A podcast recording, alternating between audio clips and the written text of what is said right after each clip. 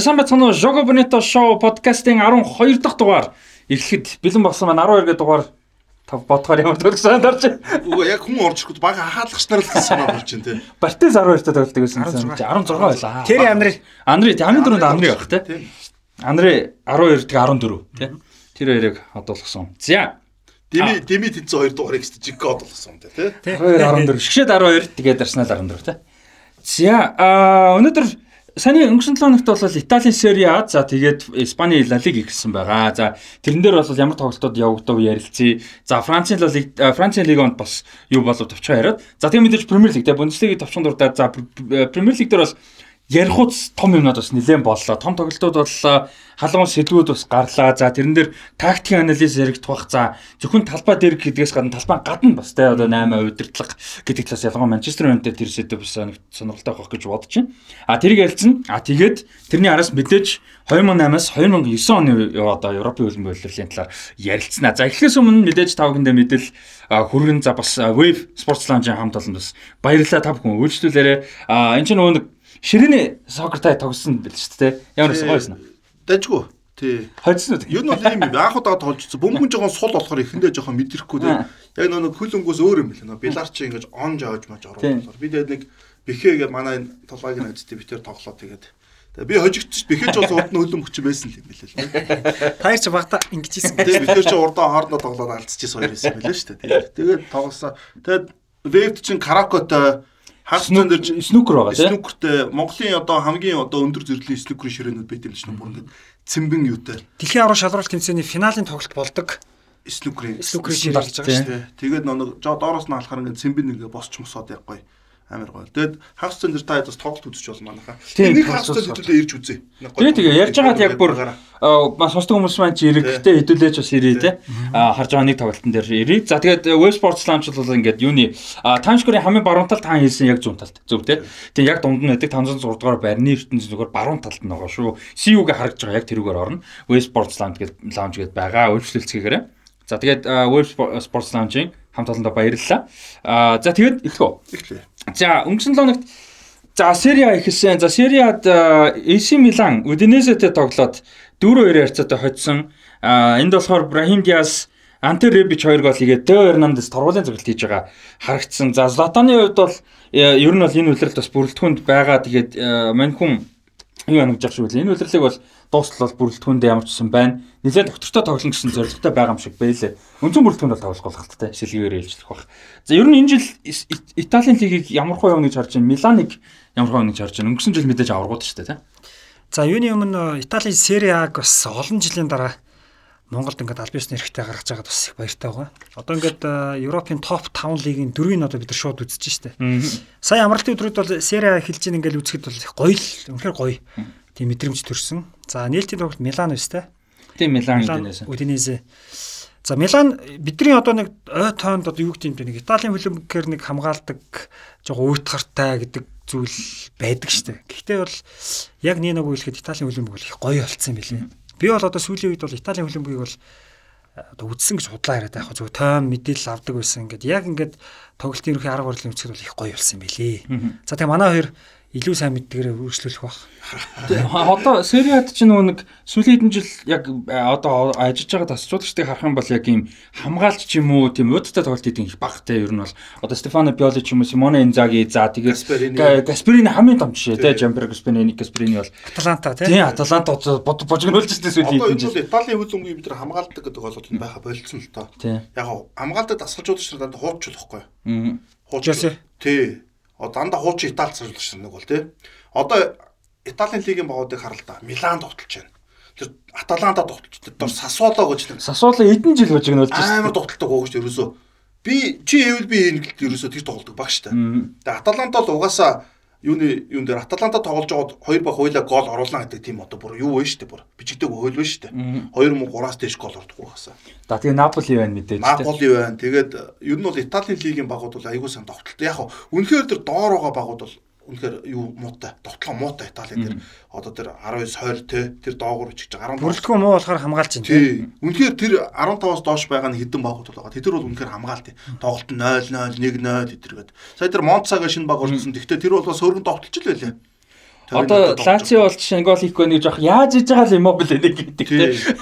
Тэгэхээр Италийн лигийг дээрэс нь Италийн нэг юу ч Миланы тоглолч нэг юу болсон. Айгу довтооны хэдүүлээ нэг подкаст ихнийхтэй нэг юу онцлсан шүү дээ. Тийм тонаалыг онцлсан шүү. Тэгэхээр Италийн хөлбөмбөгийн төвийн ахсууч гэсэн амар гоё тийм юу болсон л байлаа л дээ. Довтооны санаачлагтай. Санаачлагтай болцсон л л төвийн ахсууд өдр нь. Тэгээ өдинээсэг наа чин талбайдаа ноцсон байгаа сте. Талбай дээр сансэр. А сансэр нөө. Өдинээсэг ч хожих амаргүй шүү дээ. Тийм шүү дээ. Тохоондоо сайн баг. Тийм дөрвөн гол оруулна гэдэг бол тийм амаргүй. Тэгээд 4-2 харьцаа. Тийм 4-2-оор дуснаа. Би нөө өдинээсэг талбай гэж буруу анзаарсан юм. Өдинээсэг 4-2-оор чинь бол тийм амар биш шүү. Энэ үйлрэл Ребич бол мундаг байлаа шүү дээ. Зантараа би ч өнгөрсөн үйлрэлт нэг гэмтээд бас ер нь доктортой тоглоагүй. Тэгээ энэ үйлрэлт бас нэлээд формтой бүтэн пресизэнд бас бэлтгэл хийсэн юм байлаа. Зантараа. Наа чинь Италийн лигт амар зогцох тоглож байгаа. Германд амар өссөн шүү дээ. Айдрахт Франкфуртд өссөн шүү дээ. Франкфурт. Франкфуртд аягүй сан тоглож байгаа. Тэгээд Милан авдаг байхгүй. Тэгээд угаасаа наа чинь хоёр жигүүр төвчийн тоглолт хорд бол амар. Баруун солгоогүй. Баруун солгоогүй. Вин бакаар тоглоно. Жигүүрийн давтагчаар тоглоно тий. Тэгээд тэр би амар шүү. Италид бол наадах чинь хамгаалнад бол хэцүү шүү надад. Жигүүрийн тоглогч нар бол бас гоолтой тий. Гоолтой. Сая Миланд одоо Ребич, Брахим Диаз нөгөө Португал залууч нь Ляо. Энэ гурав тоглоод хоёр нь суухад жирүү орж яд Ориго орж ирж л шүү дээ. Тий, Ориго. Тэр наа Миланы тоглоом сонголт гоё болчихсон тий. Гоё хэлээ. Тэгээ тэр нөгөө Жуниор Месиас гэдээ бас бас их гоё хэсэлгээний тоглогч бас байгаа шүү дээ. Рафаэл Ляо гэж гоё тоглогч. Тэгээ нөгөө нэг за Брүгэд тоглож л юу лээ нөгөө нэг Шолот гэдэг залуу. Нөгөө залуу атак. Тийм. Тэр чамд орж өнгөрсөн үйлрэл тогсон шүү дээ. Сая орж ирсэн. Тэр залуу Милан авцсан нэрэ 8 гэснээс. Тэгээ тэр залуу одоо энэ үйлрэл бас нилээн явах те. За баг дараагийн какал гэдэл шүү дээ. Яг юун дээр бол Брүгэ тий. Би Брүгэ гэж зөв санаад. Брүгэ санаад. Андерлих төлөө Брүгэ. Брүгэ санаад байна тий. Их гой бол их гой техниктэй тийм тоглогч байсан. Тэгээд Миланд бол бас зүг багтаа ирсэн баха. Ер нь яг нөгөө ээлжилж тоглох боломжтой бас нөгөө туршлага нэмэх боломжтой. Бол хитрхи том богроо авчих юм бол бас нөгөө тоглох боломж. Залуучуулагч нь ч бас тайжгүй тий. Тэгээд одоо Стефано Пиоли сүүлийн хэдэн жил нэлээд олон мундаг залуучуудыг одоо бүр сайжрууллаа шүү дээ тий. За, AC Milan хожлоор ямар ч байсан аврагын хамгаалах удирдлыг эхлүүлж байгаа маань. За, Sampdoria Atalanta-д 2-1 харьцаатай ойжчихсан. Inter Milan-ы хувьд Lecce талбай дээр нь 2-1 харьцаад байгаа. Наа чинь Inter Lecce тэгж бодож чинь тус муу байна гэсэн үг тийм. Тэгээ Lecce ер нь бол сул баг штэ. Тэгээд сая орж ирсэн үү харах Lecce. За, тэрийг сайн мэдгүй. Гэхдээ ер нь бол нэг орон гараал байдаг. Ер нь орж ирсэн баг. Ороод буугаал, ороод буугаал. Яг уйлрлын эхний тоглолт юм да. Тий, тий, тэгж л хараа. Тэгээс бол Леж тэгжэл цайлах юм да. Тий, тэгээс бол Лежэд гол мол алдаа. Тэгээд арай гэж 2-1-ээр хожин тэгвэл бас Ямар ч байсан хойноогоор арай гэж өмнөдөө хоцсон бүр 94 дэх минутын дээр Дензел Дамфрис гол хийсэн байгаа. Би наадах гэж харж байгаа гайхсан байхгүй. За тэгээд Лукаку эхний голыг бол хийсэн юм байна. Аталанта өдсөн байгаа. За Аталанта Сампдорыг өдсөн. Лацио Болоньяг 2-1 харьцаатай өдсөн. Энэ тоглолтын дээр Иммобиле мэдээж гол хийсэн ойлгомжтой. А нөгөө Болоня дээр нь мэдээж Арнотович бас гол хийсэн байгаа. Сүүлийн хэд хоног бас ярианд өдсөн тоглогч те. Болониад одоо байгаа саяхан Юнайтедийн шуумаар л мэдлээ шүү дээ. Би ч одоо Италид байгаа гэж үзсэн. Яг бодоо нэрс бодохгүй л үү те. Тэгээд сая бол гол хийсэн байна. За тэгээд Жосе Мориньо тасалжуулагчтай Рома бол нилээн гой бүрэлдэхүүнтэй болсон байгаа. Ер нь Мориньог ирэхээс өмнө бол бүрэлдэхүүн нилээн сул. За тэгээд гонц гоё ирээдүй гэж ярьжсэн Саньоло маш хүнд гэмтэлтэй ийм байдалтай байсан. За тэгээд Мориньо ирснээс хойш бол цом өргөлөө Европын цом За тэгээ бүрэлдэхүүн ч гэсэн их гоё байсан. Олон том тоглогчтой авчирлаа. Тэгээ Заньоло ч гэсэн идэгсэн. За тэгээд Поло Дибалаг аваад ирсэн. Ер нь бүрэлдэхүүн гоё байгаа. Ромаг хэр явна гэж бодож байна. Рома ч аврагууд лиг эрэхтэй байгаа шүү дээ, тий? За тэрийг ямар ч шалгах. Үгүй бах тий. Үгүй санаж. Конференц лиг төрүүлээд Европа лиг ирэх авсан. Европа лиг а дөрөвдөө ороогүй л тий. Дөрөвт ороогүй. Рома гайгүй хуу нам өөрийнөө ч юм бол тэгээд угаасаа яаж ч утсан том тас салж болох шүү дээ. Гайгүй хуу. Рома энэ жил аврагуудын лиг ирэх баг авчих واخ. Тий баг авах байх л шүү бодоод шүү дээ. Ер нь юуны дараа л орохт те. 2 Милан Ювентустэй л зэрэгцэл орж ирэхтэй. Лацио Мацо Аталантатай Наполи Наполитай ер нь өсөлтөө нэлээд гойхон дээ. Италийн лига тэр юу топ 4-нд л айгүй юу болчиход байгаа. Аврагын өсөлтөө ч гэсэн одоо Милан бол шууд аврагаа одоо юу гэдэг бид нар нөгөө нэг магадгүй одоо Сити ч юм уу эсвэл Paris Saint-Germain нэг тийм ихтэлтэй ярддаг шүү дээ. Тэгэж бол ягаад хэцүү шүү дээ. Ювентус яаж ер нь зүгээр явж явж Италийн мөнхийн лидер ч юм бол Ювентус шүү дээ. Ер нь бол ер нь бол тийм. Тэгээ Ювентус энэ жил мэдээж яах вэ гэдэг сонирхолтой байна те. А бүрэлдэхүүн бол гоё. За өнгөрсөн жил бол 6-ад орсон юм ба шүү дээ Ромач те. Европа лигийн угаасаа эрхээ авцсан байсан гэсэн үг. За Лацио болон нэг тэгээ хоцсон, Рома хоцсон. За Наполи Хелес Веронаг 5-2 харьцаатай байсан. Наполи бол урчин. Тий, нэлээд юутай тоглолт болсон. А үзүү штэ. Тий, урчин очсон. Виктор Осимен, Селински, Политано онтер гээд тоглогчд бол гол хийсэн юм байна. А Наполи Одоо сайн ингэж штэ. За Милан ингээд аврагын аврагаа хамгаалах гэж үзсэн. Тэгээ Интер Ювентус хоёр гол өрсөлдөх гэхэд буруудахгүй байх. За тэнгуут өрөөнд төлөө Наполи, Лацио, Аталанта, Рома гэсэн баг байна тий. А дөрөв чи эйгүү Сасоло ч өргөө. Сасоло 96 доллараар нь бол бас шахах шүү дээ. Сасоло ч айгүй эйгүү. Айгүй байгаа юм шүү дээ. Итали лиг үү шүү дээ. Стага сонирхолтой. Ер нь сүүлийн хэдэн жил гимэрхүү яваад байгаа шүү дээ. Тий. Доороос нөгөө гусчих гал. Ялангуяа нөгөө нэг Ювентус нэг болсноос хойш болол тий. Одоо заримдаа нэг юм топ бүр нэг азаргууд нэг болчихвол гоё юм тий. Харин тий. Одоо Германы Бундслигийг бас гоё болоосоо л гэж хараалаа шүү дээ одоо. За тэгээд Ювентус Сасуула 3-ын харьцаатай хоцсон. За харин Сасуула бол ерөн сүүлийн хэдэн үйлрэлс амар одоо юм итгэвтэй товтлогоотой те гой тоглолцсон бол энэ удаад бол харин нэлээд сул тоглосон сурагтай байл гэж үзээгүй. Сасуула 3-0 зэрэглэр харин Америктэй байгаа байхгүй юу? Сайн хэлсэн байгаа байхгүй тий. За тэгээд Анхел Димерия очингуудаа ихний тоглосон шүү. Гол исэн. За тэгээд одоо өмцөн гол товтлогч Душан Влахович 2 голыг хийжээ. Димерия ч сайн тоглолт дэлхийн авард авах гэж бодож байгаа хөө. Тийм шүү дээ тий. Гэхдээ Ди Мари яг ер нь зүгээр бүр гимтчихгүй л бол ер нь баг аавн дөө. Аавн аа. Аргентинд ямар чухал тоглогч үлээ тий. Төвийн хагас дээр одоо Диполос өөр яг тийм найдвартай тоглож алга тарагд тийм шүү. Тэгэхээр яг бүр гараа биш юм ах тий. Ээлжлээд тоглож байгаа тий. Ээж чухал чухал тоглолтууд дээр Ди Мари бол гарахтал айг үл тий. Тоглолтыг өөрчлөх чадвартай тоглогч та.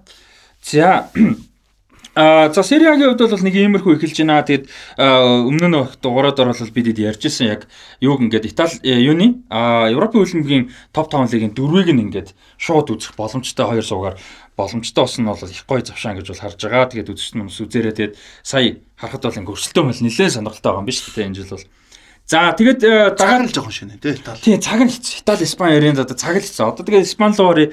За Испаниуд бол бас яг ихэлсэн За онцлог тоглох юм бол одоо аваргын төлөө өнгөрсөн жил ганц одоо өрсөлдсөн гэх юм уу да одоо нэг хэсэг өрсөлдсөн гэвэл илүү зөв болох Севиа а Осасунаг Осасунагийн талбай дээр зочиж тоглоод 2-1 харьцаатай хожигдож нээлтийн тоглолт нээлтийн тоглолтоо эхлүүллээ. Севиагийн бүрэлдэхүүн бол хэцүү болцсон байл л да. Севиа ягаад гэвэл энэ сон хоёр төвийн хамгаалагч аюулсан. Диего Карлос, Жокунде. Тэнгүүт Гүдэл төвд хамгаалж илэн шүү дээ. Гүдэл хинтээ байлаа нэг гүдэл чинь төв хамгаалагч биш шүү дээ. Хамгаалагч жилийн араас хамгаалагч. Тэгээд ер нь нэг хоёр хамгаалдаг бол хоёр нөхөр төвд хамгаалж илээ дээ. Аа Карим Рекик хамгаалсан. Рекик зүү хамгаалагч байхгүй юу? Зүү зүгээр. Карим Рекик гүдэл хайр хамгаалсан юм байна. Рекик ч нөө Сити төлөө. Байсан байсан байсан. Сити шүү дээ. Бирхүү шүү дээ. Нэг юм бирхүү зүүн зүгээр хамгаалсан шүү дээ. Ер нь нэлээд таарууг эхэлж чинь тэгээд Лопетегийн ер нь фэнүүдтэйгээ бас нэлээд асуудалтай байгаа юм бэлээ. Тэгээд Роман Санчес Пишваны гадаа Пишваны гадаа бол фэнүүд цуглаж бас Лопетегийг ажиллаа өгмөг гэсэн бас нэг тийм цагсаал бас эсэргүүцэл бол босон юм бэлээ. Лопетеги удахгүй юм байна да.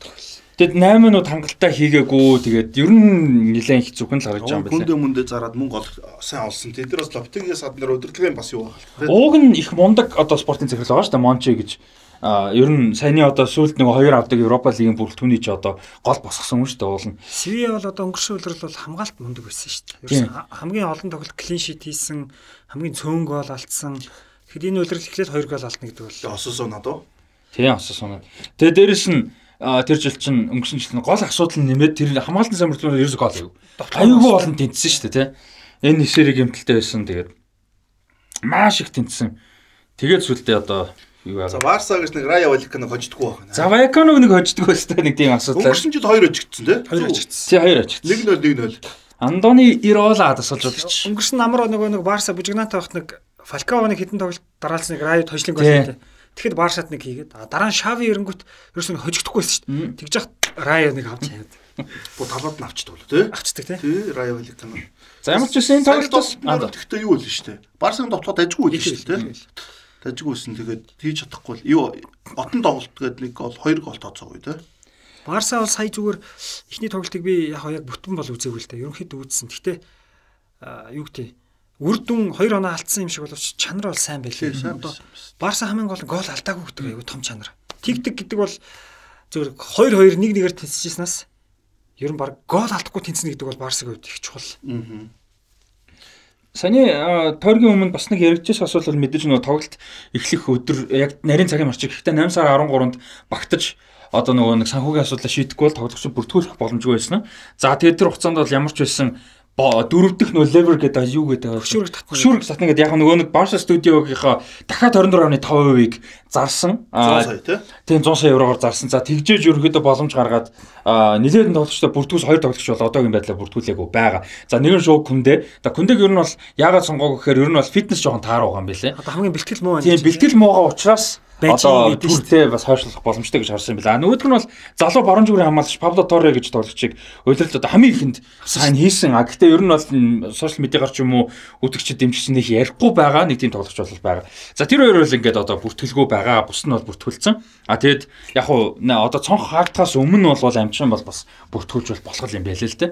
А тэгэд мэдээж нөгөө Эмерик Обамян, Memphis Depay, за Умтитиг бас тодорхой хэмжээнд ярьж Фрэнки Деоны том асуудал байна тий. Энэ хүн бол яригдж байгаа. Одоохондоо шийдэгдэг байгаа. Тэгээ одоо би одоо энэ том тоглогч нар бүр жижиг лигд очиод энэ цалингуу тоглох нийтийг юм ил зөндөө сонсч байсан л да. 1 доллар орчим уу те. Нэг гэрээ болохоор те жилийн 1 доллар гэдэг юм. Нэг бол нэг одоо Ларсан марсан ч юм уу те шивэд очиод айгу баг цалин байлан гарч юм те.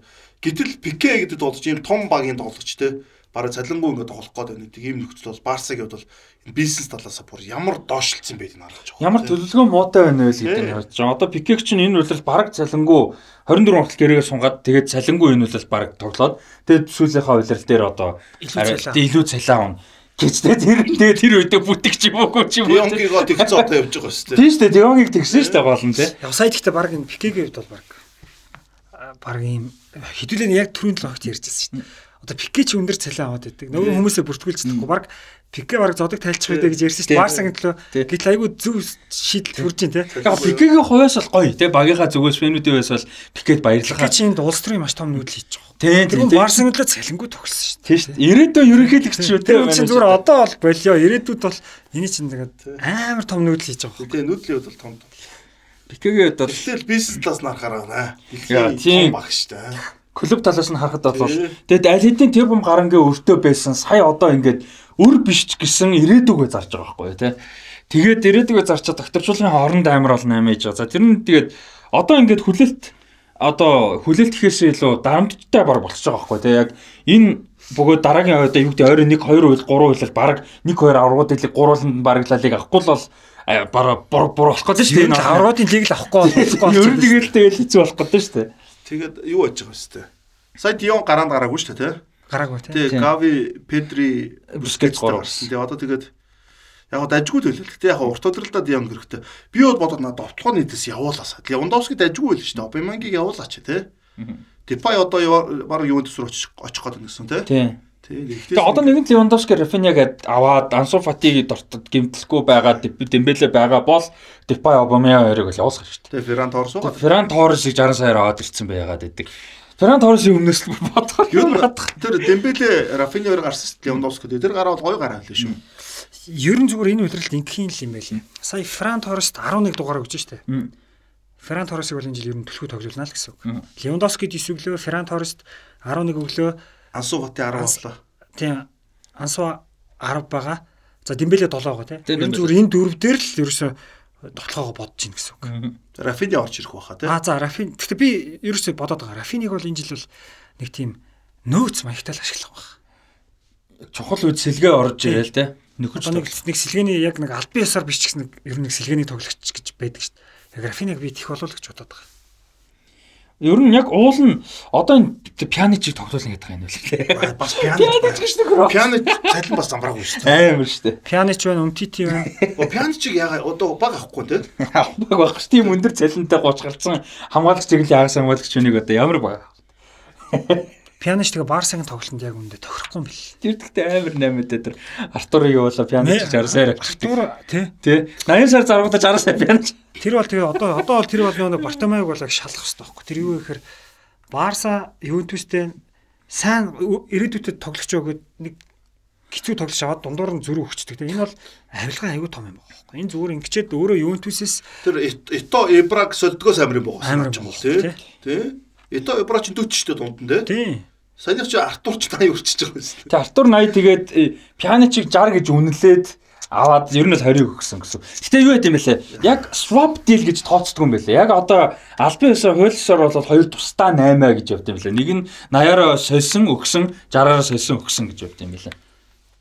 Яагаад гэдэг юм бэ? Ямарчсан тийм л юм бэлээ. Тэгээд за одоо Барсагийн тэгээд гол юм нь мэдээ шавыг тасалжуулагч одоо ийм олон 8 хийсэн талбайгаас гадна олон асуудал байгаа ч гэсэн ийм амар олон тоглогчид 150 гаруй сая тий 150 гаруй сая яшин санагд чинь еврогоор авсан. За одоо энэ үйлдэл гол зорилго нь бол мэдээж лалиг төрүүлэх аврагууд их төрүүлэх тий шууд ийм том тоглогч. Лалигд бол заавал төрүүлэх хэрэгтэй ах угаасаа. Тий. Аврагууд лиг ядаж шогийн дөрвөл өстэй тий. Аврагууд лиг ядаж дөрвөл үлдэх хэрэгтэй байхгүй. Тэгжиж шавь чинь аа бас гэдэг нэг Тэгэхгүй бол тэгээд хэцүүдлээ шүү дээ энэ бүрэлдэхүүн. Одоо тэгтээ ер нь бол аврагууд лигийн дөрөв төлөлтөнд маш хүнд болсон шүү. Аа хэцүү хэцүү. Одоо Барсад бол одоо ингээл 16-аас эхлээл хүн тоглолтууд эхлэх гэдэг шүү дээ. Английн нэг багтаа дарахад лиггүй шүү дээ энэ бол. Английн дөрөв чинь дөрөв лиггүй шүү. Барса хэсэг одоо ингээд аврагуудын лигт нөх хэсгийн суглаанд бол 2 дугаар сагснаас орно шүү дээ. Тэгэхээр хоёроос өмнө яг нэгээс ороод ингээд нэгээр гарчдаг бол одоо хоёроос орно гэдэг чинь нэг асуудалтай. Тэгээд нэгээр гарахгүй бол Английн багтай 2 16 эсвэл Паристай ч юм уу эсвэл Баернтай ч юм уу те. Тэгэл эвгүй шүү дээ. Тэгээ хазан буруу таарад суглаан дээр эвгүй багуудтай таарчил хэсэгтэй ч хэцүү. Ер нь бол бас. Нэг Франкфурт Манкфурт л орж ирдэг юм бол Франкфурт ч нэгтгэр юм байна. Тэгээд Португалийн баг ороод ирэл эвгүй шүү. Хэсгэд бол Порто Морто ч эвгүй те. Тийм ч Порто Бенфика хоёр бол амар. Дарвин нүний залаа хэцтэй. Тийм шүү дээ. Дарвин нүнээс өнгөрсөн жил бодоо. Тэгээд Италийн баг Италийн нэг баг орж морч ер нь бол тэгээд эвгүйтэй. Одоо бол ер нь бол тэр доод лигийн багууд ч гэсэн өнгөрсөн жил ширифч алангаа алтай байсан тийм шүү дээ. Нийтийн тоглолтод Реалыг 2-0 дөж өгөөл. BSC Ямбос ч нь юу гэж байсан тийм Юнайтедыг хатсан тийм Ямбос. За тэгээд Валенсиагийн үед нэгдгийн харьцаатаа ямарсан хожилтойгоор ихлүүлсэн гэхдээ нэлээд асуудалтай байгаа Гонсало Гойдер шиг юу Wolverhampton л явсан тийм би тэгэж санаж байна. За тэгээд ер нь бол гол 8 тэр нь болцсон. Тэгээд Карлос Солер явна гэж яригадаад байгаа. Одоо Гонсало Гуэдиш Карлос Солер тэгээд Хосе Луис Гая гуравч одоо энэ багийн ганц тулгуур шүү дээ. Тулгуур за багийнх нь фэнүүдийн хайртай тоглогчид ирээдүйдээ залуу авьяастай. За тэгээд нэг нь явцсан. Нөгөө ер нь бол одоо явж магадгүй гэж бас яригадаад байгаа. За Реал Мадрид Альмериаг талбай дээр нь 2-1 ярцаатай буулгаж авсан. Энэ тоглолтод супер цомыг бодох юм бол арай сул бүрэлдэхүүн гаргасан. Начо гараанд гарсан, Рудигер гараанд гарсан, Васкес гараанд гарсан, Чомени Камавинга хоёр бас гарсан. За тэгээд ер нь бол Альмери хамаагүй илүү тогсон ихний үед. Даанч тэгээд хамаагүй илүү гэх юм чи сайшимд одоо ан ман өсөлцсөн гэвэл арай төгөхгүй байна. Ер нь бол нэлээд сайн тогсон. Маш сайн тогсон тийм. Тэгээд ганц юм төсөл таарах юм байсан. United Manchester United академик төгссөн Рамазани гээд нэг намхан бэлэг товтлогч байдаг хурдан тэр агүй гой гол оруулсан. За даанч тэгээд ер нь бол бусад давталгаанууд дээр гол хийж чадахгүй байсаар байгаад Элмари нэг гол яаж хийлээ? Аа юу эс ардас шууд зөрүүлж гүйлгээд яг нэг нэг нэг нэгээр хаалгачтай шууд нэг нэгээр гарч ирээд гэсэн. За одоо энд бол энд бол зүгээр яг зүгээр улирлын ихний тоглолт мэдээж дүнэлт хийхэд эрт гэхдээ улирлын ихний тоглолтод гол алдчихна гэдэг бол сайнгүй л байна гэсэн үг. Ер нь бол Реал авд бол өнгөрсөн улирлын хамгаалт сайн довтлогоо суперээс гадна хамгаалтаас давгүй байсан шүү дээ. Энэ үлрэл бол хамгаалт ядаж гэсэн муул эхэлж байгаа юм. Тий, хамгаалт бол нэлээд хэцүү. Сая нөгөө супер цомог супер цомог ядарсан байж магадгүй. Тийм байна. Нэг лоногт хоёр тоглож байгаа тий. Дөрөв талаа дөрөв өдрийн зайтай тоглож байгаа. Тэгээ нөгөө супер цомоор ярьжсэн шүү дээ. Нөгөө төвдөө хүн алдаад байна, довтлогоо алдаад байна гэдэг яг би яг тэрэн дээр тайлбарч тавьсан. Тэгээд Кашемиро ер нь гарагдгүй их алдаануудыг супер цом дээр Франкфурт дээр нэлээд гаргасан байхгүй. Одоо Линстром Камада хоёр илүү сайн финиш хийдэг. Магадгүй тэр боломж нь хинт Борред гараад ирсэн байсан бол баг 2 3 гол хийж хэрвсэн ер нь бол Франкфурт. Тэгээд сая болвол ер нь тиймэрхүү алдаа айгүй харагдж илээ. Хамгаалтын сул. Рудигер бол хоёр ч удаа ер нь хүнээ алдаж сул гаргасан. Тэгээ нөгөө нэг Умар Садик гэдэг нөгөө юу нэгээр давтагч нь айгүй муу давтагч. Тэгээд мань хүм бол хоёр сайхан боломж алдсан л та их муу давтагч байлаа. А тэр Рамазаны оронд нь байсан бол тэр зүгээр гол орчхоор ийм боломжууд л байсан. А тэгээ төвсөлтний яг мэдээж Альмериач ядарсан, Модрич Жорж ирсэн. Тэгээд ер нь бол хамаагүй тоглолт өөр болоод тэгээд хоёр гол хийгээд хадсан л доо. Реал Мадридийн хувьд бол За Реал Мадрид нэг иймэрхүү байна. Тэгээд Испани Ла Лигээс өөр онцлог тоглох юм бол Атлетико Мадрид, Тафек Мадридын бас одоо багуудын нэг талбай дээр нь 3-1 3 тгээ хайцаад хайдсан. Мората, Алваро Мората 2 гол хийгээд Антуан Гризман 1 гол хийсэн. За бас Ро Феликс маш сайн тогсон. 3 ассист. 3 ассист. 3 ассист юм билээ те. Өөрчн болсон тоглолт шүү дээ. Өөрчн би ингээд бас шүүн нэг босоод жоохон харсан харсан. Ювентус ихнийг хараад, Юкснийг хараад, Ливерпул ихнийг хараад. Тэгээ Атлетико дээр жоохон фокуслаад яг нэг 10 минут л үзсэн л да өглөө нөгөө эрт ажилтаа байсан. Тэгээд гоё л Вицэл ирсэн байна. Атлетикогийн тоглох айгүй хорттой. Марата, Феликс хоёр бол нэлээд л хорттой байлаа те. Одоо Морот Мората Фел Моратагаас гадна нөгөө Феликс сайн тоглох нь айгүй чухал байгаа шүү дээ. Энэ бол сүүлийн хоёр үйлрэлт бол Феликс нэлээд ер нь тааруу сул тоглосон. Маш үнэтэй ирсэн. Ер нь уул нь авьяастай гоё тоглосон. Феликс ч үе үе сайн тоглоо, үе муу тоглоо. Тийм, яг нэг бүтэн үйлрэл нэг нэг тийм. 20 21 оны тэр нэг 10 11 сард үнэхээр мундаг байсан шүү. Тэгээ байхгүй болцсон. Аа тэгэхэд өнгөрсөн үеэрл муу байж хавар сайн тоглосон шүү. Тэр United-ыг мулталдаг өрдөг.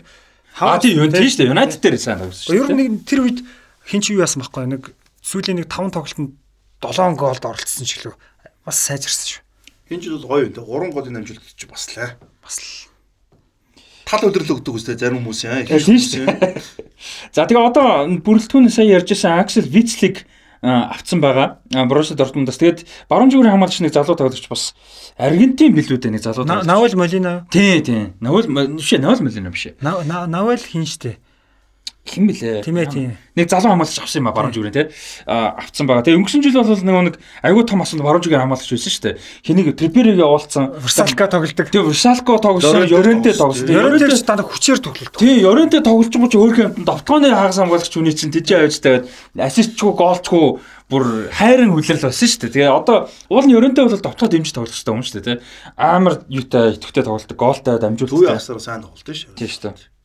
Их гой тоглож. За өнгөрсөн жилийн Copa del Rey аваргууд Real Betis Elche талбай дээр хүлээж аваад 3 3 ярьцаатай ямар ч байсан. Хуами. Тэгээ Хуами 2 хийсэн. Elche Elche улаан авсан баг. Iglesias нэг тийм Elche нэг Хуами үлрэрлэг гоё ихлэв.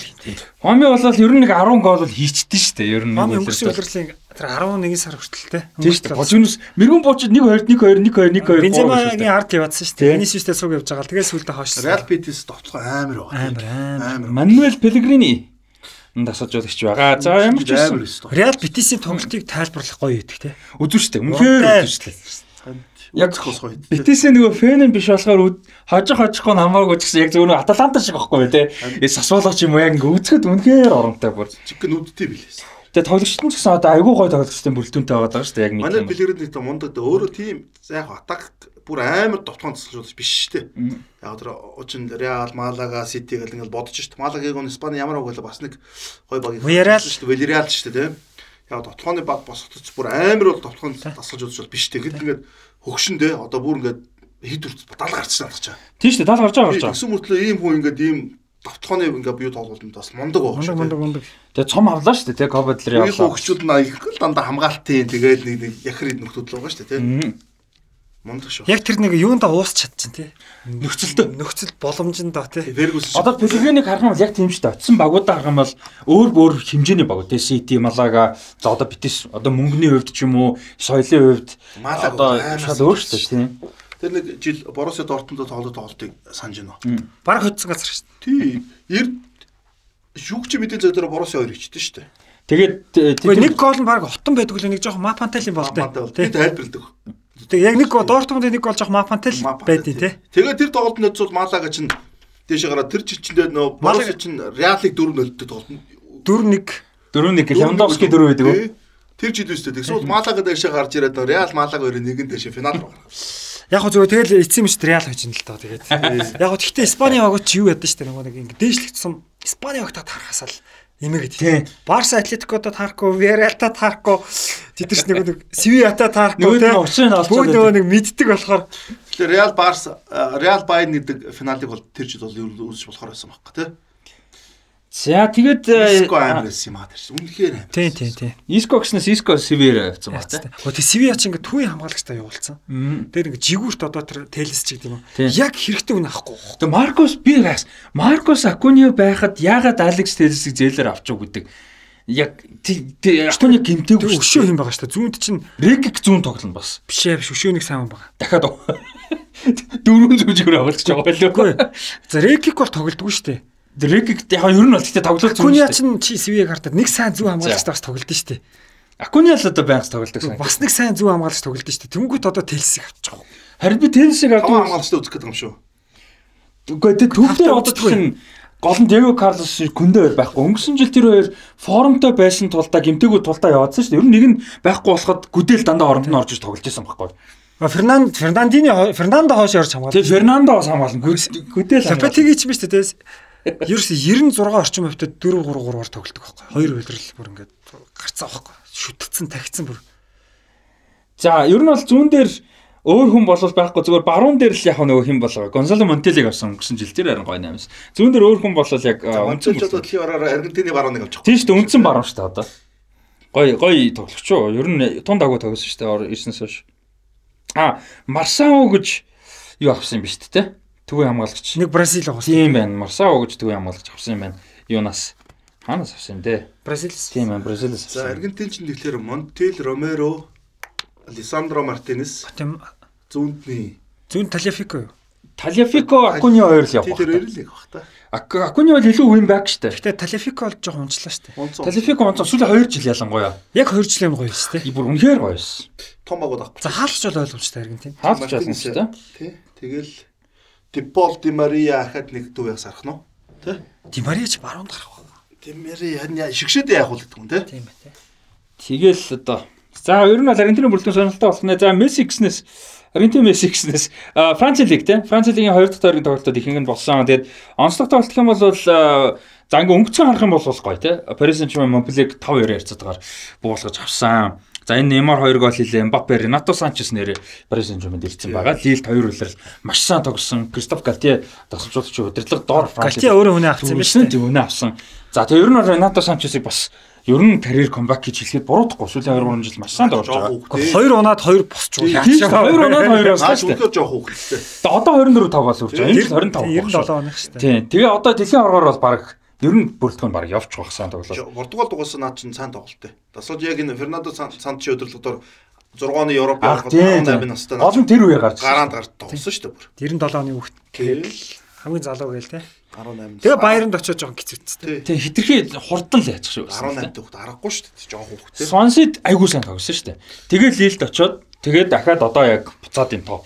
За тэгээд өнгөцөн арга бол гоё гэж хэлсэн. Ягаад вэ гэхээр за Неймар юу яадаг өмнө пенальти хийдэг өмнө нэгтийг харьцаатай хожиж явахад Мбаппе пенальт аваад тэгээд пенальт Алдаад. А тий алдаад. За тэгээ дахиад пенальт болоод тэгсэн чинь тэрэн дээр пенальт а, юу ягаад а, алдчихж байгаа шүү дээ. Тэгээ алдсан тэгээ дахиад пенальт болсон чинь Неймар бомбог авчаад зохиод тэгсэн чинь Месси нааны явсан Мессиг очиж мөрлөөд эхлээд тэр очих замдаа. Неймар уу? Тий, биш Мбаппе. Мессиг мөрлж явж очоод Неймартай бөмбөгийг булаацалтаад тэгээ хоорондоо муудалцаа тэгээд Неймар зохиор болоо тэгээ хийсэн. Ер нь бол Эмбапе эхлээ алдсан юм ба штэ. тий эхлээ пенальт алдсан байсан. Мессиг одоо мөрлөх нь ямар учиртай. Мэдгүй Месси зүгээр ингээд Неймартай юм ярьжсэн чинь шууд мөрлж ингээ хажуугаар одоо зүгээр нэг тийм ингэж очиж албаар бол биш л те. Гэтэ нэг тийм хүн чинь мэдэгддэг штэ нэг мөрлж байгаа те. Хангалттай зайтай өнгөрчөр юм дээр нэг тэд нар ч 2-1 гэсэн харьцаатай л байгаа юм байна л да. тий. Одоо яг тий. Тий Парис яг наач байхгүй. Неймар нэг хүнтэй булаацсан Дани Алвс очиж. Тэр чинь энэ шүү дээ. Каванитай шүү дээ. Дани Алвс бөмбөгийг булаач авч Неймарт өгдөг те. Тий, Каванитай байхгүй юу? Яг бол тэр чинь Неймар дөнгөж ирээ Кавани чинь Парисын нөө нэг юу зогтдог юм байсан шүү дээ. Дороод Тийм. Брайдер чинь зугаас үү шүү дээ. Лавези мавезитэй. Одоо тэгээд юун дээр ер нь бол бүрэлдэхүүн нэг тийм асуудал бэлтгэл мэлтгэл дээр тийм гарсан гэдэг мэдээлэл бол бэлээ. Одоо бэлтгэл дээр жишээ нь ингээд нөгөө Месси Неймар хоёр ч олон жилийн найзууд те. Тэгээ ингээд бэлтгэл мэлтгэл дээр хоорондоо амар тохироод байгаа юм байна л да. Тэгээд тэрэн дээр Мбаппе ер нь нэлээд дургу байгаа. Тэгээд нөгөө фэнүүд нь а тэгээд зарим нэг клубийнх нь ажилчид нөгөө нэг э, хин гэ нэрлэлсэн. Э, Босс Мбаппе энтергээ нэр мэр өгч мөгцсөн. Тэгээд тэр нь ингээд бас нэг уур амьсгалд янз бүрээр нөлөөлөд тэгснэ Мбаппе одоо Неймарыг явуул гэж баг Алкилафигаас баг шаардсан марцсан гэдэг яриа хүртэл гарсан юм байна. Ер нь бол. Сая тэр нөгөө шинэ хийсэн гэрээн дээр нь тэгсэн шүү дээ. Баг л одоо босс шахуу гэрээ хийсэн гэдэг. Тэгээ тэр мөр нэлээд л Ерөнхий төчнөлт гуйсан юм билээ шүү дээ үлдээ чи. Тэгээ улс Макрон те. Тийм, Макрон бүр ярьсан. Ер нь бол байдал нэлээд л асуудалтай л байгаа л юм байлээ. Гайгүй на Парис ч угаасаа ийм асуудал зөндө гардыг шүү дээ. Урд нь бодолтой. Урд нь Парис Сен-Жермен дээр чинь тэр Эбра Лавеси Мавеси баахан нөхдүүд очиж бас асуудал гардаг байсан шүү дээ. Тэр Дани Алусын тэр торгуулсан зохиолт авдаг мод тийм гардаг байсан шүү дээ ослын тэмэр. Тэгэхээр би бол наадах бол гайгүй бол өчөж чинь том одоо тий. Ер нь бол зүгээр Неймар, Эмбапе хоёр байгаа болохоор л ингэж байгаа байхгүй. Тэгвэл Месси нэгэнтэй нь бол ингэж байж Месси штэ. бол асуудалгүй тий. Месси дал асуудал болох. Тэгээ Неймар- чинь хамт одоо олон жил тоглолцлоо шүү дээ. Месси бол баг цогч байсан биш үү те. Ер нь та байж дөө. Бараг одоо яхахгүй Парисын нөгөө юу ч Эмбапе рүүгээл чиглэж байгаа л. Залуу Хамаг юм хүссэн бүх юм нөгөөд Париста үлдээсэн юм ч одоо тэгээд өөр аргагүй л байгаа юм л тийм. Энэ зун гайгүй санал ирсэн бол Неймарыг явуулах гэсэн шүү дээ. Яг тэгтээ ийм болно л доо. Баггар одоо ингээд үнэхээр ирээдүйдээ юм ингээд ийм тоглогч нь алдчихлаа шүү дээ 11. Үнэхээр баг бол бас нөгөө тоглогчоор ахаа цохиулаа заа ингээд Итгэж шүү. тий итгэж шүү. Нямар эдэр уг нь тэгж бодох ёстой би болоо гэж бодож чинь том тоглогч те. Ямар ч одоо жоох хөвгт биш шүү дээ. Тэгэхдээ өөрийгөө бодоод Тий, байдаг. Зүгээр Мбаппе өө чи цохоо одоо хийчихээ чи нэг алдсан юм чигээд. Би бол Нямарын бас буруу талаас нь харах гэдэг байхгүй юу? А яг тийм оо момент нь тэгээд таарч штэ. Тий. Эмбапе ч гэсэн тэр талаар нь бодож ууралсан байхгүй. Яагаад надад цохоо дахиад хэлчих вэ? Сүртэй юм бэ Монпеле штэ тийм биз дээ. Надад нэг гол өгчөө штэ гэж тиймэрхүү байдлаар Мессиг санаж нөгөө хэнд 11 өгдөг. Сураас өгдөг лөө тий. Нэг тиймэрхүү юмнууд бол нэг хедрик хийх чахтан л. Тэнд бол Суарес нь 15-аас 16 онд Суарес юу үзчихсэн баг. Роналдотой үзсэн. Орос өрөөн гол дутуу байдсан шүү дээ сүүлийн хэдэн жил. Бас өөр юун дээр бол бас Месси ч бас үздэг. Өөрөө нөгөө Месси өгтийн өгт. Тий, Роналдо. Өөрөө сайн нэг явуулсан. Роналдотой явж яхад яасан яасан. Тий, тэр үнэ үнэ. Роналдотой нөгөө өсөлж явахдаа өсөлж явахдаа байхад өөрийнх нь багийн тоглогчтой өгчөөсөн. Тэгээ тиймэрхүү юм бол Машираноор нэг зөвхөж мөхөлдөг үстэй. Санаж гэнэ үү? Маширано ч ганц гол хийсэн шүү дээ Барсад. Тэр нөгөө пенальт Месси өөрөө Маширанод өгөөдөг Маширано ганц гол хийдсэн. Тиймэрхүү бас нэг жоохон тийм үлээдтэй ч юм уу бас нэг тийм Нямар газар 11 зогтлоо байлаа яг үнд бол. Юу үстэй. Нямар жоох юм үзээгүй зан гаргаад байна те. Нямар ус тиймэрхүү зан. Тэр Даны хадас Нямар тавж өгж байгаа тэр бол бас юм үзээгүй зан бохгүй те. Яг нутгаар хаатай үнд Америкцсан гараад байна шүү дээ. Манай өрдөө хөрсөн л байгаа бохгүй. Би зөхөн шүү наа чи. Тэр чин нанжид уу сайн мэдж байгаа шүү дээ. Дасгалжууд өгчүүн талбай дээр хараад нэг номерыг цохог чимбэ гэдгийг хэлээ гаргадаг. Баг мэддэг. Багаараа мэддэг тэр бол. Бэлтцсэн байт. Бэлтцсэн байдаг. Энэ зохгол хоёр дээр нэг зохноо гэж бэлдэж байгаа шүү. Тэг тийм асуудал гаргаж янд бол Неймарт өөрт нь бас асуудал байгаа байгаа. Эмбапед л өгнө гэсэн бол байгаа юм байна шүү дээ. Ер нь бол. Эхлээд юу яаж байгаа ч ойлгомжтой л доо тий. Тэнгүүд нөгөөх нь Неймар авчаар чинь нөгөө нь жоох уурал л да. За ямар ч тач хоорондоо бол нэлээ асуудалтай байгаа сурагтай. Тэгээ одоо Неймар нь явж таарах юм яах юм байгаа. Гол нь аврал лиг дээр л юм гарна да. Асуудлууд нь тий. За тэгээд Франц лиг дээр өөр нэг онцолж ярих гэж утсан зүйл байсангүй. За Бундслигагийн 2 дахь тойрог явсан Фрайбург талбай дээр Боруссия Дортмундыг хүлээж аваад Дортмунд 3-1-ийн харьцаатайгаар хоцсон. За энэ дэр Юсуфа Мукоко гол хийсэн. Одоо Мукоко гол товтлогч болж тоглоод байгаа өөр аргагүй болчлоо л доо. Ер нь товтлогч бас 8 хийж магадгүй гэж бас яриад байгаа emergency 8 тий. Яг тэгвэл гол товтлогч гэж авсан Себастьян Але бас хүнд өвчтөй болж таарсан.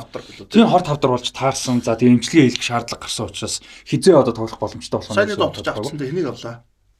За яг цэвэр товтлогч бол аваагүй. Аями юу юм бэлээ нэг гимтдэг. А Адеми юу? Адеми. Тий Адеми байгаа ба. Адемигаас өөр бас нэг товтгооны төрлийн тоглогч нэмж авсан. Би мартчих. Энэ э, залуу тоглогч ихэн Антони Модестыг авсан юм. А Модестыг авсан. Аа тийм Модест. Модест Франц тоглогч. Модест ч одоо сүүлийн 4 5 жил бас ер нь бүжлэг нэг 10 10 хэдэн гол хийж байгаа юм шүү. Сонсогдоод байдаг шүү дээ. Тийм. Тийм тэгээд Модестыг ямарцаа. Нэр Модест шүү дээ авсан. Боруссия Дортмунд ч дахиад юу ахаар үлээ. Суухаар л. Тий. Дортмунд одоо ийм байгаа байхгүй. За яг Мюнхен Дортмунд хоёр эхний хоёр тойрог соёлоо 6 оноо гараад ирлээ тий. А тэгэхэд Дортмунд чинь гол алдаад байгаа байхгүй. Дортмунд ч угаасаа үеийн үе гол асуудал чинь Баяны хоёр тоглолтод нэг гол алдсан Нойрын алдаа шүү дээ. Тий, нэг л гол алдсан. Эхнийх бол тэр Нойрын алдаа юм шиг нэ тэр нөгөө Люк Хернандсын алдаа байхгүй. Нойрт амир эвгүй пас өгцөн. Тэгээ Нойр нөгөө нэг хаалгач юм хэдий хөлөөрөө сайн ч гэсэн нэг тоглогчийг бодоход жоохон хөвчлгүй байдаг шүү дээ. Тэн дээр менеж таг талтан дээр алдаа тэгээ тийм болцсон. Сүүлд Айнтрахт Франкфурт бол 2-0 тэ шууд. А Wolfsburg. А а тий Wolfsburg тий. Wolfsburg. Франкфуртыг 6-1-дэд. 6 тий. Тэгээ Wolfsburg-ыг 2-нд тий харьцаатай байсан. Жамал Мусиала юу гэж бодож байна чинь Баян бол энэ жил хилдэхгүй. Мусиала дахиад гол хийсэн. За тэгээ Томас Миллер хийсэн. За над Баян Мусиала бол одоо бүр алхан дээн. Мусиала гэлтгүй на Баян чинь зүүн зүгүр бол зүгээр өстой. Дэлхийд би шууд номер 1 гэж л одоо бол. Нано Дэвис. Дэвис шүү дээ тий. Дэвис Мусиала манай чинь зүүн рүү гарч таах. За наад зүүн зүгүр ч өстой Баян их өстой амар байл. Тэр энэ Дэвис ямар амар юм бэ? Тэр бөмбөг эзэмшилт хурд морд. Дэвис амар байлаа. Дэвис ч мангас шүү дээ. Үнэхээр амар хэлээ шүү нэрээ. На баяны чинь зүүн зүгөр бол на Дэвис ч юм амар хэлээ. Тэгээ одоо санаа бас байгаа шүү зүүн зүгүртэн те.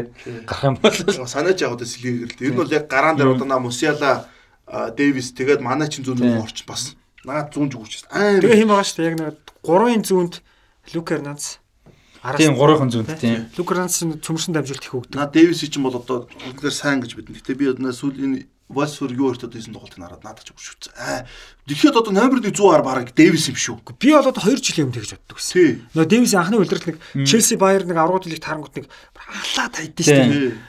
Тэг ковид гарчдаг. Дараа нь ковидын дараа Челси гэж одоо Барсаг нэг одоо ганц 2 хоногийн өмнө 2 жилээ боллоо шүү дээ. 8 2-ын 8 2 Тэгэхэд бүр Дэвис ч юм. Тий, тэрэн дээр чинь Дэвис бож юм уу? За Дэвис ч одоо угаасаа номер 1 юм байна. Зүүн зүгүүр хамгаалтнаар дүүр яг Робертсон бол өрөхгүй. Арай өрөх. Робертсон бол яг одоо тийм формт бол. Дэвис бол материал бол хамаагүй л амар юм л ёо. Яг нөгөө нэг цусны талент илүүлтэй авиас чадвар бол Дэв Робертсоноос одоо санаа шиг хурдтай амар чадвартай зүүн зүгрийн хамгаалагч гэж бодлоо. Тэгсэн мөртлөө хамгаалдаг гэж бодлоо. Тийм шүү. Амар. Аа Дэвис бол үнэхээр амар. Энэ жил Канад сонирхолтой дэлхийн аваар үзсэн. Гой баг орчлоо. Өстой гой баг. Тэр Жонатан Давид байна урд нь. Тэгээ Канад ч Сонсоод Дэвис байна. Европ тоглолтод нэг таланд Европ тоглолтод нөхдөд байгаа шүү дээ. Тийм шүү. Тэгээ Хари Артер Мартер байна уу юу. Тэгээд юу байгаа. А Дэвис ч гол зүүн зүрийн хамгаалт техник төвийн хагас дээр гарч ирсэн нь. Тэр одоо хин шиг байхгүй. Алаба шиг байхгүй. Австр Австр шиг. Тийм шүү дээ. Илүү техниктэй байсан Европын юм орноор дөрөв тоглолт бараг дөрөв байралтай болсон шүү дээ. Тэр хожигдож нөө пас өгдөг тийм. Тийм. Ерөөсө зүүн зүрээс алабагаас өгж байгаа дамжуулалт гол болж байгаа. Алаба гэснээр сая э, Альмерияг хоцсон хоцсон голыг, хоцлын голыг Алаба хийсэн шүү дээ. Тэр бүр амар гоё таарсан. Нөгөө юу яагаад? Яг Алабагийн шилгээ ингээд нөгөө нэг орж ирэх хажуу зогсож байсан. Тэгээ тэр довтлогоо нь явж байгаад тэр довтлогоо нь явж байгаад яг юуны туруулын талбай гадаа алдаа болоод яг солгоо өнцгдөг газар алдаа болоод тэгээ сэлгээ нь орж ирж таарад. Гэтэл тэр шүүгч бас сонирхолтой уул нэг тим үед нөгөө нэг сэлгээ заримдаа оруулдаг шүү дээ. Нөгөө довтлогоо нь дуусгаж жагаад оруулдаг. Алдаа юу? Тийм, алдаа ор. Тэгэхээр зарим үед чинь нөгөө нэг жоохон явуулж байгаа оруулдаг шүү дээ. юм баггүй. Тэр чинь Тэр ялгаа нь юу вэ? Заримдаа бол шүүл дурмууд ордгоо шүү дээ. Жоон байж байгаа. Тэр чинь юм баггүй. Хүлэмжийн нэг юм дүрэн байгаа. Юу вэ гэхээр хүн талбай дээр гимтэн штэ. Гимтлэхэд эмчийн тусламж авах шаардлага гарах юм бол тусламж авчаа заавал талбайг чөлөөлөх ёстой. Тийм. Чөлөөлөх ёстой. Аа А хаалгач биш бол. тийм хаалгач биш бол Тийм. тоглогч. Аа хэрвээ энэ тоглогчд энэ тоглогч алдаа гаргаад нөгөө тоглогч нь хууц авчлаа. Тэгвэл эмчийн тусламж авахд талбаас гарахгүй байж бол талбай дээр эмчлүүлээд аа эмчийн нөгөө хүн хууц авах бол заавал гарна. Ягаад вэ гэхээр хүн хэвтээлэн шүү дээ. Хожоод ивэл тэгэхээр тэр хүнийг яаж ийн Талбаас гаргаж. Тэгэхээр хүн хөвтөх юм бол хевтлээ эргээд хэсэг яах гэдэг. Дутуу тоглох гэдэг тий. Тэгж энэ айгу зүв хийж байгаа хөх. Тэгэхээр тэр хүнийг санаатай санаагүйг мэдэхгүй болохоор заавал яах ёстой. Гаргаж нэг довтлогоо мовтлогоонд явсны дараа оруулах тийм дүрмтэй байхгүй. Аа яг нөө нэг хүн унсан хүн байгаагүй л дээ зүгээр алдаа гараад алдаа бол шилгээ гэдэг. Тэнд бол шууд орно, шууд дуурсан бол ерөөсөө ямар ч орж байхгүй. Тэр ялгаа бол байхгүй. Тэгээд сэлгээ орж ирэнгүүтээ яг солгоол дээр таарсан байсан. тэгээд тэгээд Тэгээд шууд згсэн шүү зүг зүг. Би тэр гаранд би яг шүн босоод чи яг орлоод үтсэн. Чи тайлбарсан шүү дээ. Шүн яа юу гэрлээд дээ би шинэ өрлөө чи дээ. Би би тайлбарсан байхгүй. Тэгээд ээ. Тэгээд дөнгөж орж ирээд хийшлэхээр би гайхаад Тэгээд Расти өрс тайлбар дээр шүү. Өөр өрлөө навд байсан багчаа чи. тий тэр их гоё момент бүр яг байрлал нь хүртэл яг солгоо өнцөх гээд бүр төгс дараад аа гоёсон. За а хэдүүлээ Премьер Лиг руу тий.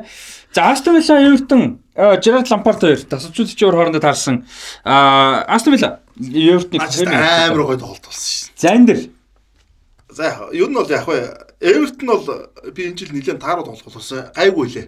Айгүй олоноос алдсан шүү дээ. Эвертон өнгөрсөн жил айгүй сул байсан те. А Астон Виллаг бол би энэ жил нөгөө топ 6 руу нэлээд дөхөх болов гэж бодсон. Бас яг тийм биш чим шиг харагдсан. Гэхдээ энэ бол яг бай нэг дөнгөж өлөрлөх эхэлж чинь залуус болж байгаа шүү дээ. Тог яг энэ тоглолтын үед бол үнэхээр гоё тоглолт болсон. Тэгээд яг Жерард хоцсон л да Астон Вилла. Тэг яг одоо нөө үнэхээр нөөцтэй байсан Виллагд бол яг хэн бол Эвертон бол үнэхээр тоглохын сонголтгүй л. Гордон гэдэг нөө жоохон бацаа Кайд Гордон аа. тий.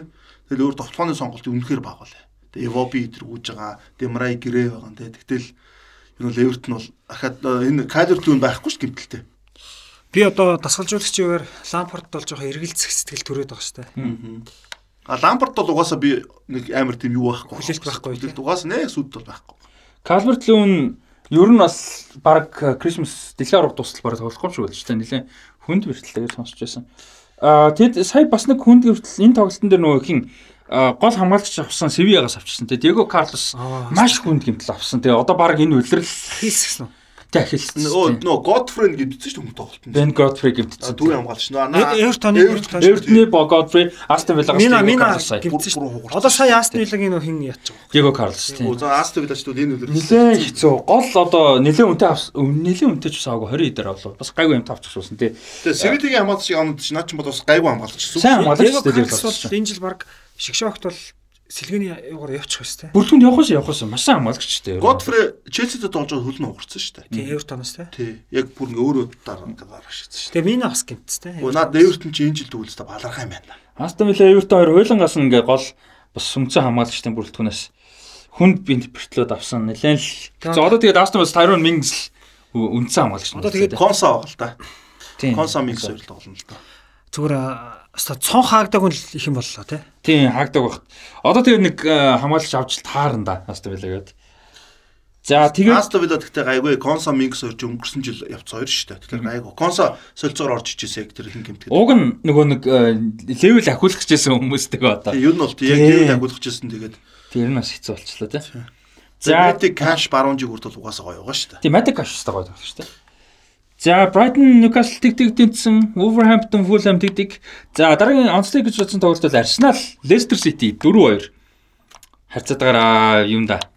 Emirates зингэлтэйгээ зингэлтэй хоцсон байгаа. Gabriel Jesus 2 гол А Granit Xhaka, Gabriel Martinelli нэг нэг за тэгээ Saliba өөр хаалганы нэгэд James Madison нэг хийсэн байна. 4-2 харьцаатай болгож авсан. Jesus чинь жинхэнэ бокс фокс байлаа шүү те. Box in the Fox гэж юу. Гоё үлээ. Гэтэ Арсеналыг бид нар нэг ярьжсэн шүү дээ 2 7 хоног юм. Арсеналын тэр одоо Салибагийн хийж байгаа гол бол маш энгийн л юм баггүй. Харилцаа холбоо л баггүй тэр бол. Одоо ойлголцохгүй хоошо мөргөд хийж байгаа шүү дээ. Яг ийм юмас айгүй их юм шийдэгдэт байгаа. Арсенал одоо юу гэдэг нь хоцсон юм шиг боловч мундаг байна, тоглох гоё. Хоёр гол алднагдчих бас айгүй том юм хилээд байгаа байхгүй. Лестер дутлал таар байгаа шүү дээ. Лестер баг тоглоогүй шүү дээ. Лестер бол нэг олигтой тоглоогүй шүү дээ. Энэ жил Лестер юу нэлээ хэцүү байна те. 8 хийсэнгүү.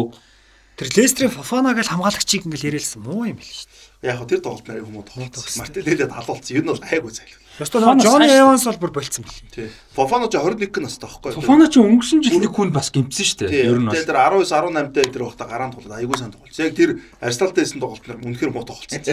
Мартинеллид бүр алуулсан байхгүй. За Арсенал бол довтлогоо гой харагдаж байна, өнгөтэй харагдаж байна, хамгаалт эргэлзээтэй байна тий.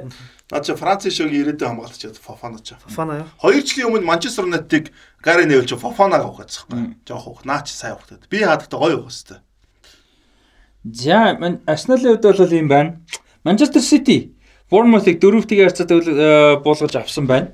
Ситигийн тоглолтыг үзсэн үү? Ситигийн тоглолтыг үзтгүй яг тоглолтын 6 дахь нууд 8 дахь нууданд баг 5 6 болоо гэж тоглолтсон. Нүдсэн шүү дээ. Тэгсэн чинь манай тулгаагаас эхлээ за Сити төрүүлэх юм байна гэж би дотроо бодож битсэн шүү дээ тэгээд. За доороос орцсон баг угаасаа ингэдэж штэ гэлдэ талбай дээр тий. 4-0 тий 4-0 тий. Тэгэл нүдсэн л дээ угаасаа.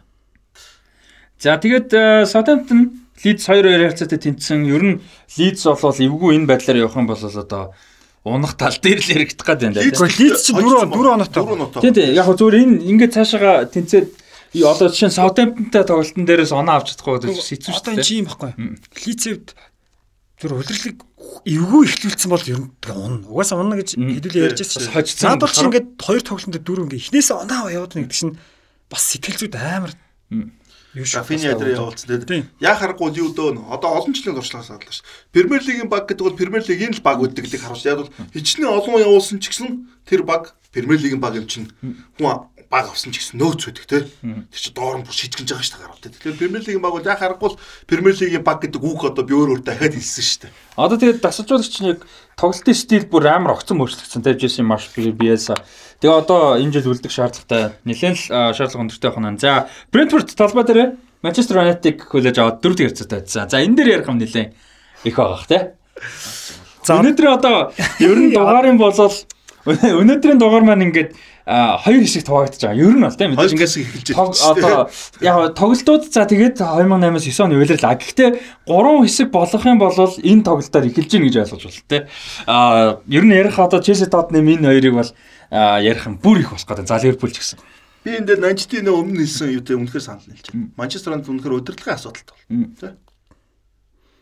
Өмнө хэдүүлээ удирдлагын тухай ярьсан тийм. За би одоо яг энэ подкастыг одоо манай одоо шавнарч гэдэг юм найз нөхөд үзэж байгаа. Би эдэрт ерөөсөө бүр сүүлийн 2 жил нэг юм яриад байгаа хөөхгүй. Юу гэхээр ингээд Манчестер Юнайтед одоо талбай дээр залхуу байж болохгүй гэдгийг би байнга ярьдаг. А хамгийн том залхуу жишээг би дандаа Манчестер Юнайтедаар сүүлийн үед аваад байгаа хөөхгүй. Мянган том нэр том цол те байж болно. Тэр хүн залхуу бол ерөөсөө байж болохгүй. А нөгөө баг нь одоо алдар нэр цол том биш үлэхэд залхуугүй байх юм бол одоо ерөөсөө Юнайтедыг би ингээл бүр ингээл байнга жишээ авдаг Гэхдээ олон нийтийн хэрэгслэр биш шүү үзэгчтэй. Тэгээд ерөөсөө саяны энэ тоглолт бол шууд харуулсан. Одоо жишээ нь залхуу Юнайтедыг залхуугүй Брентфорд яаж хожив тэр тоглолтыг би бүр ингээд яг үзчихсэн. Брайтон ч гэсэн адилхан тийм. Эхний гол дээр одоо жишээ нь Манчестер Юнайтед хажуугаас ингээд гаргаж байгаа байхгүй. Тэнгүүт Брентфордын ингээд залхуур бүгд ингээд шаваад очиад бөмбөгийг булааж аваад явсараа цохоод хийж байгаа. За яг тийм Дихягийн алдаа гарсан баг. Хоёр гол чи юу штэ. бүр энгийн алдаа гаргаж байгаа. Манчестер Юнайтедыг 5-аас гаргахад Саут юу Брентфордыг 3-аараа шигч байгаа юм. Тэгэд Эриксэн бол тэнд бол мэрэгжлийн хөлбөмбөгч гэхэд бол аюу тум алдаа гаргасан. Бүр ингээд мэдхгүй.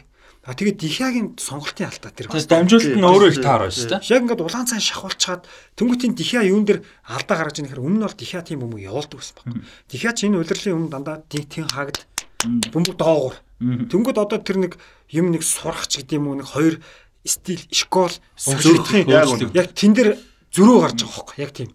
Одоо тэдэрт юу гэж зааж нэхэр уг нь тэр тоглогч 1000 доогоор тоглодог байсан ч гэсэн юмаа мэдрээд ганцны бөмбөг яах вэ? Явуулж болох юм тий. Гэтэл одоо тэнд Тинхаг нь тийхгүйгээр дандаа л доогор гэдэг нэг сурах гад цаг баг яг энэ дээр яг юуны зөрүү гарч байгаа байхгүй.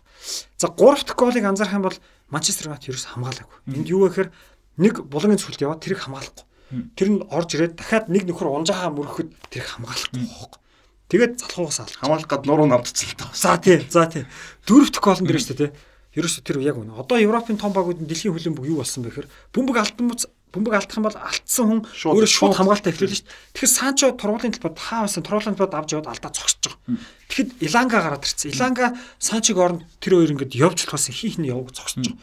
Тэнгүүт Брэдфорд гаргаал сүрг яваал дөрөвт. Амар ордон сүрг явсан шүү дээ. Тэгэл тэнд ерөөсөө Манчестер Юнайтед залхуу байгаа, моментаа алдаж байгаа. За би залхуу гэдгээ нэг юу яагаад те. Одоо энэ бол айгүй том стат шүү. Зүгээр амаар ярьж байгаа юм шиг. Нөгөө нэг Манчестер тийм гүйлт нөгөө нэг юу яасан байсан дээ. Тэн хаг гүйлгсэн гэдэг ба. Тийм. Одоо 13.8 км дутуу гүйсэн бохоггүй. Багаараа нийлээд тийм. Тэнгүүд маргааш нь Тинхаг яг тэр юуг нь нөхөж гүйлгсэн. Нөхөж гүйлгсэн. За одоо энд нэг асуудал байгаа. Одоо нөгөө нэг Лисандро Мартинес тоглож байгаад хаалфаар суучлаа дээ. Тэгээ Варан гарч ирж байгаа.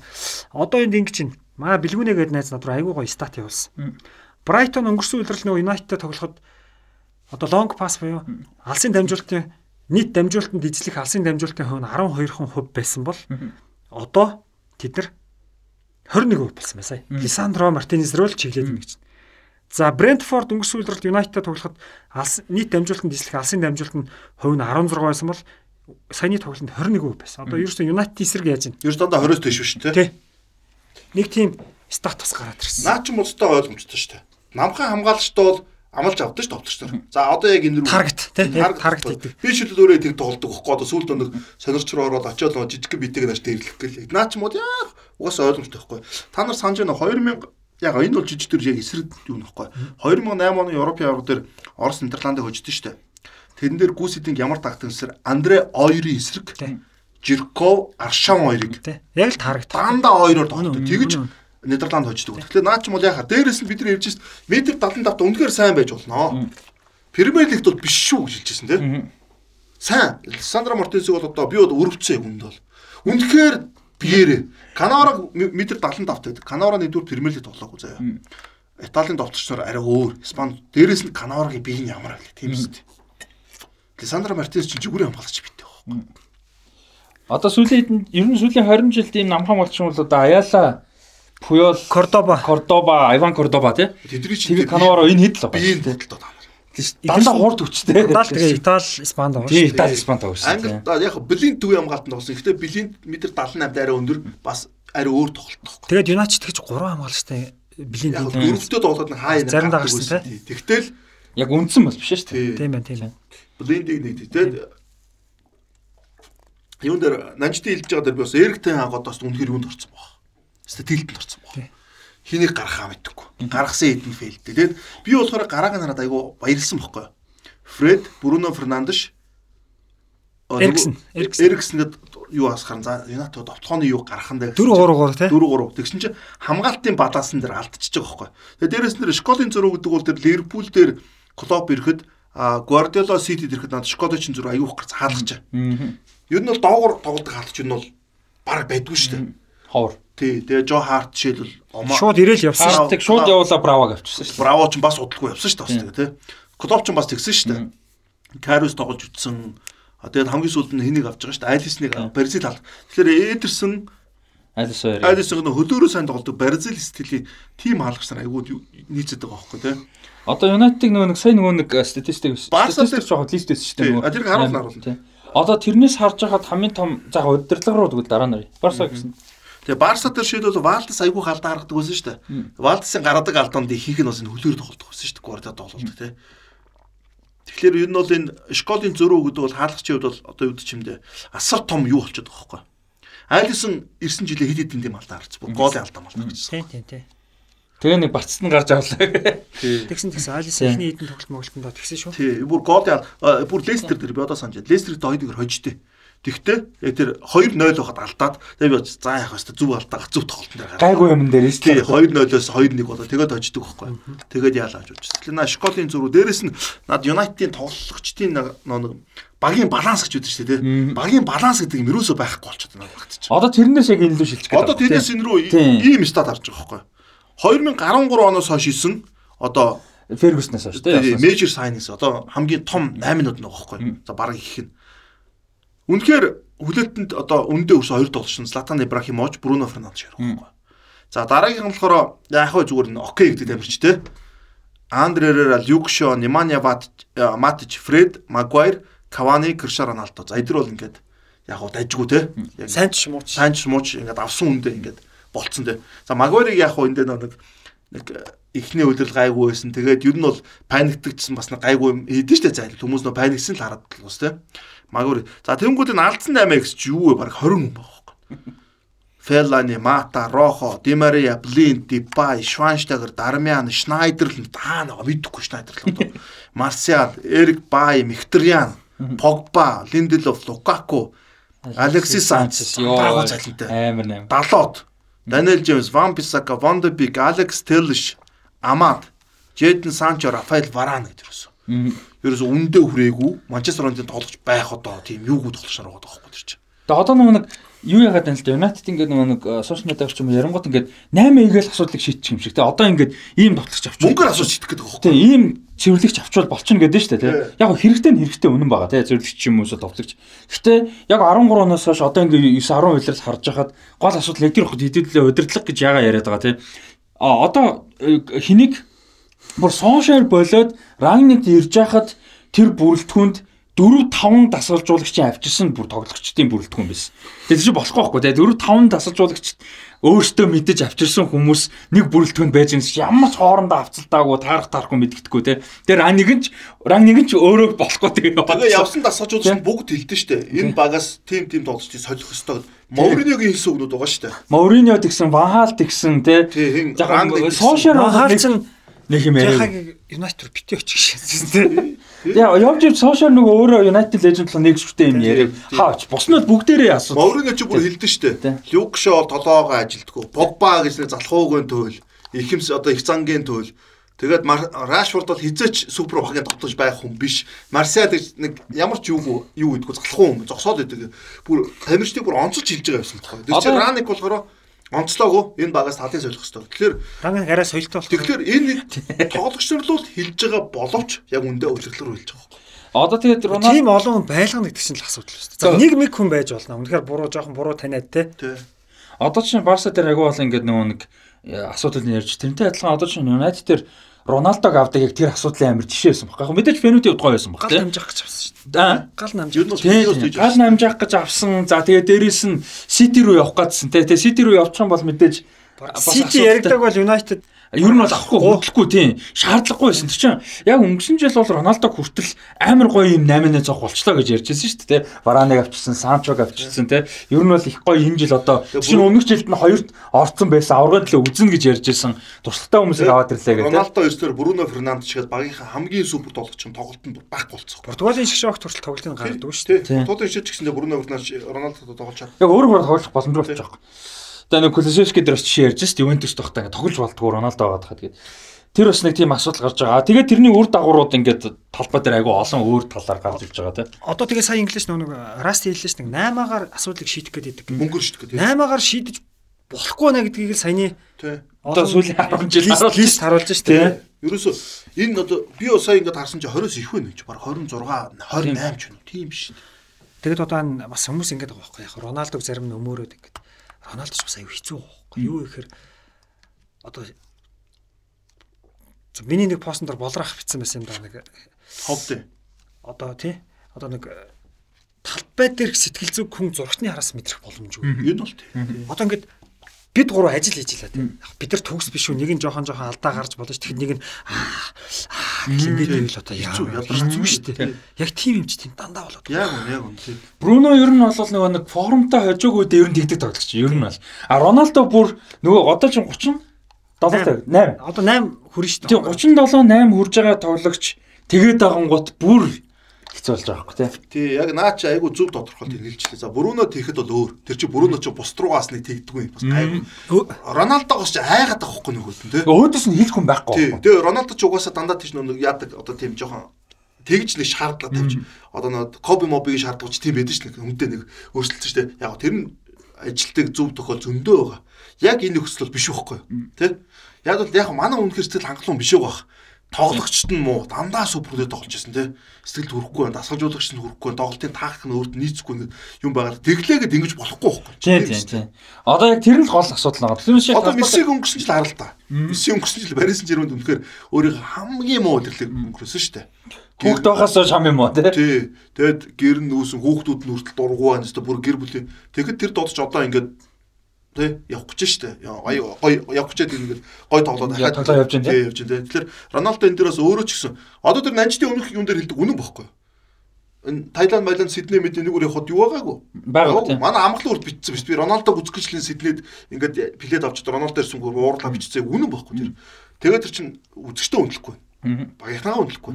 Давхар тэр нэг тоглолтын дээр слэр суулгасан чинь шүү дээ. Тийм шууд явчихдаг тий. Тэр чи сая юу гэсэн бэ? Сүүл багийнхантаа зүг хоол идэхгүй гэж байгаа шүү дээ. Тийм ганцаараа тустай хоол. Тэгэхээр энэ бол ерөөсөө болохгүй юу л та. Яагаад болохгүй нь. Тэнхаг тэгээд сая энэ тоглолтын дараа нь ер нь Роналдог явуулъя гэдэг бүр ингээд итэвхтэйгээр та бүр ингээд явуулах тал дээр одоо арга хэмжээ авъя гэж яасан. Одоо би бас ингэж хараад байгаа шүү дээ. United нөгөө нэг сая пресизн удирдлын өмнөх бэлтгэл хийхгүй байжгаад эренгүүтээ клубтэйгээ уулзаад намайг явуул гэсэн шүү дээ. Мань хүн ч одоо клубэл цөхрөх гэдэг юм шүү. Одоо ингээд нэг цонх хаагтахсан энийг одоо явуулъя да. гижээж тий. Гэтэл Роналдог бас магадгүй нөгөө нэг том зарим нэг хитэн баг чи зүр үнгүү хүрээд ирүүл чамаг яг тоглол яг тийм байгаад байгаа юм шүү. одоо нь цалиг нь өччих. Тийм тэгээ одоо нөгөө нэг юу явах гэдэг байгаа байхгүй нь цуцлах талаар бүр ярьж байгаа. Юм өмөр байна. цуцлуулаад үнгүү очих. Фри агент очих гэдэг шүү дээ, тий. Яа. Ер нь бол аль альта дээр Роналдо ч явсан дээр United ч явсан. Тэгэхээр ер нь бол юм Роналдогийн United буцаж ирдэг ер нь нэлээд муу 8 боллоо тий. Ерөнхий үр дүн гар. Хүмүүс тэгэлээс Роналдогийн зураг тавил. Сити л очих байсан ингээл. Ер нь бол яг хүмүүс манай үзэгч бас та нар бас юу шууд юугаар нь битгий бодоор бид нар ингээд United муугаа ерөөс Роналдотой холбоогүй шүү. Ерөөс зарим хүмүүс Олон жилийн үр дүн баггүй юм. Олон жилийн үр дүн удирдлагын алдар. Гэхдээ яг энэ баг дээр одоо нөө болохгүй байгаа юмнуудыг бид нар ярихаар хамгийн их түр нь Роналдо ирж байгаа хгүй. Бид нар Фредиг яриад утахгүй байхгүй. Угаасаа Фредиг болохгүй байгааг хэдэн жилийн өмнөөс түн болгон харж ирсэн те. Тэгэхээр Роналдог одоо хамгийн том асуудлуудынхаа нэг нь наа. За тэгвэл одоо төв рүү орж ирэх байхгүй. Бид нар ярьж Фред Мактоминэ. Төвийн ах судрын асуудал. За би бол Манчестерийн хамгаалтыг бол би гайгүй хүчж яг үнэндээ. Варан, Магуайр, Лисандро Мартинс эдрийг бол 30 нь болоод тоглолчвол энэд бол нэг Линделоф байгаа шүү дээ. Энэд бол нэг ямар ч нэг топ 4 дурах хэмжээний тоглолтыг бол үзүүлж байгаа. А Далотыг бол баг Ван Бисакагаар солисон дээр миний хувьд бол. Яг л Манчестерээр хамгаалт муу байгаа мөртлөө хамгаалтгүй баруун зүг тоглуулдаг байгаа байхгүй. Югш хамгаалдаг байсан бас. Яг зарим тоглолтын дээр алддаг л да хамгаалтан дээр. Тэгэхээр Ван Бисака баруун зүгрийн хамгаалт руу оруулж ирээ төв рүүгээ юу нь бол Фредийг бол би бити гаргаас очиж байна. Яг нэг нүглэгт бол. Фред бол юу нэг мод олж байгаа шүү дээ. Одоо тэгэхээр би хэлсэн шүү дээ Мактоминен зүгээрээ гэж те. Мактомина сая тоглоогүйгээр нэрээ өстө балер зөвлөлээ те. Өмнө подкаст дээр хэлсэн шүү дээ. Мактомина хамаагүй дээрээ наад ч юм болохоор хамгаалт юу те. Тэгээд миний болохоор та бүр хэлжсэн юус Мактоминыг цэвэрлэгчээр тавиад тэгээд Бруно Фернандеш Эриксэн бохгүй юу? Тийм заяа тэгж хэлсэн. Яг энэ хамгийн юу хамгаалт Байж болох те. баланса зөв хадгалах байхгүй. Яг би Фредик гарахаа за гоё довтлооны баг гарна. Гэхдээ хамгаалтын баланс нь шууд Брентфорд эрхнүүд шууд харж байгаа. Угаасаа ямар ч юугүй байхгүй. Зөвхөн нэг хөл өмгөө жоохон мэддэг гар энэ гурыг хараад за яг довтлоогоо харагч л та хамгаалтын баланс нэг нэг бэлэгдэл шиг нэг эвгүй гарчдаг гараад байдаг шүү дээ. Нэг нэг ямар ч хамгаалтын чиглэлийг хагасгүй те. Яг тиймэрхүү юм тоглолт шууд мэддэж байгаа. Тэгэхээр Мактоминэ бэжж илүү нөө юун дээр тоглох байхаа гэж би бод. Нэг бол бүр болохгүй Лисандра урд тавьчлаа. Дефенсив. Өчигдөр нэг хөлөмгийн групп нэг хүн бичсэн нэг юм үзээ бүр тислгүй инээ тэрэ зүгээр уушлаар үзэхдээ энэ жоохон хөгжилтэй болол нэг Арсеналыг ингэж байгаа хүн одоо бурхан Арсеналыг аврах гэж хүү Есүсээ явуулсан гэж байгаа. Одоо Жесүсийг хэлж байгаа. Арсенал гэдэг баг олон жил маш олон зовлон зүдгүүр хатуу бүрхийг туулсан. Одоо энэ халаага United төгсөн гэж байгаа. Тэгээ тэр Наадах чи манай Ливерпул гэсэн авч авсан шүү дээ. тий тий. Та нар Ливерпулийн тэр бүрэлдэхүүн дээр бодолтой Кончески, Джей Спиринг, Якоб Паулсон, Лукас Лева довтлооны бүрэлдэхүүн бүр амар байв. Давид Ингог Мингог тэр бүрэлдэхүүн байсан шүү дээ Ливерпул. Тэгэхээр Ливерпул чинь тэр туулсан шүү дээ. 14-өөс 15 онд аврагын лигт нэг хэсгээс гараагүй Болгарын багийг ч хождгүй шүү дээ нэг Лудогорец гэдэг. Тэгэхэд бас Ливерпул хөөх юм бас олон жил байсан шүү те. Одоо Юнайтед нэг гоё стат хэлчихэж. Бас нэг боломж байгаа шүү гэдгийг. А тий, Юнайтед фанатуудаа хэлэхэд бол юу шүү.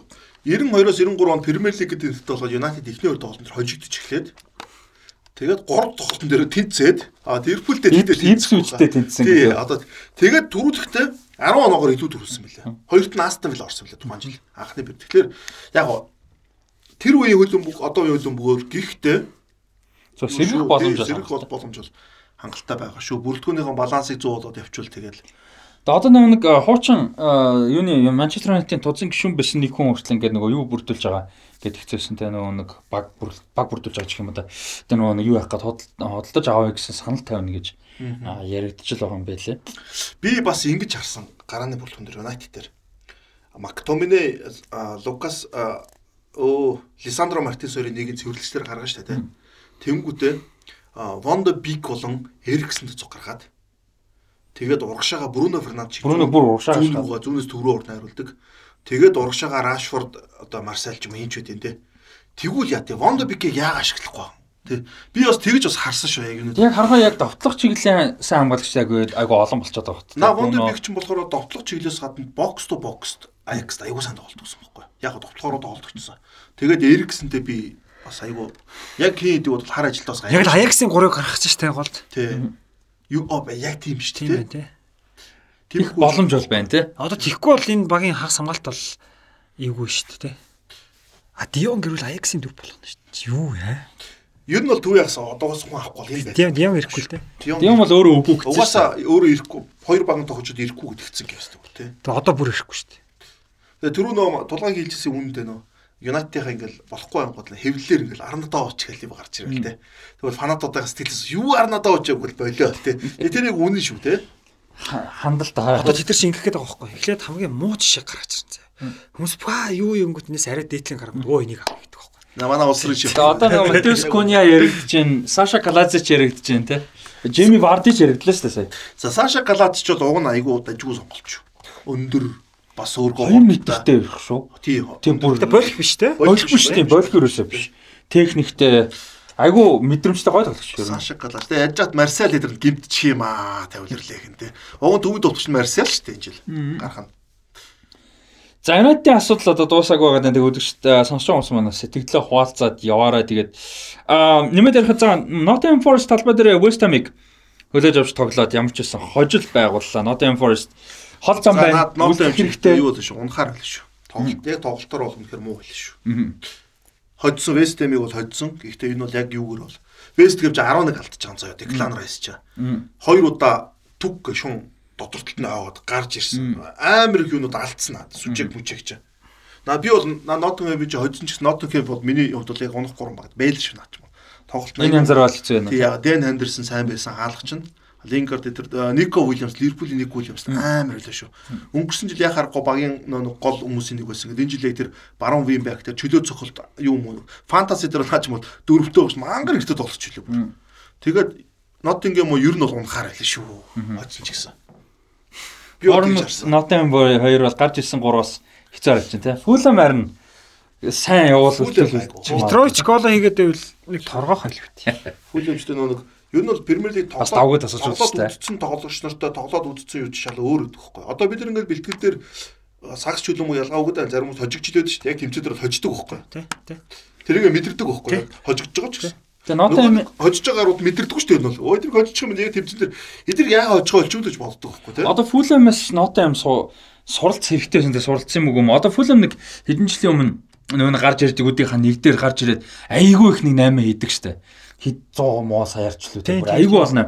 Тэгээ бүр тэр чигээрээ унаад бүр амар юм болсон штэ. Тэгээ тэр шиг одоо Nottingham ч бас тэгж байгаа. Тэгээ энэ жил гарч ирээд маш их 8 хийсэн. Ер нь гарааны бүрэлдэхүүний 2 3 тоглолчийн зээл байсан явсан. За тэгээд одоо гарааны бүрэлдэхүүний баг 8 9 тоглогч юм шинэ тоглогч байна тий. Тийм байгаа тэгээд ер нь бол хэцүүлтэй. Анадо ямийн гол ч ч гэсэн өөрөө айгу сонин гол орсон шүү дээ. Ойгоод орсон шүү дээ. Тэр нөгөө нэгээр довтож Авоны гэ тий. Тэрний чи хөлөнд нь ойгоо орсон байхгүй. Тэгэхээр одоо нилээл их зороо. Ямар ч байсан ямар ч байсан онгон төлөө өрсөлдөхэд нэг хэрэгтэй 3 оноо ямарч байсан авлаа да тий. Авсан авсан тий. За Челси Тоттенхэм. За энэ дээр өстэй ярих юм их байгаа. За Челси Тоттенхэм 2-2. Кулибали Рис Джеймс 2-1 хийгээд нөгөө талд нь Биелемер 2-2 хин 2. Аа Харрикен. Хоёр ирсэн. 1-1 хийсэн тий. За наад тоглолт. За Одоо тэгээд юу юм да. Ер нь бол тактикийн хувьд бол хин ялсан. Конте бол хамаагүй Контег нь хин тэгвэл тэгвэл хамаагүй л байсан. Одоо бид өөр дөрөв ярьжсэн шүү дээ тий. Энэ дээр Рис Джеймс гараад Лофтус чиг айгуу чухал тактик тоглолт хийсэн. Лофтус чиг баруунд гараад тэнгүүтээ Винбекийн баруунд гарангууд тоглолтын үед төв рүү орсон. Тэнгүүд төв рүү оронгууд төвд бол Хойберг, Бентанкур хоёр будаа болсон. Яг үндэл Тоттенхэмийг ингээд хүмүүс айгүй олон хүмүүс биччихсэн. Довтлогоо явахгүй, довтлогоо явахгүй биш үхгүй. Дундаа дундаа зүгээр халуулсан бохгүй Тоттенхэм Челсид. Дээрээс нь наа Челсигээр чинь Канте зүгээр надад тоглолтон ч зүгээр жиг 2 үл тавьчихсан. Тэгээд Лофтус чиг Канте хоёр орж ирээд а манай үзэж буцаага тоглолтоос харуул те. На Канте Лофтус чиг хоёроос чи эхэлж байгаа довтлогоонууд гол болон хамгийн аюултай довтлогоон тулсан.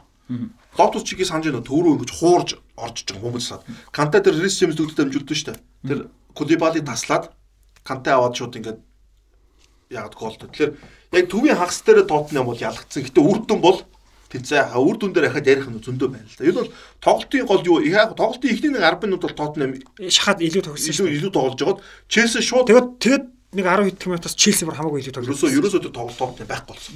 Бентанкур бүр ядаж өгч ирсэн шүү дээ. Хоосон гүгээ гэсэн цай ингээл хамгаалал. Тэгээ бөмбөг авахтаар нөө Челсигийнхэн чинь шууд прессинг хийгээд бүм очиж байгаа. Челси бол зүгээр энэ тоглолтоор Улирлын ихэнд хүмүүс Челсиг бас жоохон дутуу үнэлээдсэн шүү дээ. За аврагын төлөө өршөлдөхгүй, бараг топ 4-т орохгүй тий. Челси бол ер нь бит болоогүй шүү л гэдгээл харуулсан яг. Хаварч эдэр бол Стерлинг Хаварч эдэр бол үнэхээр гоё гэлээ тоглолт бол. яг цэвэр давтлагч Челси дутагж байна. Одоо гол асуудал бол тэр. Ер нь бол цэвэр товтлогчгүй тоглоно гэдэг бол Испани шиг шиг л биш бол тий. Ер нь Сити чадахгүй л биш. Бүрдэн өдрөлдөө хэцүү шүү дээ. Чадахгүй. Хэцүү хэцүү. Тэгэхээр Челси бол угаасаа нэг тэр Обамян гэдэг авчаасаа тий. Обамян гэдэг бол гой зөвхөн шүү. Челси төвийн товтлогчтой болох юм бол бас амс хийх байхгүй. Зарим зарим тоглолтуудад үнэхээр хагас товтлогч нар хийхгүй юмыг тэр хүн чинь нэг нэг тоглолт залгуулаа явчих байхгүй. Нэг нэг гол хийгээд. Тэгээ Челсигийн шинэ наймыг Кулибалиг бол үнэхээр одоо магтанд болёо. Тэгээ Манчестер Юнайтед Кулибали Магуэрээс Кулибалиг сонгоцсон шүү дээ. Магуэрего Тийм Магуэрээс сонгоцсон шүү дээ. Кулибали 70 цагс чи ямар үнэтэй мөнгөтэй Магуэрийг 80 цагаар авчихсан байхгүй. Яг тэр үе заах зүгээр Манчестер Юнайтед бас буруу бичлээсэн л да. Нэгдүгürt англи хүн те. Тэгээ сайн гэсэн тийм. Бас бас Тэгвэл би бол Кулибали дээр гэж тухайд бодчихсон. Яг бол Кулибали аврагуудын лигт нөгөө Ливерпултэйсэн тоглоод байгаа шүү дээ тийм. Амар тоглолцсон байхгүй. яг одоо харахад тэгээд тийм л байна л да. Кулибали ч гэсэн ярьсан шүү дээ. Кулибали бол фейлдэхгүй. Фейлдэхгүй. Кулибали бол яагаад ч фейлдэхгүй гэсэн. 30 гарцсан хамгаалагч тий. Тэгээд Олон жил төвтөртэй тоглолцсон. тэгээд тэр сая тэр гол тэр юу нь бол яг нэг хизээ хазааны нэг Челсигийн тоглогч тий бүр ингээд Над бол яг тэр Вандак шиг л харагчлаа. Маянгар тайван, баруун солгоог хоёр үл нь ямар амар юм бэ. Тэгэд юу нь бол төвийн хамгаалтын зүүн тоглож байгаа чинь солгоогоор дамжуулт сүлдээ өөд эхэлдэж шүү дээ. Жон Терри ч бүр амар болцсон юмсэн шүү дээ. Сүлдээ. Уг зүүнээр өгөхгүй бол өөр арга байхгүй. Тий.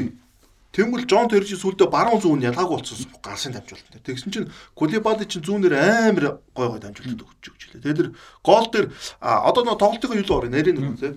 Гол дээр тэр Кулибалигийн гол дээр Тоттенхэмийн уус хамгаалтын асар том алтай байсан. Нэгдүгээр юу гэхээр эсрэг багийн Болонгийн цогт буюу хоёрдугаар давхраар хамгийн хүчтэй тоглох заяа.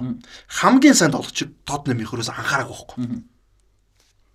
Хоёрдугаарт Кулибалигийн тэр юун дээр байрлалын алтаас. Яг тэр 11-ийн яг тэр Кулибалигийн зогсож байгаа дэшиг хамгаалт айгу сул болцсон. Гурагшаага шахацсан байсан. Тэгээд тэр чин 16-аас ирж байгаа буюу ганцаар Кулибали бол мөрөх гэж орж ирж байгаа. мөрөх гэж орж байгаа тоглож баруун үлээр зүр айгу гоо Тэр ихт асар зэвүүн техник те. Бас яг тэгээ тулцсан үед бол хүн тэг цохино гэдэг бол аюу хэцүү шүү дээ. Маш нарийн мэдрэмж шүү дээ. Тэр дээр Тоттенхэмийн хамгаалтын алтай юм. Тэр нэр хамгаалтын амар сонирхолтой алдаа байсан. Одоо ингэжэлтэй аа статистикийг харсан чинь Челси сүүлийн 5 билүү 6 тоглолт нөгөө пресизны тоглолтыг оролцуулаад зүүн жигүүрийн булангаас дандаа ин свингийг буюу хаалга руу чигсээ баруун үлдээ үнээр булгаж дандаа хийж исэн юм байна. Ер нь бас. А тэгсэн чинь сая Кукурэ яриад шууд солгоо тоглогч ингээ хийж тарж ингээ эргэж байгаа. Тийм. Гэхдээ Миний зүгээр за окей бил тэгж бэлдсэн байж болно те дандаа ингэж тийм учраас байраа тэгж тааруулж идэж байгаа. Гэхдээ улаанцаас солгоо тоглогч очиод булан хийх гэж хахад яагаад тэрийг тэ одоо хуурж тэрэнд тааруулж тэ өөрчилж чадахгүй нэ гэдэг амар санаа байгаа байхгүй. Ер нь бол талбай дээр ингэдэг яг тийм нэг нөхцлүүдийг нөө багийн нэг хамгаалагч нар өдөн шүү дээ. Лидер авчих тийм. Эсвэл эсвэл Лорис ч юм уу те. Харж хилдэг байхгүй юу? Тэндээс одоо юун дээр урдлын шон дээр тим юм байна, энэ дээр тэр байна, тэр энд байна гэд бүх юмудаа мэдээлэл хэлж яг бол тэр чинь нэг одоо нэг талбай дээр асуулжуулж байгаа юм шиг тоглож байгаа шүү дээ. Одоо нөө Малдини, Вандак бид том хамгаалагч дээр том хамгаалагчдын чадвар нь ерөөсөө тэр ихгүй. Өөрөө мөргөөд байгаа биш давхар тэр талбай дээр байгаа тамирчдын байрал майрал тэр сурсан хамгийн чухал юм шүү дээ. Одоо энэ Силва Кулибали хоёрын давуу тал шүү дээ. Наач яг үнэн дээ. Одоо тэр жил нөгөө нэг Трент Александр Арнолдыг булан хийх гээд нэг болоод явж байгаад хийдэг шүү дээ. Тэн дээр Барса тийм бол. Тэн дээр зүгээр нэг нь орилоод нэг байр авахулсан бол тийм гол алдахгүй болсон. Тэгэхээр нэг одоо яг Челси дээр Кудибали бол тийж ярьж байгаа ойлгомжтой. Тягас ил бол угаасаа тэргүүрээс өпөр шүү дээ. Тэгэхээр нөгөө Тоттенхэм дээр тэр юм дутагдсан байхгүй. Яг тийм лидер э, одоо хийх хамгаалагч алга та. Ер нь бол яг лидерийн сэтгүүч ийм байдیں۔ Яг би ч бас Монголд бас том лидерүүдэд тоглож исэн өөрөө ч гэсэн бас баг дээр энийг хөөрөл төслөөр ойлгоод байна. Тэгэхээр ийм лидер хүмүүс ямар зан характертай төслөөр нөхс байдал айгүй хурдан уншдаг хүмүүс байхгүй. Тэгээд уншаад шууд команда өгдөг байхгүй. Одоо ингэ одоодыг одоо шууд шууд шууд шууд өгдөг байхгүй. Одоо манай Лүмбай бол тийм шүү дээ. Бүгдгийнх нь нөгөө юугаа аягуулсан одоо бид нэг заримдаа жоохон хүмүүс ингээл ядаж мадарсан ингээд амс хийдэг ч юм уу нэг анхаарал жоохон сарнина шүү дээ. Гэтэл тим төрлийн тоглогч ирцэж анхаар сарндаг байхгүй. Яг нөгөө юун дээр бичдэг. Иргэн та тоглолтоо нөгөө бүх юм дээр тоглолтоо уншина гэж яриад байгаа ч бас тэр байгаа шүү дээ. Бүх юм дээр анхаарал шийдэх. Тэгэл одоо энэ ингэ байрлал аваад бид нар чинь шууд ингээл ядарх яаж хийсэн хүмүүс шууд ингээл байрлал авдаг хгүй. Тэнгүүд наад дээр чинь Тотнем дээр тийм тулж байхгүй байгаа тохход ингээ харахад хин байгаа. Яг нэг байр тэгээгүй байгаа. Хой бэрэ тэгээгүй нэг шиг Тотнем хамгаалалт бүр айгүй гоё байдаг үстэй Вертонгийн Алдервелт гэдэг. Одоо бол тийм тийм санчтай. Одоо бол ийм лидер хамгаалагч бол харагдахгүй л байна л да. Одоо Бен Дэвис одоо энд бол Лорис лиг шүү дээ. Лорис. Тийм Лорис лиг шүү дээ. Туслахтаа үнэн Лорис гэхгүй тийм. Лорис яга Франц шиг ахлах чилээ. Ийм учраас ахлах болж. Тэгээ Лорис над тэр ч бас жоохон алдсан л байна. Темп алдах юм байна байна тийм. Байна тийм. Ихтэй л бас арай том алдаа. Тэр чинь тэгэл юу байхгүй тоглолтын төгс амар энгийн алдаа байна. Төгсгөлтэй байл бас нэг өөр тий. Хүн ядарсан тий. Тэр чинь тоглолт эхэлж байгаа шүү дээ. Ийм өндөр тэмдэг тоглолт хүн шал өөр ингээд эндээ ирж байгаа тэрийг алдаж болно шүү дээ. Тэгээ тийм нэг тийм нарийн юм бас биш. Ч та уул нь ойлгох тий жижиг юм дээр л алддаг. Тийм уулын тийшвтэй биш аахгүй солгон хүний юу чи ингэж орж ирнэ баруун ингэж орж ирнэ. Би ингээд Монголын шигэнд тоглолтыг үзэж байгаа тоглолт явж байгаа хэрэг нөө эсэргөө булаа хөхөр үдчийн суусд орилдог байхгүй. 5 номерыг аваараа 4 номерыг аваараа гэд үдчээс орилж чинь өндрүүдийг хэлж байгаа шүү дээ. Тэгэд Челси болон зогх гээд ирж байна. Би хэдүүлээ энийг харах уу. Кулибали Силва хоёроос. Кулибалиг харах. Кулибалигаа л хараар гэж хэлсэн. Силваг бол дараа нь тий. Даатгалаар хараар гэж. Гэтэл тэр тоглогч нь тэнд юу вэ? Сов соло. Бүр сов. Яг тэр Лофтус чик энтер бол бас сайхан анхаарлыг өөр дөрөв татчихлээ. Өндөр болохоор тийм. Тэгэл лотос чикийг бид нар болон дээр бол Кулибал их ордоор явж оруулахгүй шүү дээ, тийм. Тэн дээр бас Тиага Сило Мелодор ордоор явж бас жоохон бужинолж байгаа юм л да. Тиага Кулибал бол хойноос орж идэг хэцүү болсон. Тэр доолын аш муу зогсоодсон шүү дээ. Орд нь хүн байхгүйсэн. Тэгээд давж орж ирэл шүү дээ. За өөр тоглолтын дээр нэмж ярих юм. Нэмж ярих юм бол зөндөө байна. За өөрөглөөлээ. За тим асуудал. Энэ бол Тотнемын хамгаалалтын алда. За Хойбергийн гол байна. Хойбергийн гол дээр хэнийг Кай хаварч унгаад штэ. Тэр бол алдаа байсан. Алдаа байсан. Яг хүмүүс ингээ бөмбөнд нь жоохон өрсөж явж байгаа. Бөмбөнд хүрж болно. Бөмбөнд хүрэхдээ тухайн хүний үлийг хөшгөлөөд одоо юунд нь орон зайраа халтаж болохгүй. Яг тийм асуудал гарсан. Тэгээ тэр нь явсаар хагаад гол болсон. А дөрмээр бол яг хөөхлөөр шүүгч тэрийг вар харж агаад энэ голыг тооцохгүй эндээс ингээд алдаа гэдээ явах байсан. 100 үнэ ч тийм. Гол ороогүйсэн бол тэгээ явчих байсан. Хамаагүй тийм. Бүх юмыг вар үзэхгүй шүү дээ. Тэр бол яг гол ингээд нөлөөлж байгаа болохоор. Тийм. Яг жоохон ингээд дуудаж мудаж байгааг болохоор тэр бол хамаагүй явал тоглолт бөмбөг хэрэгжижсэн те. Тэгээ тийм асуудал гарсан. Тэр сүүлийнхтэй тэр Кукурэгийн өсддөг асуудал байна те. Ромеро тэр шууд улаа авцсан. Тэгээ одоо нэг вар гэдэг юм чинь ийм болчиход байгаа байхгүй. Мэдээж вар үзэх юм бол хүн үнэн шийдвэр гаргах магадлал маш өндөр шүү дээ. Гэхдээ яг нөгөө нэг жоохон өндөр зэрэглэлийн шүүгч нарын явдаа шүү дээ. Вар үзнэ гэдэг нь жоохон дормжлом маяг. Өөрийгөө нэг жоохон янгаачих гад байна тий. Хүн ингээд нэг юм хэрэгтэйс жаа гүү гүү гээл нэг тэгдэг ч яг тийм хандлага бас гараад байгаа. Одоо яг яг энэ зохицуулт нь яаж явж байна? Одоо жишээ нь ингээд нэг алдаа гарчлаа тий. За шүүгч мэдээгүй ч юм уу анзаараагүй сайн хараагүй байлаа гэж бодоход вар шүүгч гэж байгаа шүү дээ ерөнхийдөө. Тэр хүн хараад хар гэж одоо шаардах одоо үүрэг ройрон зөвлөн зүгээр зөвлөн зөвлөн зүгээр мэдээлэл гаргахгүй. Тэр хүн өөрөө эргэлзэж болж талбай дээр. Тэгвэл за юу вэ? Тэр хүн үнэхээр өөртөө ихтгэлтэй бол үзэхгүй байж болно те. Тэгэхээр үсээ эцсийн мөчөд эцсийн шийдвэр алах шүүгчлээ өөрөө байхгүй. Одоо варын шүүгч чинь захаан шүүгчтэй адилхан байхгүй. Мэдээлэл өгөх байхгүй. Тэгтээ шийдвэрийг төв шүүгч гаргана. Одоо ингээд захаан шүүгч ийшээ загаад төв шүүгч уушаа гараагүй уушаа гэдэг өөрөө шууд ингээд загаад авчихсан зөндөө байгаа шүү. Тэгэхээр яг л тийм статус таахгүй. Тэгээ дээрэс нь тэр үс татчаанууд чи өглөө тэр зогсоод шүү тоглолт дээр. Зогсоод өөрөө сонсдоо шүү. Тэгээд варан шүүгчүүд мэдээж үсийн татцааж хэлж байгаа шүү. Тэгэхэд манай хүн бол ингээд явуулсан байхгүй. Тэр бол хүний үсийг яагаад татж болохгүй спорт юм болохгүй тий. Үстэж болохгүй шүү. Үстэж болохгүй шүү. Тоглолтын дээр нэг татах ч юм уу ийм за болио байж болно тий. Тэгвэл тий. Болохгүй байхгүй. Юу нэгэд юу штэ. Тохооч гэсэндээ дээшээ гар дээшээ гаргаад алдаа штэ тий. Нүрдүү чи ингээд одоо ингээд би бөмбөг авах гэж байгаа л ингээд нүрдүү чин савал алдаач тээж рүү ингээд савж моохтын тохиол гардаг штэ. Асуудал. Тэгээд бол гар өөрийнх нь цилиндртэй эргэж байгаа байхгүй чи. Дээш чинь чи үний гар чин цилиндрээсээ гараа авчиж байгаа байхгүй тохоо яа дээ инглээр алдаа өгдөг үстэй. Энэ яаж өөрийнх нь байх ёсоосоо цилиндрээс гараад хүний цилиндр рүү орчод байгаа байхгүй. Одоо цилиндр гэж ярьдаг зөв үгүй монголч одоо юм. Яг хэлбэрийн бодол болчихлоо. Яг одоо энэ байхгүй тий. Тэгэхээр тэрүүгээрээ ботхоор гар үсээс татна гэдэг чинь угаас ямарч байж боломгүй. Тэгэхээр тэр чинь хүн урт үстэй тоглож чинь тий. Тэрийг бүр одоо Тамирчин хүний байж болохгүй юм л та тий. Бие барьж чадахгүй юм л та. Халдсан хүнийг араас нь ингэ татвал алдаа өстэй. Үс байхгүй нэг тийм өстэй. Энэ ямар хайр бүтэрлэг бүтүүлэг гэж бодно өстэй тий. Тэгэхэд бол тэрэн дээр бол шүүгч тэр бол алдаа алдаа. Тэгээд яаж яах нөөд гол ороод. Хоёр нэгээрээ дуусаад өстүүлсэн бол яах вэ гэдэг. Үр дүнгээ авцсан болоо. Үр дүн тэгсэн чинь нөгөөд нь хаар икэн мөргөж гол доо тий. Тэн дээр бас Челсигийн палигдсан байхгүй. Барилал таалтсан тий. Яг гурваараа зэрэг орж ирэл. Тэр бол гэхдээ яг төгсгөлт нөгөө нэг бас бүгд ачаалтсан үе байхгүй юу? Тэр Лорисог бол дөнгөж тоглолт эхэлж байгаа үе байхгүй тий. Тэр сүүлийнх бол яг үнэхээр топ хамгаалагч угаасаа гаргаж байд болдог алдаанууд байхгүй тэр бол яг нэг газар овоолол 3 орж ирж явах. Тэн дээр яг сул талтай нарцсан тий. Тэн дээр Челси дээр бол яг үнэхээр харамсалтай 2 гол бол юу н хоёлаа асуудалтай. Тоттенхэм бол яг үнэхээр тоглолтын бол алуулж ирсэн шүү. Төвийн хагас дээр хамаагүй даваа толсны л одоо юу гарч. Юу төвийн хагас. Гэхдээ Тоттенхэм ч одоо ийм байхгүй. Тоттенхэм яг төв дээр алуулсан байг гэвэл яг зүгээр яг үндсээр нь авч үзэх юм бол 3 4 3 гэсэн хөлбөртөд тоглоод байгаа байхгүй. За яг Кейн заримдаа татдаг боловч яг үндэ 3 тоглогч биш тийм. Кейн сон Кулишевский. Кулишевский. Түнгөт дөрөв хагас байна. За Сисенион энд нөгөө хин байна. Эмерсон Роял. Эмерсон Роял. Тэгэхэд голд хоёр хүн гурван хүний үүргийг яг хоёр хүн. Хоёр хүн. Бүх хөвлбөр гурван хагастай шүү дээ. 4 3 3. 4 2 3 нэг чинь хоёр дефенс нэг атак. Гурван хүний үүргийг яагаад байна? Хоёр хүн. Хоёр хүн үүргээд ах Челси чинь ямар хөлбөртэй вэ? Бас хоёр. Гэхдээ Лофтус чиг Лофтус чиг гол нь орж ирээд байна даблт одоо хүний давуу гаргачих жоох. Тэгээ дээрэс нь маунт ч өөрөө бас бас бас бас тийм өөрийнхөө үндсэн уг байрлал юм чинь. Тийм. Тэгэхээр л төв дээрэс нь давхар асар хурдтай канта гэж тоглож байгаа. Хамгаалтын зүнсэн асар өндөр. Канта ч бол нэгээс илүү хүн шүү дээ. Тэнгүүд Тотнем энэ дээр яг хуу Бисума ч тийм дүрдэн тоглож байгаа юм. Тэгэхээр Тотнемийн хувьд бол Бентанкур биш. Бисума Хойберг гэсэн бол арай гайгүй байж магадгүй ч харсан. Тий. Яг бол Бентанкур чи ер нь бас яг төвийн бас хэсэл жоохон тоглохоор тоглолт төрлийн нөхөр дээ Бентанкур. Тэгэхээр ер нь бол яг хэн бол түүхэл бол яг юм дээр хожиж адилхан хоёртаа гаргаж ирэл тоглолт эхлэж жоох удаагүй тэгэл энийг төрөө. Тэгээ төвөөс ерөөхдөө алтан штэ яг юм даа. Тэгээ явж хат хамгаалт мундаг те. Челси чинь те. Хамгаалт Сон Кулишевский хоёрыг хөдлөө. Ер нь бол энэ Кулибалиг авсан Челсигийн хамгаалт шал өөр болсон байлаа. Тэгээ Канта энэ жил өмнөшгөө тоглох юм бол Тоттенхэм эвгүй дээ. Яа Тоттенхэм Челси эвгүй дээ. Челси эвгүй л шүү. За тэгээд сүүлийн тоглолт бол Ливерпул Кристал Палас та нэг нэг харьцаатаагаар тэнцсэн. Заха нэг гол хийгээд сүлд Луис Диас тэнцүүлсэн. За тэгээ гол мэдээж яригдах сэдв болол Дарвин Нүньес улаан хуцаар торгуулсан. За тэгээ явж чад эргэж хараад Андерсныг мөрөгцсөн. Тэгээ гурван тоглолтоор яаж байгаа? Бандуулж байгаа. Зүгээр нэг тоглолт бол биш юм байна.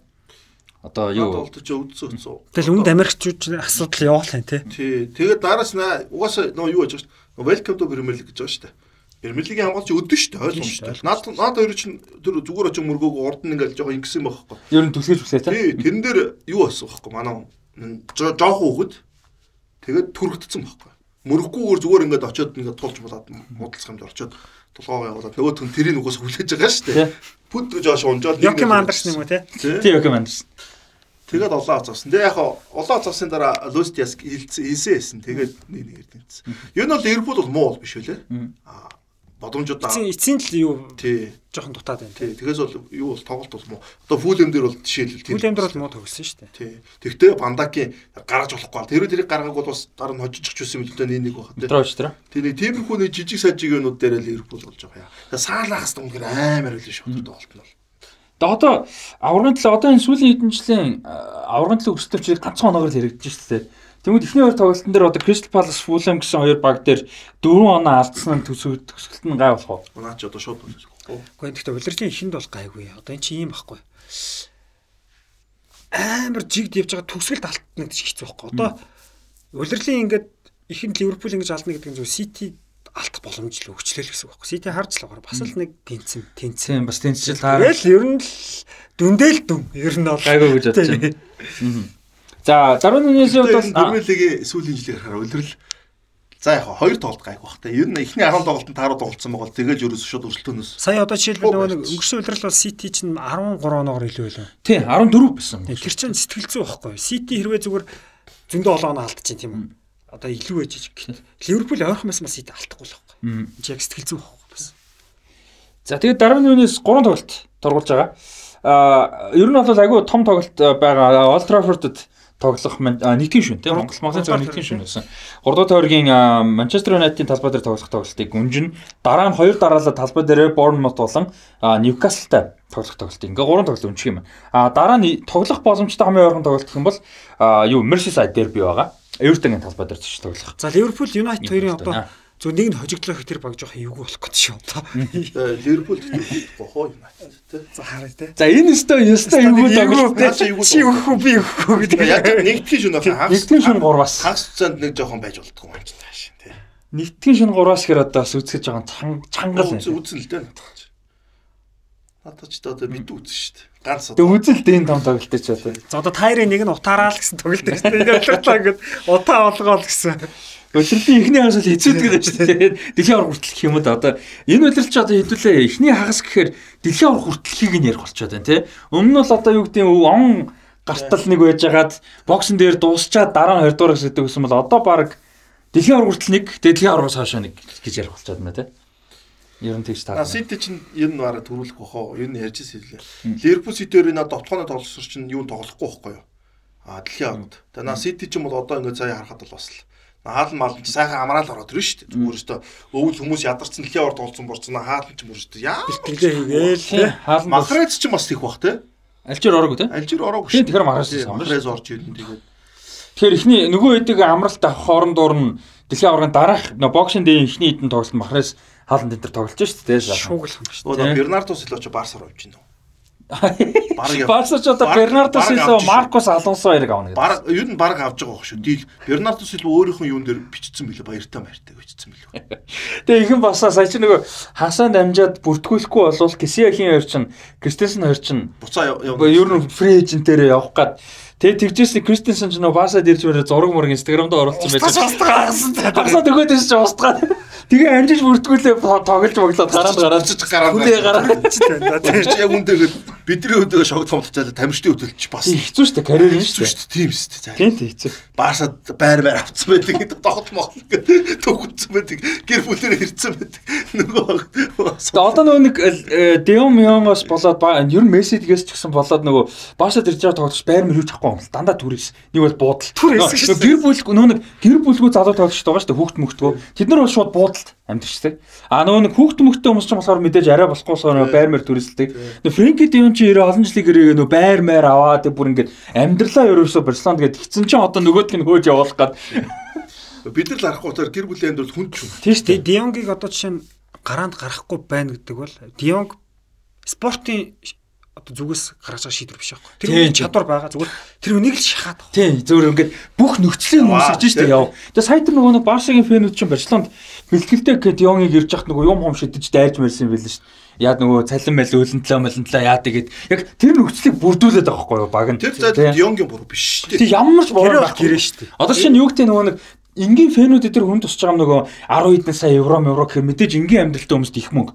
Тэгээ тэр хүнийг ингээд шуналтаа юм гэж харах зүгээр үнцгийг бүрдүүлж байгаа. Түүнээс ш мөнгөний хэмжээ нь хамаагүй тэр хүн авах хэвээр авах хэвээр гэрэн гэрэн тэ. Буруу юм байсан юм Гэрээ байхгүй. байгуулаад гэрээгээр л тоглож байгаа юм шүү дээ. Барсагийнхан чинь умтити хим минийч бас үгүй ятаад тэр яг үгүй гэдэг тийм шүү дээ. Том багта том багта сайн гэрээ байгуулчих гээд байгуулсан одоо бүр бүр Барсагийн гацаагч гэсэн юм байна. Тэр гацаагаа өдөртөнд гацаач яг манай холстер шиг болоод байгаа байхгүй. Гацаагаад байгаа гэдэг мэдхгүй хэлтэй. Одоо тийм нэг А Liverpool City-ээр сүүлийн хэдэн жил ер нь дэлхийн хэмжээнд л ярьж шүү дээ. Яг мэдээж Real төрүүллээ. Chelsea Champions League төрүүллээ. Гэхдээ яг удирдлага олон жил гэдэг талаас. Тэрний хамгийн том мундаг юмнууд нь яг удирдлагын шийдвэрүүд нь ахгүй. Зөвхөн 8-нууд нь биш. Гарах үедээ зөв 8-аа хийж чаддаг. А тэгээд явуулж чаддаг. Тэгээ одоо City зөндөө тоглож явуулж Jesus залуу тоглож явуулчлаа. Зинченког явууллаа. Одоо Бернардо Стерлинг. Стерлинг тэг хэд үдээр явж байгаа хүнийг явууллаа. Тэгэхэд ямар ч асуудалгүй байхгүй. Орлуулж чадчихээн те. Яг уу Зинченко бүтэн орлоогүй байх. А сайн нэг залуу тоглож авцсан тэ нэрэ. Өдөрлөгийн баг менежер тэр амар юу нэг хүн шиг ажиллаж чадчих واخхой. Одоо нөө хөл өмгөрүүлж багийн тоглолт хийж байгаа واخхой тэ. Одоо Ливерпул тэгэхэд Хенрихийн Эдвардс Клоп 3 байдаг ч юм уу жишээ шүү дээ. Тэнгүүт яг ингээд тэрэн шиг яг ажиллах хэрэгтэй л байна л та. Тэгжээж сайн аминууд хийж байна. Одоо гэрээнүүд нь Барса дээр хамгийн том жишээ ил болж шүү дээ. Тэр гэрээний нөхцөлөд бүр амар юм байна. Цэвэр өдөрдөг аль таахгүй. Тэгэхэд нөгөө амар мундаг явж байгаа Гавин юу илээ? 7 хоногийн 3000 евроч лээ 4 4000 ч лээ тийм залилтай сууж байгаа байхгүй тэр үедээ юу ч болж байгаа тий Наач угаасаа нөө одоо ингээл компани мампа одоо ингээл зөндөө өнүүд ажиллахаараа бас мэдэгдэж шүү дээ. Яг одоо манад нөө тайлбарлагчдын хувьд бас яг тиймэрхүү юм гардаг байхгүй. Телевизийг авч явж байгаа хүмүүс хамгийн бага цалин авдаг нэг тийм үндэгдүүдийн тухайд би бол зөндөө л харж ирсэн. Тэгээд яг тэр байхгүй өдөртлөгийн алдаахгүй ерөөсө хэнийг үнэлэхээ мэддгүү яаж үнэлэхээ мэддгүү тэгээд за энэ нэг бага цалин гараа яваад ич болтын та гэдэг тийм мангас дүүр амдахгүй. Тэгмэл тэр чинь цаг хугацааны дуушлаараа өдөртлөг алдаа бол тусдахгүй. Тэр над хөл өмгүүдээр над юм чи амар бас гарч иж байгаа байхгүй. Барсаг бодлоо. За хүн Дионг Барс дээр тоглож чинь Аяксаас авах чинь заяа. Сарын Йоо 7 хоногийн 400 мянга 500 мянга евро тий. Э, Дионо Дионг тий. за арай 500 560 маар байсан. 560 илүү 400 Дионг 300-аар цалингаа өгөхөд Дионгд үгүй өгөхгүй шүү дээ. Аякс Анх анх? Тий, юу н тийм сте. Манчестер ч адилхан байхгүй да тийм сте. Тэгэд ягаад Ливерпул Арсенал баг цалингаар сайн тоглолтыг ингээд даваад тоглуулад идэв. Сая тэгээ салахыг 350 болгох гэж бүр бөө юм болж ээж 350 Тэр чинь зүв бохгүй? Зүв бохгүй. Тамир чинь нэмээнгүүд өө нэмгээд тийм өдөрлөг байж бол өдөрлөг гэдэг чинь бас тодорхой хэмжээнд бас нэг өөр юм гэсэн бодлоготой тий. Би өдөрлөг шуудыг харуулдаг, харуулах харуулахтаа бас арай өөр өөр тий. Тэгэхгүй энэ ингээ багаар тоглоод иж болдог гэж бидлээ биш үхгүй. Одоо манай та нар бодзоо. 100 мянга. 100 мянган паунд 7 хоног. Э, тэр хэмжээнд дундаа маш бага цалин шүү дээ Маш бага зэлээ. Манай явуулсан. Агент муу байсан байж болно. Тэгтээ Ливерпулийн өдөрлөг тэр тоглогчийг дараа нэмсэн шүү дээ. Дараа нэмээд ингээд одоо ингээд за ингээд явж болно ингээд тэмдэг явуулж төссөн юм те. Өдөрлөг гэдэг тийм нэг одоо майлстоун гэж байгаа шүү дээ. Боддог тооцоолдог те. Бодолтой. Дионгоос 5 дахин цалингаар манай тоглож байна. Тэгэд манай ямар тоглож илээ Дионг үр дүн ямар байгаа лээ Тий. Тэгэхээр Дионг гэдрийг бол би бол бодож байгаа хгүй. Яагаад Аяксаас жоох хүүхдийг авах те ийм өндөр цалингаар авчиж байгаа. Гүтэр чинь тэгэл дахиад авилга байж болох байх. Харин би бас тэгж хараад байгаа хгүй. одоо нөгөө ер нь бол Тал үнээр нь Дионгийг цалинжуулаад Дионг үгүй өгөхгүй өстэй Барса тэр чинь. одоо ер нь Барселоны орчин цагийн том асуудлууд бол юугаар ихсэн шүү дээ Сандро Росс л ерөнхийлөгч болоод тэгээ Неймарыг авчирдаг дэл чи юу боллоо те Сандро бол тэрнээс бол шоронд хүртэл орсон те тэгээ тэр мөрнөөс эхлээд ер нь бол тэгээд үр дүн одоо шүү дээ яг үнэндээ бол яг найз ингээр утга тийм байгаа санаа ч та. Аякс дүүдэд хүүхдийг Барселона клуб авч байна. Тэр тоглож явъя л гэж бодно өстэй. Барса руу. А тэнгүүл цалин за хэд байх бол 300 бол за 200 та 200 байсан ч окей. Тэгэл гэнэ өстэй. Ямар ч жоохон гүт. Тэгэл Барса шүү дээ. Барса гэж нэр байна шүү дээ. Тэгээ сүүл тэр гэрээ мэрээ цог тоглоно тэгэл зөндөл. Тий, тэгэхэд л 500 хэд нь юугаар авч лээдэг одоо тэгэл. тэгээ тэр нэг өвс мөвсөө зарж мараад тэгээ бүр онгоо болч тээ За тэр ч яах вэ? Зүгээр. Зарж байвал би ч гэсэн аав. Гэхдээ авал та гэхдээ зүгээр тэр яг ингээд нөгөө байгаа асуудал дээр нэмэгдчихэж байгаа байхгүй Тэр бол яг зүгээр бизнес зүгээр жижиг хэсэг байх чинь нөгөө томруулаад. Тэгээ тэр яг тэр зүгээр яг нэг тий тий тий Би Ливерпул дээр очиж Ливерпул зардаг юм билээ. Йоо өвдөө юм билээ нөө. Сити дөрөв шүү дээ. Сити дөрөв хүмүүстээ нөө авч олноо молноо гэдэг. Яг очиж зүлнээс нь авахлаар өгдөггүй. Тэнгүүд энд нь тусдаа энэ зүйлээс авч олно. Тэнгүүд л манай нэг Ливерпулийн фэгэлээ би амраа хоцсон гэсэн. А заавал энэ зүйлээс авах. Тавчтаас нь хөл өцөг талхахтай хөлөө ингэж аваад тэгээд авсан гэдэг бэлэн зүйлийг. Тийм яасан бэлээ. Тэгэхээр цалингийн асуудал юу бол наач мол цэвэр өдөрлөгийн асуудал шүү. Мм.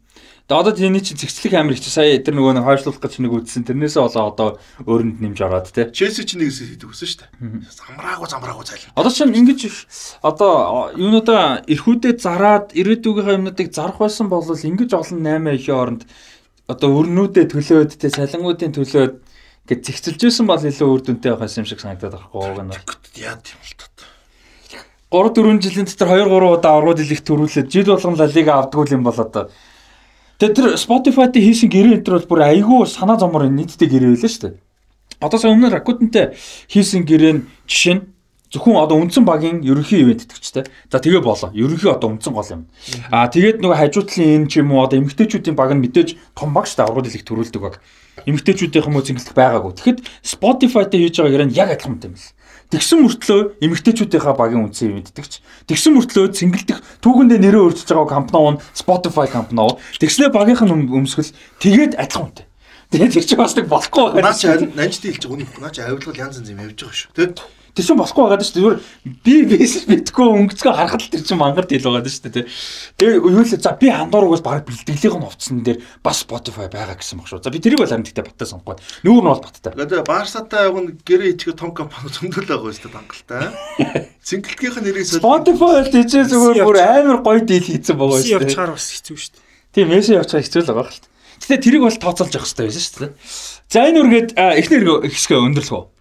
За эхний хэсгээ энэ үрээд өндөрлөе. А Web Sports Lounge та бүхэн маань үйлчлүүлээрээ ажиллаад эхэлсэн байгаа Premier League-ийн Serie A лиг юу гэдэг те гол гой онцлог тоглолтуудыг үзэх боломжтой байна. Web Sports Lounge-ийн Facebook руу ороод хуур авс харж болно те. Тэн дээрс мэдээлэлүүд оруулаа явж байгаа. Аль тоглолтууд хизээ хэдэн цагаас гарах уу гэд. За тэгээ энэ ч нэ ирээд бас хийх юм ихтэй одохгүй даацсан нэмчин гэсэн снукер бүр мэрэгжлийн дэлхийн хэмжээний снукерын ширээ байж гин. За хөлөөрөө тэн чинь ингээд хөл бөмбөгөөр бильярд тоглолт гоё том талбай байж гин. За тэгээ караокены өрөөнүүд гэх мэт энэ ч бас хийгээ ирээд хөлбөмбөг үзэх хоорондоо бас хийх юм ихтэй юм гой газар нь та бүхэн маань ирж үйлчлүүлээрэ.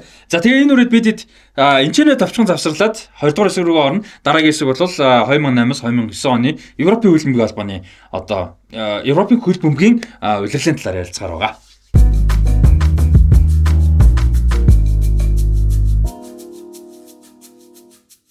Зайргуулж байгаа датата байна үзэгчтэй хэл амрууцлах нь гэж айгаа жоохон үгээ зөчлээ. Аа За өнөөдрийн ууж муугаагүй шүү манай. Гүг. Аа сайн нэг юуны тал. Тэгээ манай раст үнэхээр гоё дуулт юм лээ тэ нанчтай. Амар гоё дуулт юм лээ шүү. Сая юуны тоглолтын дээр Реал Мадрид а биш ээ. Юун дээр Супер цомын тайлбар дээр яг 20 дугаар үед нэг гинт хил орооцолтоод бүр юм яхаар хил орооцолтоод болтгдээс за байж гараа гэдэг. Дууссан гэсэн чи би тайлбарлахдаа аюу их дуулдаг штэ. Дуу мó. Манай тайлбарлагч яагаад дуулахгүй байна нэ. Би чи United Chelsea мессеж дээр зөндөө дуу дуулдаг гэсэн штэ гол орохт нь. Би бол тайлбар дээр зөвөр нөө юу вэ? Өөрийнхөө нэг бусад юм эвтэйгэн хөл кинотой холбоо шингээж болохоор шингээнэ. Орсын төрөнд дуулыг дуулж исэн одоо боторсон. Италийн төрөнд дуулж дуулж исэн. Дуулыг дуулж исэн одоо бодохоор. Манай тайлбарчраас ажилгүй байна. Дуулж муулаараа хэл тэ. Хамаагүй юмэр. Каракот орж исэн. За тэгээд өнөөдрийн дугаарын А хоёр дахь хэсэг гэх юм аа. Одоо гурав ч гэх юм уу хоёр дахь хэсгээр бол Premier League Premier League намчлаа 2008-9 оны Европын хөлбөмбөгийн талаар ярилцах чинь. За тэгээд мэдээж нөгөө 8 эхлэн за лигүүдээ ярина. Аргууд лиг Европа одоо Европын хөлбөмбөгийн холбооны цом тэмцээнүүдэд ярина. Тэг сонирхолтой байдаг. За энэ үйлрэл бас олон хүмүүсийн сайн мэддэг үйлрэл байх бас түүхэн гоё амжилтууд гарсан үзүүштэй сонирхолтой те. Амар үйлрэл шүү дээ. Амар үйлрэл. За хэдүүлээ сүүлийн үед бол англиас эхэлж яваад байгаа те. Тий. За 2008-9 оны удирдлагын тухай ярих юм нэг жилийн өмнө бас нэг явдлыг ярив. 2007 онд тухай нэг Таиландын ерөнхий сайд байсан таксин Шинават гэж юм бол Манчестер Сити Шинаватра тий. Шинаватра ч лөө тий. Манчестер Сити клубыг бол худалдаж авсан. За гівч За яг өдөр дөнгөж аваад нэг Свен Горон Эриксныг тасгалжуулагчаар авчираад ингээд нэг Ситиг дээш нь явуулахын дээр гэжсэн боловч тийм зүйл бол болоогүй.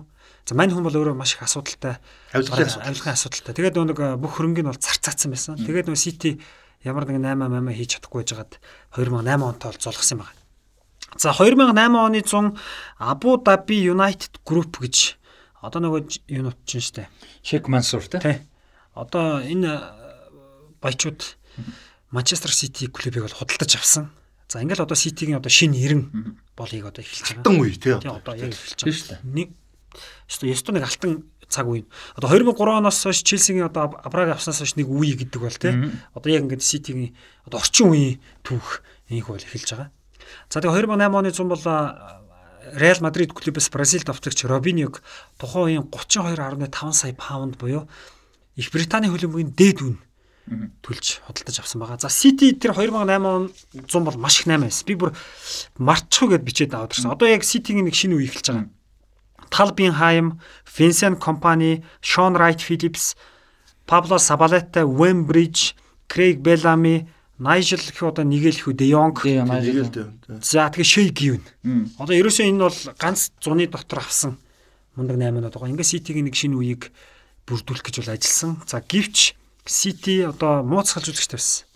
Грэм сүнис биш аа юу нөгөө Маркус Маркус байсан шүү дээ. Би бол Хьюсийг бол угаасаа жоохон үнэлдэг байгаагүй. Ер нь ер нь жоохон таархан салж үзэгчтэй байсан. Дэжгүй тоглогчтой байсан. За энэ баг зүгээр аврагын лигийн эрхээ болихэд авдгүй мах зүгээр эрхийн төлөө тэмцэх байсан боловч 10 билүү 11 дөрөвт орж байгаа. Их муу тоглоод 10 дорсон. 10 дорсон байна. За City бол нэг тийм болсон. За 2008 онд Англид болсон бас нэг солилцоо юу байсан бэ гэхээр 2008 онд чинь нөгөө нэг Авраам Грант халагдж байгаа дээ. Тэнгүүт Бразилийн шгшоогийн дасгалжуулагч асан. За мөн Португалийн шгшоогийг удирдах байгаа ажиллаа дуусгасан Луис Филиппе Сколарыг бол Челси авчирсан. За тэгээд Челси бол хөлбөмбөгийн дэлхийн аврах шалралт тэмцээнд төрүүлсэн Премьер лигт ажилласан анхны дасгалжуулагч бол болсон юм байна. За Сколари бол мэдээж ирээд яг өөрийн оо дуртай тоглогчтой бол багтаа авсан. Бошингуаг авч исэн, Декуг авч исэн. За энэ ч шиг хэн байдаг вүлээ? За өвлийн солилцоо 8-ны цогоор Рикардо Курэжмаг бол Челсид авч исэн боловч яг Сколаригийн Англид дах ажил бол бүтэмжгүй болж ерөн зүгээр Абрамовичийг авсан цагаас хойш хамгийн тийм өрсөлдөх чадваргүй гэж одоо битсэн байт юм да. Тийм улирал болж. Тэгээ хоёрдугаар сар гэхэд одоо Челси аврагын төлөө өрсөлдөх тийм юугүй. Нэлээд олон онооны алдагдaltaй болсон байсан. Ингээд бол Сколари бол халагдаж тийм зүйл бол болж исэн. За За тэгээ одоо Ливерпул гэж баг бол нэг онцлог 8 байсан байгаа. Энийг бол одоо заяа ярьсан дээр байгаа. За Ливерпулийн хувьд бол яг 8 минут хийж байгаа шүү дээ. Гэхдээ Робби Кедрийг бол өвөл авч байгаа. Гэхдээ хамгийн гол 8 бол Ливерпулийн хувьд бол энэ аврагын л өрсөлдөх гол 8 нь Хавер Маширано гэдэгт олж байгаа бас. Ягаад Маскарано гэж бас ярьд юм да энэ бол тий. Яг Машираногоор ач тий. Ягаад энэ тоглож чухал нөлөө үзүүлсэн бэхээр энэ тоглож Ливерпулийн хамгаалтын асуудал буюу төвийн хагасын асуудал шийдэж өгсөн. Одоо үүд чи Макалеле нэг Челси дээрээ нэг хасамгаалтын нэг хамгаалалт чиглэлийн хасамгаалч асуудал шийдсэн шүү дээ. Яг тэрнтэй адилхан Машарано Ливерпул гэдэг клубын тэр төвийн хасамгаалтыг бас бүр дээд түвшин шийдэж өгсөн. За ингэснээр Машарано хоёр сар яасан гэхээр Шаби Алонсо Машарано хоёр төвд нэг нь араас найруулаг хийдэг нөгөөх нь хамгаалт гойд болж очиж байгаа. Тэнгүүд Стивен Жерардын байрал нь урагшаа довтлохоор орж атакийн мидфилдер л орж. Доороо бүр идэвхтэй оролцох боломжийг олгож байна тийм. Тэгээд Рафаэл Бенецид бол яг яг үндэ бол Ливерпул санхүүгүүд бол угаасаа тийм лаг клуб бол бас байгаа мөнгө гаргаж өгдөгчгүй. Дээрэс нь Бенеци өөр хүснэ аминууд нь шилэгдгүйсэн байхгүй. Тэгэд энэ Машарано гэдэг тоглогчийг авчирсан Ливерпулийн хувьд бол яа харахгүй тэр жил одоо 86 оноо буюу харуугын төлөө өрсөлдөх одоо гол тийм юуг хийжсэн энэ ба. Одоо бидрийг ингээд хүлэмбэг сонирхож ихсэн цагаас хойш Ливерпул бол зүгээр цомын тэмцээнд хасагдах шатны тэмцээнүүд сайн тоглодог боловч яг лигт аврагын төлөө өрсөлдөггүй л байсан шүү дээ. Тэгэхэд яг тэр 2008-аас оны улирал бол Ливерпул яг бодит тутгаараа яг Манчестер Юнайтедтэй яг үзсэн те. Яг үзсэн тийм улирал. За тэгээ 86 оноо гэдэг бол юм төрүүлдэг оноо нэг шүү дээ те. Юнайтед 90 оноотой төрүүлсэн, Ливерпул 86 оноотой харсан те. Хоёрхан хожигдсон уг нь. Гэтэ 11 тэнцсэн. Тийм тэнцээ байгаа те. Яг тэнцээ гэдэг бол юу хэлж ийм тэгэхээр зүгээр довтлогоонд бол асуудал байна. Хамгаалт бол алдахгүй байна л гэдэг санааг бол бас давхар илэрхийлж байгаа. Энэ дээр гэхдээ юу гэж байгаа нь Ливерпул энэ үйлрэл хамгийн олон үед 77 гол оруулж байгаа. Тийм ууг нь. Гол хангалттай оруулж байгаа. Гэхдээ яг нэг нэг асуудал өснө чухал тоглолтын дээр чухал гол оруулах гэдэг тэрэн дээр асуудалсан байхгүй. Тэгээс нэг хийхээр бол хийгээд байдаг. А за наа чи одоо голын тэгвэл ялгаа чанар шүү. Чанар дээр одоо нэг нэг тоглолтод олон хийх үү?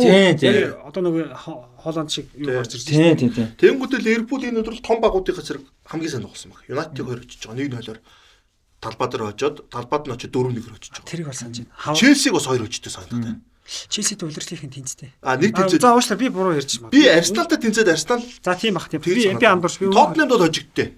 Тоттенхэмд бол нэг хожигдоод нэг сүүлд улирлын цус очтоо. Тэгээд Ливерпулийн хувьд яасан бэл энэ улирлыг ингээд харахад амар гоё улирлаг байхгүй. Том багуудаа ингээд гусдаг тий. Тэгээд нөгөө жижиг хамгаалдаг багууд шүү дээ тий. Тэд нар дээр гол оруулж чаддгүй. Тэгээд тэр тийм ээ тий. Тэгээд тэнцээд байдаг. Тий. Гэтэ энэ дээр бас гол юм нь Ливерпулийн бүрэлдэхүүний зузаан баггүй. Одоо ингэж та Рафаэл Бенитс, Сэр Алекс Фергюсон хоёр тоглолч ингэж харьцуулж бүрэлдэхүүний сулжуулагч юм баг. Хоёр сулжуулагч баг ирчүүлэхэд Манчестер Юнайтед тухайн жил төлөвлөлтөд нийт 33 тоглолч ашигласан байна. 33 тоглогчтой. Ливерпул 10 10-аар баг тоглож ашигласан 23 тоглож ашигласан. Тэгэхээр бүрэлдэхүүний сонголт байхгүй. Одоо чи Манчестер Юнайтед чи эсрэг баг нь Ливерпул юм бол Пак Жисуныг гаргаж болж штэ. Жерардыг хилдүүлдэг, Торосыг хилдүүлдэг. Одоо яа тий. Одоо Барса дээр тэгдэж штэ тий. Э тийм лаг тогтолдог багуудын эсрэг бүртгэн өөрчилж болдог. Ливерпулийн дасгалжуулагч Рафаэл Бенитс тим сонголт баг байхгүй. Асуудал нь тэр. Ямар ч тоглолтын дээр нөгөө л бүртгэн гардаг. Машарана Алонсо төвдөө гараад, Дирквид баруунда гараад, Альберт Рера зүүндээ ч юм уу зүүндээ нэггүй солиод Торос Жерард. Өөр сонголт байхгүй. Тэгээд Торсын сэтэлгээ нь Ингок гэдэг нэг тиймэрхүү. Ер нь бол айгүй хэцүү тийм юутэй. Тэгээд Робикиний бүр өвл авч. Робикинийг яг 100 аваад өвлөн буцаад. Өвл 100 аваад өвлүүлсэн тий. Тэгтээ Робикинийг авдаг 8 хэний үсчихсэн 8 биш байсан байхгүй. Рафаэл Бенитс авъя гэсэн. Тэгэхээр нөө удирдлагын нэг юу алдаа гараад шүү дээ. Хэрвээ Робикинээс арай өөр ч юм уу манай хүний сонирч исэн Робик нь аяа үнэтэй авдаг шүү дээ. Хоёр хямдхан буцаастай шүү дээ. Тий. Хоёр тоолгоч модчиг авсан бол Ливерпул арай өөр байх байсан л. Яг Ливерпулийн тэр үеийн тактик нь бас ийм байсан л да. Тотнам чинь тэрний өмнө өмнө хоёр улирал дараалал тавд орцсон зүгээр хамгийн одоо адаг гарт аврагын лигт өршөлдөх гол багийнхан давтагчийг байхгүй болгоно гэсэн. Бас нэг зүгээр давхар юу байсан л да. За тэгэхээр тэгтээ тухайн жил амар байсан шүү дээ. Тэгтээ өмнөх хөлөөлөө дээ. Сайн биш.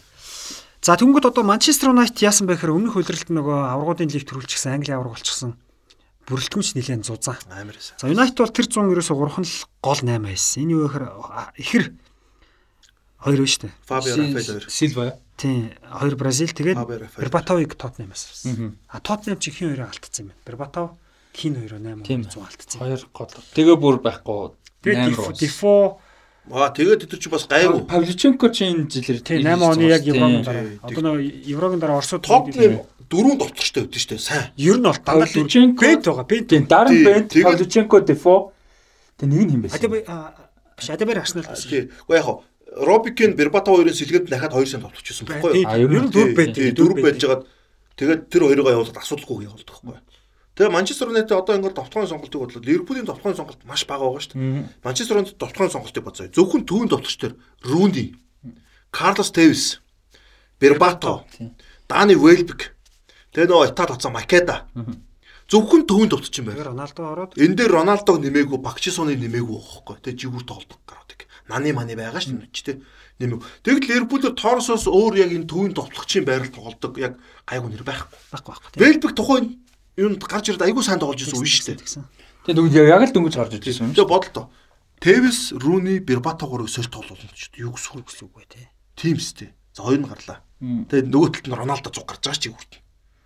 Тэгэхээр бүрэлдэхүүний зузааны талаар бол яа харахгүй хин нэг ротейшн бүх юма хийх боломж нь сэрэлээс тэгээ давхар аврагууд лигийн финалаар үлдчихэж байгаа шүү дээ.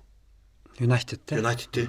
Тим боломжууд нь бүгд байсан бол Ливерпулд үнэхээр нөө бүрэлдэхүүний цуцсан. Тэгээд энэ яасан мэхлээр Ливерпул өдөрлийн эхлэл болон төсөл эдэр аягүй сайн хийдэ. Дундуур нь ундаа шалтгаан байхгүй. Яг бол аврагууд лиг хэсгийн 6 тоглолт нэг Крисмсийн тоглолтууд байгаа шүү дээ. Боксинг дэйн тоглолтууд төр. Тэн дээр Ливерпул оноо алдаг. Фулэм Вестхэм хоёртой тэг тэгэр хоёр тэлцдэг байхгүй. Мараалаад. Ер нь тэгээ Ливерпул чи ингэдэж дээ. Би яг санаж байна л да нөгөө яг хавар ихэд Юнайтедс жоохон хэдэн онооны хойно болсон байт. Тэгж яхад Юнайтед нэг Фулэмд нэг хожигдоод Солтон Гера энэ гоо. Золтон Гера яг байна. Тэнгүүтээ Ливерпул ч өөрөө Юнайтед нухдаг аахгүй. Тэгс нэг ойртсон боловч Ливерпулс дараа нэг Арсенал 4 4 энэ төргээл. За 2008 оны 100 яасан бэ гэхээр Криштиану Роналдог Реал Мадрид асар ихээр сонирхсон бүр. Тэгээд Роналдо баг явдаг дээрээ тулсан. Алдарт Алекс Фергюсон бол Роналдог бол ганц жил гуйсан. Чи ганц л жил тоглол. Тэгээд түүний дараа чи Яно байна уу чи өөрөө шийд. Үнэхээр э, хин ятгсан тэгэхээр Роналдо ганц шилүүлсэн. Тэр ихтэй бас ятгсанс гадна бас жоохон нилээ эвгүй харьцсан байж магадгүй. Яг бол би чамаг энэ жил одоо ингээд наа чи явна гэж байгаа шүү дээ тэгтэн.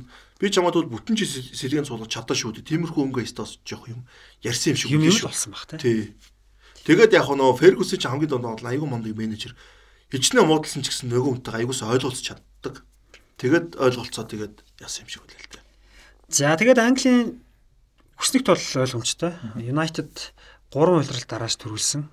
2007 8 9 3 дахь 3 улирал дараалж авраг авж байгаа.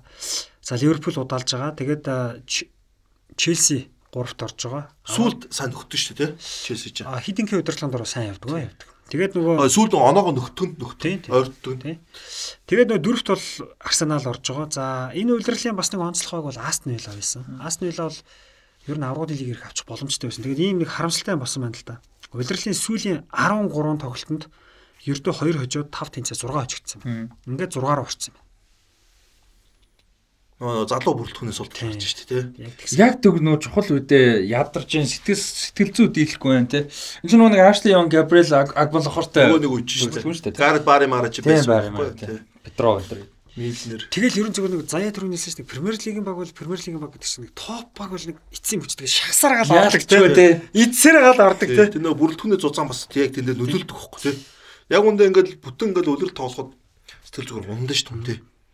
Монголын лиг бол намайг тоглох заримдаа өдөр болгон заримдаа тоглох заримдаа нэг өнжөөл тоглох. Сүүлдээ ингээд биеэс гадна сэтгэл зүй өдөртөх байхгүй. Тэгэхээр наа жижиг багууд юунууд Премьер лигийн багуудад ойлгомжтой наач сэтгэл зүй сэтгэл зүй наа 4 5 сард бол зүгээр өстө үгцэн юм шиг. Тэгээ англичууд энэ дэлхийн авраг муу тоглолт гэдэг бас наадч жод байхгүй. Үгцэн сэтгхүүтэй амьд очдог бүр нүдүүлсэн. Тэгээ 6 сард дэлхийн авраг хэлгээд нэг өстө балбуулцаа амьд. Ахиж балбуулаа тэгээд ерөөс амжилт нь гардггүй тэгээд Одоо тэгээ наад дээр чи Ливерпулийн мэрэгэн бүчин Стивен Жерард байгаа. За би голын бичсэн байгаа. Жерард 16. 16. Торос 12, Куит 12 голтой. Тэгээд 10-аас дээш голтой юу нас мэрэгэн Торос 14, Куит 12. Тий. Тэгээ мэрэгэн бүчин бол Роналдо болдсон шүү дээ, тийм. Анилка 19. Анилка ч яадаг байхгүй FA Cup юу хоёр хоёуланг авт. Хоёулангийнх нь мэрэгэн бүч. Энэ жил айгүй сонин Лалигийн довтлогчдоор замбраагуугаа тэгээд Премьер лигийн довтлогчдоор 20 гол хүрдэг бүгдээрээ нэг тим сонин үлрэл болсон юм билээ. Тэг яг Юнайтед бол хуваачиж байгаа нөгөө нэг идчихэж байгаа. Одоо Бербатов, Тевис, Руни, Роналдо дөрөв хуваачиж байгаа шүү дээ. Ливерпул дээр болохоор за Куитиг яг хуваасан гэд хэцүү. Гэхдээ энэ бол Куит Торос Жирард руу хуваачиж байгаа байхгүй. Гэхдээ хуваахааргүй л байгаа байхгүй. Торос бол 20 идэв юм шүү дээ. Тэгэхээр энд 14-ийг л хийсэн. 14 хийсэн. Тэгэхээр Челсигээс Анелка дээр Дрогба ч энэ жил олон гол оруулдаг болж дандаа чухал тоглолтууд гол хийдэг. Одоо энэ жил бол яг Анелка бол үнэхээр сайн байт. Анелка нэг жил одоо Премьер лиг бол FA Cup-ын мэрэгэн бууч болсон ганц хүн шүү дээ. Миний хүмүүс нэг анзаардаг. Тэгээ яг хөө Челси нэг удирдлын төгсгөлд нэг хитинг гэрцэн хитингтэй Эвертонтой нэг финалдад FA Cup аваад удирдлыг ганц сомтой дуусгаж байгаа юм л да. За энэ удирдлын бас нэг Англид онцлох зүйл юу гэхээр агуу түүхт Newcastle United доош унсан. Newcastle тэр удирдал бол 4 5 дасгалжуулагчийн нүүр сольсон. Хамгийн сүүлд бүр хаалан ширээр нэг аврагчийн өөр ирээд чадахгүй мундаг. Ньюкаслын бүрэлдэхүүнийг харахад бол бас эвгүй бүрэлдэхүүн. Гой бүрэлдэхүүн биз дээ. Бас сонг, бас сонг. Тий. Стивен Тейлор бас сонгод хоёр гой хамгаалагчтай байсан. Ер нь нэлээд сайн бүрэлдэхүүн байл. Колочини. Колочини. Тэгээд Хонас Гутерес тэр байсан баг шүү. Тий. Тий Хонас аа тий шүү дээ. Тий. Тэгээд дараа удахгүй дараа нэг Энди Кэрол Нооло энэ төр чинь. Нооло энэ дээр байсан баг шүү. Тэгээд хэм байгаа ш тайгуул энэ дэш нөө хин. Одоо идэг. Хоёр уу? Боёр Бартон Жои Жои Бартон Мартин ч бараг энэ үе рүү баг байсан баг. Тэгээ Ньюкасл дээр ингэдэй. Ньюкасл Аалан Ширэртэй холбоод Аалан Ширэр матч оф дэгийн нэг юу өсөн шүү дээ. Тэгээ Ньюкасл унах гад өөрөө Ньюкаслын домог. Тэгээ гойст юм лээ авах. Угаасаа матч өдөдийг анализтэр алдаг угаасаа амар анализ хийдэг. Дэлхийн нийтээр англичууд дэлхийн нийтээр шүтдэг Аалан Ширэрээс Даалан чинь лаг анализ гадны яг оновчтой нэг нь Саймон Коулыг шүүгч үүдэн шүү дээ. Яг тэрний хөлөмгөө хэлбэр байхгүй. Хүн болгон одоо тэрний зөвлөгөө сонсохыг хүсдэг. Бүх шүүгчд нь юм хэлчихэл яг Саймон хэлэхээр л яа Саймон хэлж байгаа юм чи. Яг тийм анализ. Тэгээд Ньюкаслын гуугаад тэр чи бас нэлээд эвгүй болцоо очиод унгаачдаг байхгүй. Тэгээд Аалан ширэр нь бол дасгалжуулагч биш юм байна гэдгийг тэрийг өөрөө ч ойлгосон юм шиг. Яг бол анализ гэдэг хүн тустай. Тэнд ажиллаад асгалжуулагч менежерийн тустай гэдэг юм. Бүр тустай. Бүр тустай гэдэг юм ялгаж байгаа байхгүй. Тэгээ Алан Шир бол тэгж ажиллаад яагаагүй байхгүй. Ахиж дасгалжуулагч гэдэг юм бараг хийгээгүй. Тэгээд анализтараа телевизэн салбар руу гарч. Тэр нь зөвцөө. Яг бол телевизэн салбар тэр чинь бүр уусаа 8 мянга. Гавин дэвлж бас тэгсэн шүү дээ. Бодисэд очиж сайн дасгалжуулагч биш шүү дээ. Харин зүгээр бас нэг фейл. Бас бүр сайн аналист бас биш шүү дээ. Яг нэг манай карагер гарын нэвлэр хоёул сайн аналист зөө зайхан тийм шоуны талын хоёр нөхөрөхгүй. Яг хэн бол амир уу? Гарын энэ ширэр энэ Аристатын нөө хэн бэлээ? Диникер мундаг. Алдарч Диникер тийм. Young Right. Young Right идэр ч юм бол айгүй мундаг аналист байхгүй юм бол яг гоё хэлдэг. Гари Кара юу ч хоорондоо алцаад идэх байхгүй. Танаа Ливерпул, танаа Юнайтед гэдэг идэх байхгүй. За тэгээ Английн хөлбөмбөг бол нэг ийм зүйл болсон. Юнайтед ингээд төрүүлсэн. За Испани орё даа. За Испани хөлбөмбөг гэдэг бол энэ 2008 он За 8 оны 100 их юм болсон. 8 он яасан бэ гэхээр Райкардын 90 үе төгссөн. Райкард бол 2006 онд өндөр амжилт үзүүлсэн ч гэсэн хоёр үйлрэл бол амжилт үзүүлээгүй. Тэгээ клубын зүгээс Б багийн дасгалжуулагч Пеп Гвардиолаг Барселонагийн А багийн дасгалжуулагч болгож дэвшүүлж байгаа. За энэ 100 юу болсон бэ гэхээр Барса бол одоо юу гэдэг өмнөх дасгалжуулагчийн ирнэ гол төлөөлөгч болох Роналдиньо, Деко, Эдмилсон за болон за түүнчлэн Замброта, Тюрам, Дос Сантос, Эскера, Олигар гэсэн тоглогчдыг явуулж. Одоо ерөөсөө явуулж. Их цэвэрлэгээ. 2004 оны 100 Барса нөгөө нэг Нидерландуудыг явуулж Пуйол, Шави энтер үлддэг шиг дөрвөн жилийн дараа дахин нэг их цэвэрлэгээ хийж ахаа буюу шавыг үлдээ үлдээж байгаа тийм. Бас л үлдчихэ. Тэгээ энэ дээр Иньеста нэмэгдсэн тийм. За тэгээд энд одоо баг дээр өшөө хин хин нэмэгдсэн бэ гэдээ энэ харахаар бас гоё гоё хүмүүс байна л да. За Кейта Кейтаг авсан байна. За Пикэг Манчестер Юнайтедас авсан байна. Касерас ирсэн байна. Дани Алвс ирсэн байна. Хилеп ирсэн байна. Бускетсиг доод багасаа дээшээ дагуулж За ингээ Барса бүрдэж байгаа. Гэтэ 2008 оны тэр Барса гэдэг бол яг тэр үед бол хүмүүс нэг итгээгүй шүү. Итгээгүй Барса. Гвардиола итгэх нь хэцүү байсан тийм. Хэцүү байсан. Одоо тэгээд нүүн Роналдиньон явцсан, Бэлгтимийн явцсан, Месси гараад ирсэн. За 2008 оны 100 тэгээ бас адал явталтай гэсэн л дээ. Бээжинг Олимп болж байгаа. Тэгээ Барса ч өмнөх удирдал нь Ла Лигт 3-т орсон болохоор аврагуудын лигийн эрхийн тоглолт юм. Одоо хамгийн гол юм чи аврагуудын лиг байтал Мессиг бол Бээжинг Олимп руу явуулж исэн. Тэгээ Олимпт бол Аргентины шиг шог төрүүлдэг. За тэгээ Барса удирдал ихний тоглолт би яг санд Нумансиад өжигдтэй. Тэр тойрогт 8 оны удирдал дээрс Барса Реал хоёул хожигддаг байхгүй нэгдүгээр тойрог. Тэр нь одоо тухайн үед энэ хоёр баг ингээ хожигдчихсэн баг зүйлийн хэдэн жилд нэг тохиол тохиол тэгээд яг ярьж исэн. За тэгээ Барса бол чангарсан чангарсан 8 оны удирдал бол яхахгүй чангарсан баг. За 8 оны 100 Реал Мадрид их юм удиржсэн бахаар Берн Шүстер удиржсэн. За тухайн үед бол Реал Мадрид гэдэг баг бол ерөөс Нидерландуудаар дүрсэн байсан. Нэг хэсэг Барса Нидерландаар дүрсэн байсан шиг. Реал Реалд бол Нистлрой юусэн, Снейдер юусэн, Робин юусэн, Дренте. Ростен Дренте. Дренте байж байгаа. 8 оны 100 Вандервартыг авч байгаа. За тэгээд удирдал ингээ явж исэн яг Берн Шүстрийн удирдлаганд бол Реал их таараханд өгсөн. Тэгээд 12 дугаар сард Берн Шүстрийг халаад Хуан Рамсыг томилсон. За Рамсууд яаж яагаад Сивиас халагдсан байсан одоо мэдэхгүй одоо.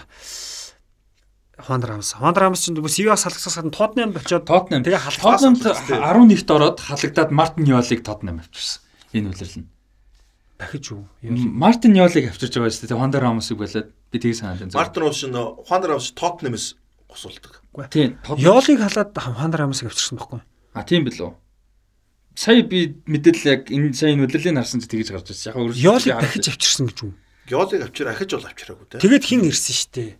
Rednap ирсэн штэ Tottenham чинь. Rednap тийм байна тийм тийм тийм тийм. Эсэргээрээ тийм тийм зөв зөв. Хуан Рамос халагдж байгаа үстэй. Тийм. Ёл байжгаад Рамос ирээд Рамос халагдаад Реал руу яваад Тэгээ тэгэнгүүтээ Rednap байж байгаа. Рамосыг Реал авдаг яаж. Одоо хөнгөө бол авч авч байгаа юм тийм. Хөнгөө. Би нэг Испанд ажиллаж исэн гэдэг Тэгээ би санд яг Хуан Рамос ихний тоглолтод CCTV таваар гараад 12 сард Барса Реалыг хождээ. Хоёр тэгэр хождээ. Тэрийг бол би яг үзчихсэн. А тэгэнгүүт Хуан Рамос түүнээс хойш маш сайн ажиллаж байгаа. За өвлийн цогоор хүн талаараа авч дахиад нэг Нидерланд. Тэгэнгүүт би одоо бүр яг Хуан Рамос удирдлагын 18 тоглолтод 17 хожиж нэг тэнцсэн. Хожигд хожигдл байхгүй. Тэгээ боломжтой одоо энэ чи юу вэ?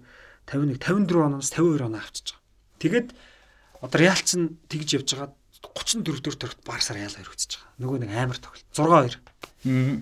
За тэгээд Барсаас жоохон онооны давуу байсан Реалыг хожоод ерөөсө төрүүлэх нь яг онлын хувьд биш ч гэсэн ер нь тэгэл ойлгомжтой болчих.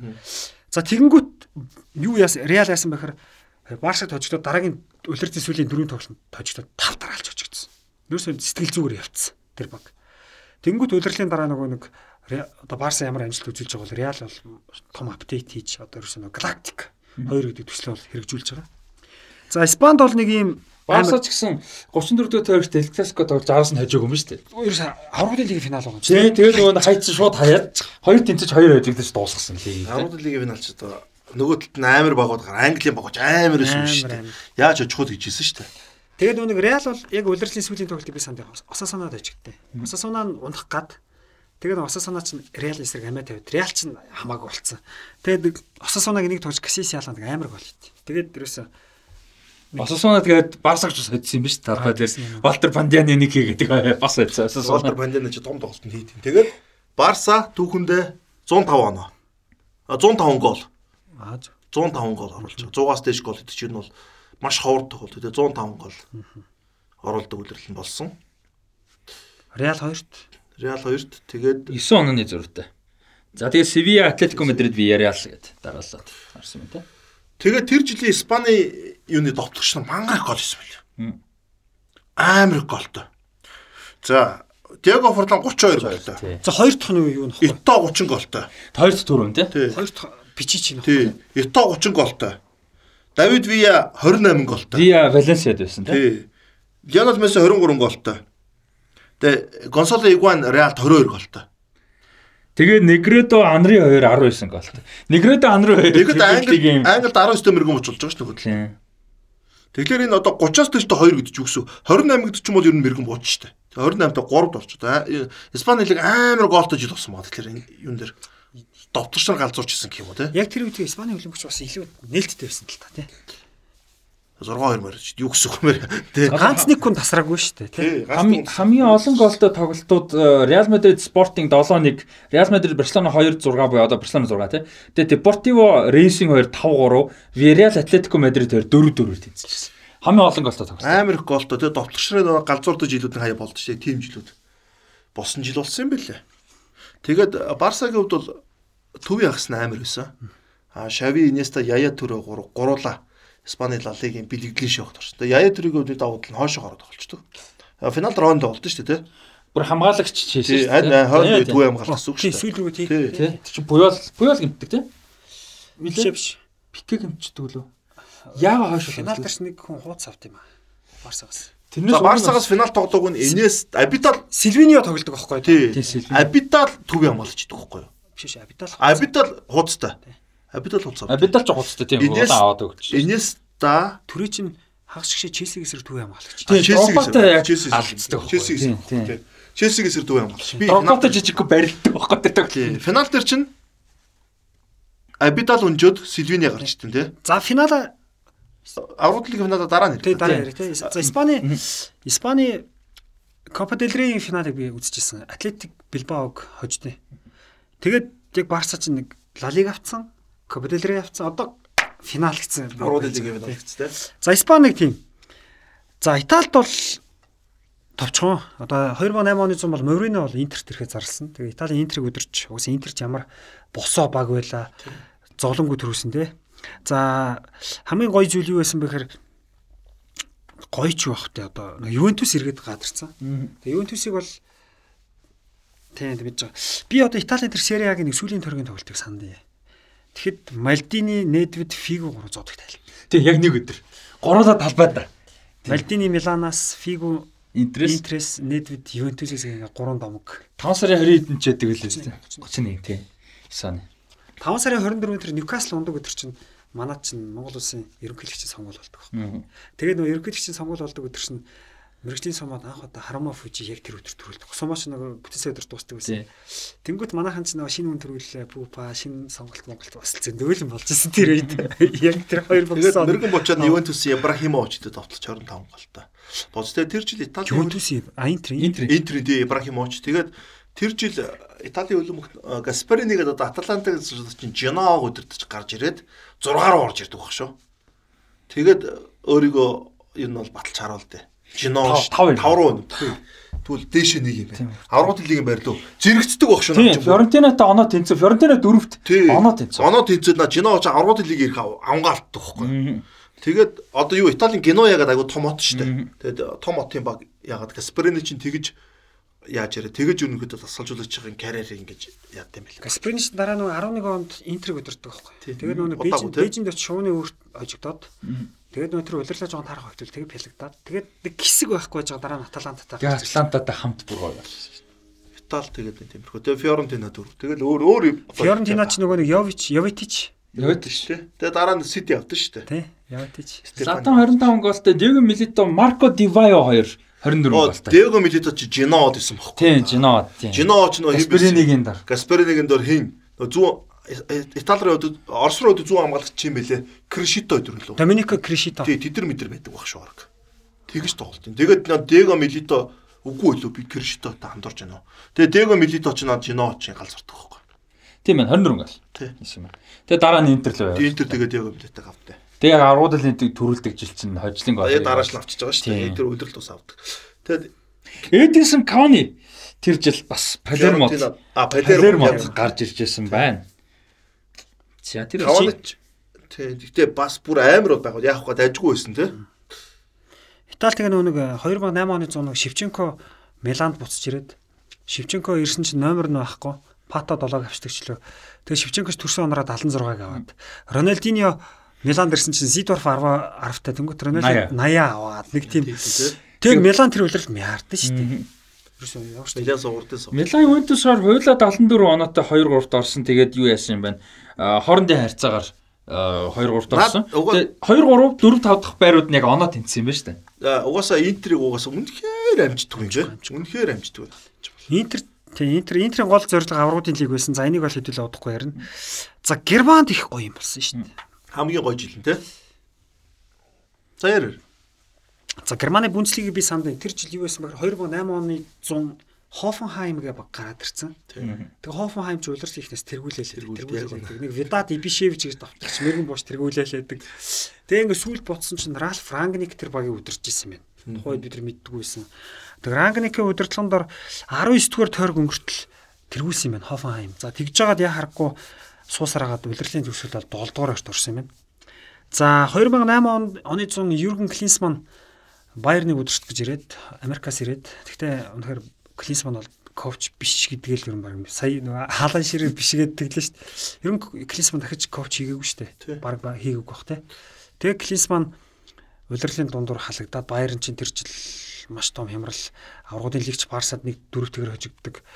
Тэгээд э, дундаасаа болоод тэнгуут нөгөө алдарч Юб Хайнкс яг хөө тэгэл Байерныг аврах аврах гэж аврах гэж ирдэг юм л бас тэ.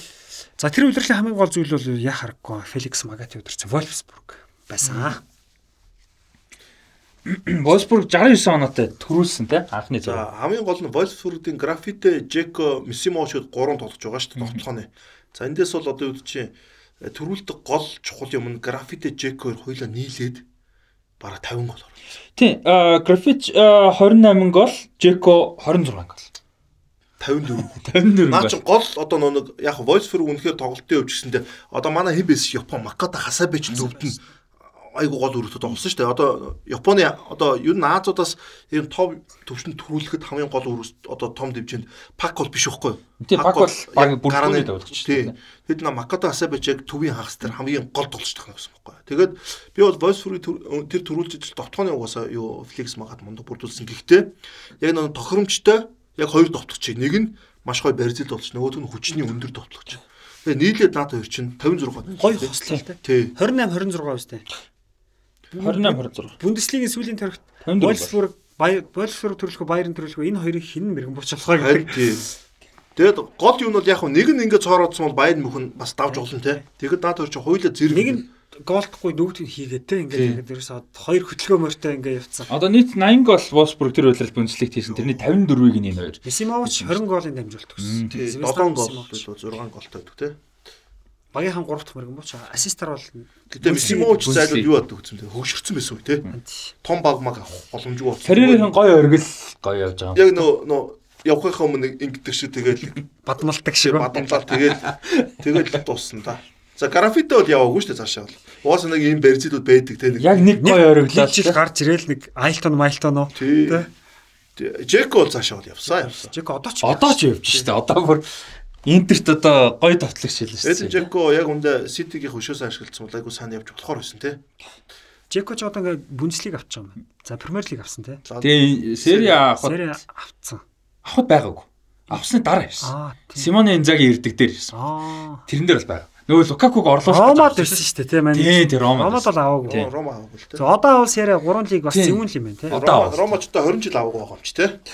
Рома 20 жил аваа. За Мюнхен тэгээ 2 онооны ард 67 оноотой Штутгарт 64 оноотой 3-т Херта 63 оноотой 4-т Хамбург 61 оноотой 5-т. Бүр ингээд 8 онооны зөрүүтэй 5 баг. Ер нь бол өсөлтөө юм бол маш тэр жил тэгээд одоо зүгээр түрүүн хэдүүлээ нэг ярьсан шүү дээ. Ювентус нэг жоохон унтсан чи сери А гоё болоод байна гэж. Яг Баерн яг тэр үед нэг тэр нэг 2 жил унтсан чинь бас бүнцлийг аяг гоё болчлаа тий. Одоо одоо тэр түрүү Хофенхаймыг ярьжсэн шүү дээ. Ранг Рарфаг нэгтэй. Видат Ибисевич 18 гол хийсэн, ард нь 14 голтой Дембаба байсан. Хофенхайм. Хофенхайм Дембаба юу те? Тийм ээ 14 голтой. Дөнгөж гарч ирсэн юм шүү дээ. Бас Хофенхайм ч алж ирсэн дээ. Юу хүртэл төрүүлсэн шүү дээ. Үйл он тусал те. Он тусал төрүүлээд юу болж байна гэл. Оны дараа бас 2 тойрог. Тийм. 19 төр тойрог хүртэл. Тэгээд Баер нэгсэн чи юу боолсоор гарч ирээд төрүүлчихдэг. Тэгээ Штутгарт 3-т ороход э, Марио Гомес 24 голыг Марио Гомес оруулсан байна. 3 удаа сарын шилдэг тоглогч болж исэн байна. Гомес бол Германы номер 1 давтагч болсон байсан шүү дээ. Еврогоор. Тийм тийм гарааны давтагч болсон. 2008 онд шүү дээ шүү. 8 оны евро. Тийм тийм. Зүг 8 оны евро. Зүг 8 оны еврогийн гол давтагч байгаа. Тэгээ 8-9 онд. Аа тийм ээ. Тэгээ Штутгартта байсан хэвээрээ байсан юм тий. За юуны бүрэлдэхүүнд Тэгээ дараач нь баян юм уу? Тэгж л таарлаа одоо. За тийм бах те. 8 оны Европын товтлогч нь яг Гомес бай Колосо Бодоскор байсан юм шүү. 12 онд хамтраад юм шүү. Гомес 12 онд хүндсэн бол. Тийм бах. Подоски үер юм те. Тийм тийм тийм. Тийм ээ. Подоски 12 оны Европ. Подоски зүүн товтлогч байсан. Тийм бодохоор тийм. Подоски зүүн товтлогч түүн товтлогч нь Колосо. Гэтэ Гомес бүрэлдэхүүн байсан. 12 онд бол бүр яг 12 онд бол яг тийм. Тийм бах. За тийм ээ тийм. Юуны а Wolfsburg-ийн төрүүлсэн бүрэлдэхүүнд бас гоё тоглолттой л да Барцагли тэр бүрэлдэхүүн Барцалийн нэг явсан шүү дээ. Тийм. Барцали ч очиод бас Бундеслиг төрүүлсэн. А юм байна тэр. Хаалч Бенала байгаа. Тийм Бенали байгаа. Тийм. Швейцарын. Наач амар өсвөн шүү дээ Швейцарын хаалгач. Мундаг мундаг мундаг. Кристиан Гентнер байсан байна. Окубо байсан юм шүү дээ. Яг сэлгээл тэ. Окубо тэр үүрэг өлегтэй байгаагүй. Тэг яа яа бүнцлэг авчихсан. На Хасаби бол үнэхээр амар байсан шүү. Маканта Хасаби бол 20 амар байсан. Хасаби 25 тоглолтод тоглолцжээ. Наад чинь бас аав гоож магадгүй 5 тоглолтод гарч иж авдсан шүү дээ. Нөө Лестер төрөлд нэг би нөө хэнийг хараад өрөвжсэн нөө Польшин шиг хамгаалж Василевский гэдэг. Дөрөв тоглолтод орцсон. Тэгсэн чинь Челси чинь хоёр Лестер чинь хоёр төргийн өмнө төрүүлждэг лөө. Тэгээ Василевский хоёр тоглолтод орцсон байдаг. Хоёр тоглолтын дээр дасгалжуулсан сэлгээр оруулсан ч 5 тоглолт болохгүй. Тэгээ медаль гаргадیں۔ Ямар ч сан гаргадیں. Тэгээд Лестер дөрөвсөө тодорхой болсон ч гэсэн дөрөв тоглолтод ороо тэгээ таван тоглолтод ороогүй медаль авдаггүй. Дараа нь медаль зүс яасан дараа гарч Камбесо дэр штэ. Celebration Камбесо ч өвөл явуулчихдаг ч. Тэгээд өвөл явдаг лөө те. Тэгэхээр наач Окубо дэрсэн талбайд таван тоглолт гараагүй тэгээ медаль авахгүй штэ. Окубо заягийн медаль авсан юм. 9 тоглолтод оролцсон. Заягийн элдгийн дөрөв бол хаалгач дүүлчихдэггүй. Хаалгач дүүлчихдэг. Гурван үндсэн хаалгач гуруулаа авах те. Хаалгач мэдээж гарах нь маш бага юм чинь тий. Яг талбай дээр тоглолчдор үйлчлэлт. Ер нь бол лиг болгоор ер нь таван тоглолт. Тэр жил чинь чемпионшипт хэн төрүүллээ Лестер төрүүлдэг жил нөгөө улирлын эхний хагас Лестер тоглож хагаад улирлын өвлийн 8-ны цанхоор чемпионшип юу л одоо марчаад байна. Тэгээ араас медаль нь өгсөн гэдэг чинь. Тий, яваад тэнгүүдээ тэнцэнэ чемпионшип төрүүлждэг. Тэгээ хоёр аврах медаль авдаг чинь. Хин блэ нөө жигүүрийн хамгаалагч байд юм одоо марчаад байна. Баруун жигүүрийн хамгаалагч байсан. Камбесод одоо өгөөгүй л бахта өвөл явуулсан юм чи. Яасан юм бол Лестер. Камбесо чи Лестер төрүүлдэг жил Камбесо сүүлийн юм яриад байгаа шүү дээ. Тий, өдрөл яадаг шүү дээ. Эхлүүлдэг шүү дээ. За 9 он тэгээд ямар ч байсан гоё Бундслиг үйлрэл болсон. Окубо ч тэгээд 10 оны эдлэгийн ордер Японы шогийн зүүнний гараан дээр гардаг шүү дээ. Яа тэгээд дараагийн үйлрэл дараагийн тэмцээн болохоор За одоо Францд бас гоё юм болсон. Алдарт Олимпик Лионы 7 дараалсан төрөв баг болсон. Энэ жил дуусч байгаа тийм. За энд бол Лоран Бланы удирдсан Бордо одоо Францын лиг нэг 6 дахь төрөг авч байгаа. За энд бол Фернандо Кавенеги, Марван Шамах, Йон Гуркуф гэсэн залуучууд тодорч гарч ирсэн байна. Амар гоё. Тэр үед амар яригдчихсэн шүү дээ, тий. За. Тэгээд өөр Францд юу болсон байна раас тий. Оо чамаач ч ярих юм байхгүй. Яг паузлаас бас. Тэгээд ланаас чи явсан да бүгд те. Тий, тэгээ Горков ч ер нь ирээдүйн Зидан медан гэж нэг шиг яригдчихсэн. Нэг жил тоглосон тоглосон. Тий. Тэгээд чамаагч нь бүр амар одуулаад Арсеналд очиод 29 дугаартай тоглоод нэг яваагүй. Кавинагийн Орс яваад. Кавинагийн Орс яваад. Кавинагийн өсто буруу тишээ авсан. Яста. Аргентин өсто. Буруу эргэлтaalсан. На Кавинага ч Орсор биш өөр ялуу бас гайгүйж болохоор байсан шүү дээ, тий. Аргентины шиг шогт бас дуудагдчихсан шүү дээ. Тий, тий. Тэр үед. Наа чи бүр Аргентины 10 дугаарыг авна гэж ярьжсэн нөхөр шүү дээ. Бараг л Месси юу Кавинагийн зарим гарууд бол тий бараг тийж Месси тэр үуч арай нэг бас арай нэг болоогүй байсан тий. 30 дугаар муугартайгаа явж идэг тий. Тэгээ яг 19 болцсон байсан баг шүү Месси чинь. А тий 19 тэгээд хин Рональдиньо яваад 10 дөнгөж 10 болж байгаа тий. Тий. Дөнгөж л ихний авилгал.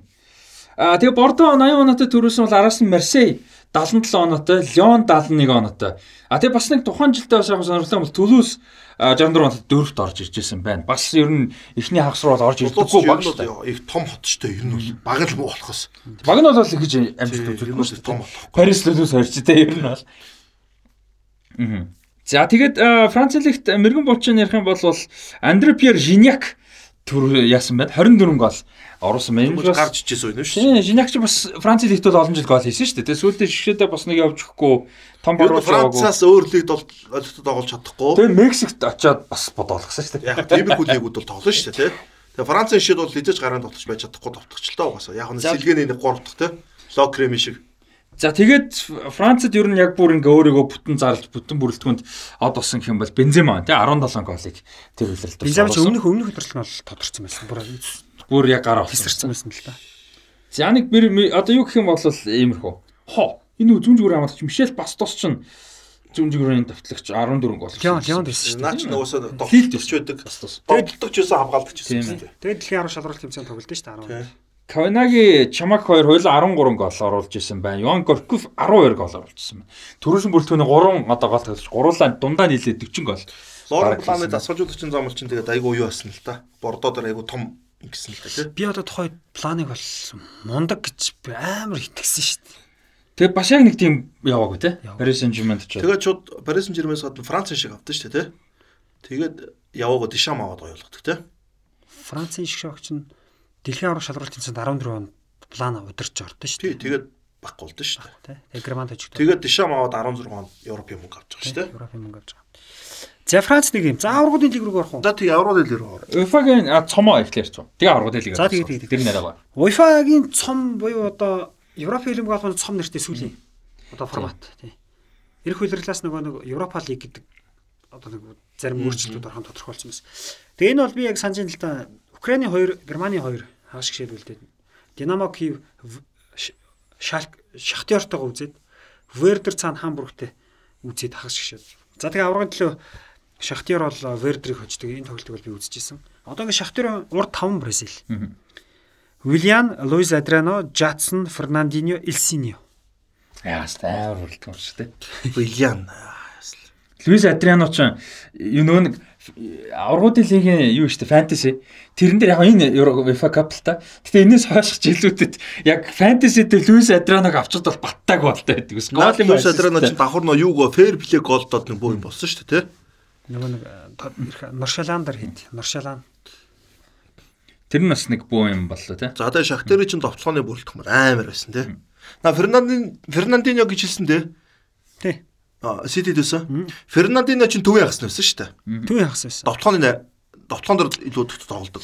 А энэ дээр юу яасан бэ? 4 2 3 1 гэж тоглоход нэг Левандовскиг нэг Пош хагас хамгаалж үзсэн. Тэр дээр центр хийсэн байна. Төвийн хагас. Тэнгүү тий. Тэнгүүд уртлын 3 нэг довтлсон ингээ Бразил болж байгаа байхгүй.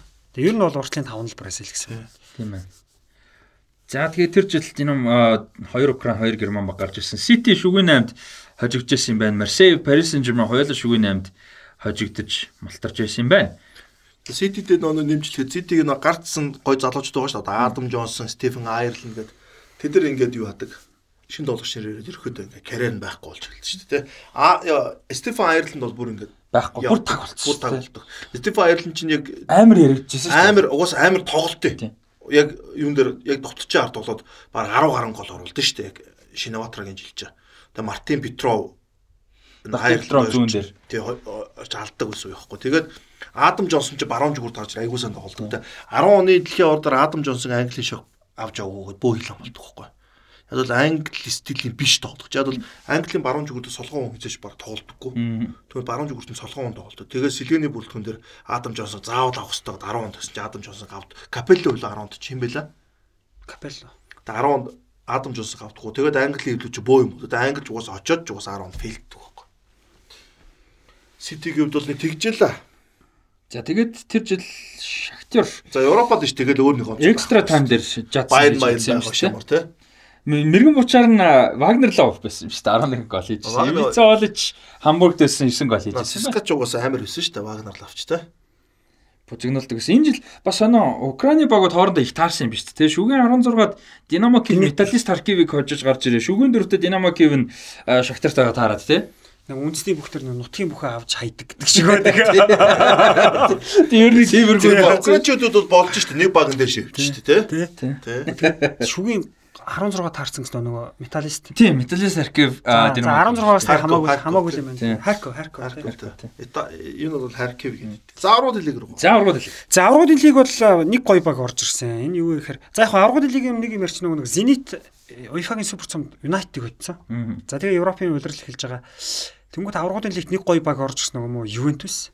Нөгөө доош унчаад дахиж гарч авж байгаа. Би тэгээ Juventus их дэмжижсэн. Тэгээ Паул Недвидч тоглодог байсан. Ер нь Недвидийн сүүлийн удирдал гэдэг нь ер нь ойлгомжтой. Тэгээд нэг манай аврагын лиг аваагүй. Ер нь Juventus-ийн аваагүй ш. Тий. Тэгээ хэсэгт Real, Zenit, Bate, Juventus дөрөв ороод тэгээ нөгөө ихний тоглолтод Zenit ч бас эвгүй шүү дээ нөгөө UEFA-гийн цом төрүүлсэн Европын супер цом авцсан тэгэл нэг Zenit ч юуг мулталчих гадаг. Тэгээд Delperos нэг стандарт цогт чөлөө цогтоос нэг амар гол хийдэн шүү дээ. За тэгээд явж байгаа 3 дугаар төрөлт Juventus Real таарлаа. Юу ч юм нь бол ер нь бол нэг Real-ыг хождог ус нэг хождог. Delperos нэг амар гол хийдэн шүү дээ. Хамааурыг суулгаж өнгөт нэг За тэгээ Juventus ч баг хэсгээ тэргүүлдэг баг шүү. Тийм, а, 12 оноотой тэргүүлээд оноо нь бол тэнцсэн юм байна. Тэгээ нөгөө нэг юугаар 12 оноо хөтлөж 3 хожоо 3 тэнцсэн юм. Энэ бол зөв. Тийм, Ювентус 3 хожоо 3 тэнцсэн. Реал болохоор 4 хожоод 2 тэнцсэн. Гоолын зөрүү нь адилхан. Гол хийсэн Реал. Дөрөв хожоо хоёр тэнцсэн гэшнэ. Дөрөв Хоёр хоёр хожигдсон тий хожиж Тэгвэл Ювентус 2 хожсон биш нэ Реал ч. А Реал Ювентусыг а за чинь харт. За нэг нэг хожсон юм. нэг нэг юм байна. Би би нэгээ татсан юм байна. Тийм. Ювентус- Ювентус нь тэнцээд. Ювентус баахан тэнцсэн юм шиг нөгөөдөө. Батэ эдэртэй тэнцсэн юм шүү. За Реал ч Ювентус Батэ тэнд хожигдоод за Ювентус Реал. А Реалын 2 хожигдсон л Ювентус юм байна. А баха. Зенит Батыг 2-2 хоцсон юм байна. Тийм тэрэн дүү биш. Тэгээ энэ хэсгийн гоё нөгөө Бата Зенит хоёр орсон. Бата Зенитийн эзэн тоглолтууд надад эрт болдог. Ювентус Реалын тоглолтыг эрт үзээсэн байхгүй. Тийм. За энэ хэсэгт энэ аврагуудын лигт бас нэг эвгүй Panathinaikos. Ана Крагониста Panathinaikos. Би яг бүр санаж Panathinaikos эхний хоёр тоглолт хожигдож байгаа. Гурав дахь тоглолт тэнцэж байгаа. Гурван тойргийн дараа ганцхан оноотой. 3 хожд яг үнэ. Тэгэл Тэгснэ? нэгээр гарч ирж байгаа. Нэг Крагонисийн нэг амар гол өгч нэг амар ингэж нэг цогтөг нэг шторконд орсон байдаг. Тэгээ Panathinaikos хэсгээс гараа Интер хоёроо гарч ирж байгаа. Интер тэгээ хоёроо гарангуут Мориногийн Интер Юнайтед шүүгээ гарч байгаа. Тэр бол айгүй том юу байхгүй алдаа тий. Энэ тэр нэгээр гарах хэрэгтэй шүү дээ. За тэгээ 16 за шүгийн 8-д бол ерөөсөө суглаа гарсан цагаас бол Интер Юнайтед гэдэг юм аюу их хэрэгцсэн шүү дээ тэр үл. Тэгээ тэр тоглолтыг ч одоо ES ESPN тухайд онцолж ESPN байлуу Орсын спорт байлуу онцолж гаргаж илаа. Эхний тоглолт нөгөө юуны тоглолтод Интерийн талбадруулаад тийг тэгэр тэнцдэг. Тэгээ хариу тоглолт Юнайтед болох бол би нэг хоёр ахтагаа ярьж ирсэн. Тэгээ одоо яах вэ гээл. За Юнайтед гарна гээл. Манай нэг ах болохоор Интер яаж иг нэг гол хийчихвэл нөгөө хом Нэг гол юугаараа ингээд давал болчихно гэл. Тэгэл тэр тоглолтыг үзчихсэн. Тэгээд Интер чин э, Мориногоо, Ибравага тий. Тэгэл яа харахгүй Юнайтед бараг үдээ. Энэ тэр чи өмнөх жил Ливерпул Хожигдсон, 16. Тэгээд Англи юм. Э, 16 дээр бас нэг гоё учраас Ливерпул Реал яг хоо нэр нь гоё. Тоглолт нь бол 5-0 Тийм нийт 1-0 хоёр 4-0. тоглолтоор бол тийм. Тэгээд Ливерпул бол Досена нэг ингэж нэг давуулж хийв. Тий, тий. Реалаар тоглолт юм. Эхлээд очоод Дөрөв голын хийдэг тий. Ладбад очоод очсон шүү дээ. Тийм тэгээд 4-0. За 16-гийн бас нэг гоё тоглолт Арсенал Ромагийн оронд болсон. Яг гэвэл тэр жилийн финал Роми Олимпик цэнгэлт хүрээлэнд болоод Тотти ерөөсө финалд үлднэгээд нутагтаа ингээд тоглоод баг болно байлнэгээд. Тэгээд би яг санд нэг Ювентус юу Челси хоёр шүүгээ Тийм 16 тараа. бас тийм. Тэгээд нөгөө нэг юу мултарч байгаа юм л да Ювентус. Тэгээд тэр тоглолт үлээ нэг тоглолт дуусаад нэг сууг сольсон чинь нэг тоглолт яваад үтсэн чинь Арсенал Рома хоёр чинь нэмэлт цаг үргэлжлээд тэгээд пенальт цохоод тэгээд Арсенал очдог тий тийм. Рома хожигдсон шүү дээ. Нэг тийм болж байгаа. За шүүгийн 16-д бол таяр нэг гоё тоглолт ярина. За түүнээс өмнө би нэг юм ярьчихад яг Барса Байерныг бол зөвхөн илт хожд юм уу. Эхний тоглолт нь Барса ч Шүгэн 8 дөө. Тийм шүүгийн 8. Баяр нэг эхний тоглолт дөрөвтөөр хожоод дөнгөж нөгөө нэг Рафаэл Маркес шүү дээ. Нэг шар уцтай байдаг байхгүй. Гэснээр дөрөвтөг болонгоо за хариу тоглолтоос хамаг болонгот нэг зөөрөөд нэг өшгөлж шар уц аваад хариу тоглолт баяр нэг бас доош нь хийж байгаа байхгүй яг тэр үед. Тийм. Тэгээ Клисмач нөгөө Бундслигч хийцүү аваад лигт ингээд ийм болцсон. Ерөөсөө тэр баярны хувьд бол фейл. За тэгээ шүгэн 8 бас нэг гол тоглолт нэг Роналдо Портод нэг супер гол. Йоо тэр өстө тасгаа. Одоо хүртэл яригддаг, одоо хүртэл давтагддаг. Элтоны хаа тий. Тэр бол галзуу голыг энэ үйлрэлт хийсэн. Шүгэн 8 тий. За одоо Ливерпул Челси ч одоо ингээд хитгээ таарч байна. 4 5 дахад харж байгаа. За 2005 онд хагас шигшээ. 5-аас 6 онд хэсэгтэй. 6-аас 7 онд хагас шигшээ. 7-оос 8 онд хагас шигшээ. 8-аас шон шүгэн 8. Шүгэн 8. Одоо ингээд 5 үлрэлт дараалж аврагын дэлхийн хоёр баг таарч. Тий. Тэгээд Ливерпул аждаг сүүлдээ Челси очиж эхэлсэн. Би өмнөх нөгөө нэг үлрэлт төр хэлдэж ш нь лута яриад за Ливерпул Челси хоёр болоо гэж би тий. Наад хоёр Премьер лигт байнга таарна, аврагын лигт байнга таарна. Би энэ шүгэн 8-ыг ч үзээгүй бас. А за Иванович гарч ирдэг. За ингээ яриа одоо. За тэгээд тэр жил Челси Иванович гэдэг хамгаалагчийг юугаар бол нэг паундаар нэг 9 сая паундаар авч байгаа. Зенитээс л юу? Зенитээс авч байгаа. Тэгэд энэ хамгаалагч яадаг хамгаалагч гэхэлэр Төвөө өвөл авдаг шүү дээ тийм. Өвөл авдаг. Төвөө хамгаалтанд тоглолт нь баруун зүрийн хамгаалалт тоглолт. Энэ бол нэлээд хүчтэй одоо тийм хамгаалагч. За энэ хамгаалагчийг Челси бол яг Иванач бол баруун хамгаалтанд тоглуулж байгаа юм. Баруун хамгаалтанд Бозинго дээр байсан шүү дээ. Тэгээд дасгалжуулагчид айгүй орон нүүдэл болсон л доо нэг тийм хамаагүй өөр төрлийн тоглолт хийж байгаа. Хидинг хидинг авчирч байгаа юм тийм. Тэгээ өөрөө Оросыг дасгалжуулдаг ус Орос лиг үздэг гэсэн. Яванович бол мэдээж угаасаа баруун тоглол Яванда төрөө оруулна. Яг л тэр чинь Терри Карвалиг бол амар төхөд байсан шүү дээ. Тэгээд ихний тоглолт болвоо. Ихний тоглолт болсон чинь Ливерпул ихтэй Торос ичиж. Торос ч амар өсөө ихгүй. 16 дотор нэг Терри хосорчтой. Жон Терри. Дэнчтэй Торос ер нь л карьерийн оргил нь оргил тий. Тэгээд Торосыг Ливерпул яг л нөгөө Челсиг хождог. Яг л нөгөө хожих. Хождгоор хожих нь. Хожих нь явах нь. Заяа бараг тайлбарлаж ирсэн. Би тайлбарлаж тайлбарлаж. Тэгсэн чинь болонгийн цогт болсон чинь ингэсэн бохгүй. Тэн дээр болонгийн цогт яасан бэхээр Терри Карвалигууд хоёр тоглолчтой нөө хоёр төвийн хамгаалж очсон бохгүй. Одоо Карагар Хөпиа гэдэг. Хөпиа ч юм бол хоёр дахь хорд бол Терригээс бүр мангас шүү дээ. Яг хамгаалтан дээр бол амар яа. Өндөрч угаасаа тийм. А яг хөө Терри бол мэдээж нэг мэдрэмж юугаар хамаагүй илүү те. Техник. Тий, техник мехникээр ахлаж махлаж байх чадвар юугаар илүү. Тэгээд чи Иванович тэр хүн очтгүй байхгүй. Нөө хүн очтгүй нөө хуурилтан дээр хуурилтан шиг дарсан гэдэг шиг. Хуурилтан дээр Иванович тэр өндрөн тоглож очиж таардаг байхгүй. Тэгээд булан болж ирээд баруун зүгээрсэн булан Иванович чинь мөргөөд. Ахиж ирж ахиж мөргөөд.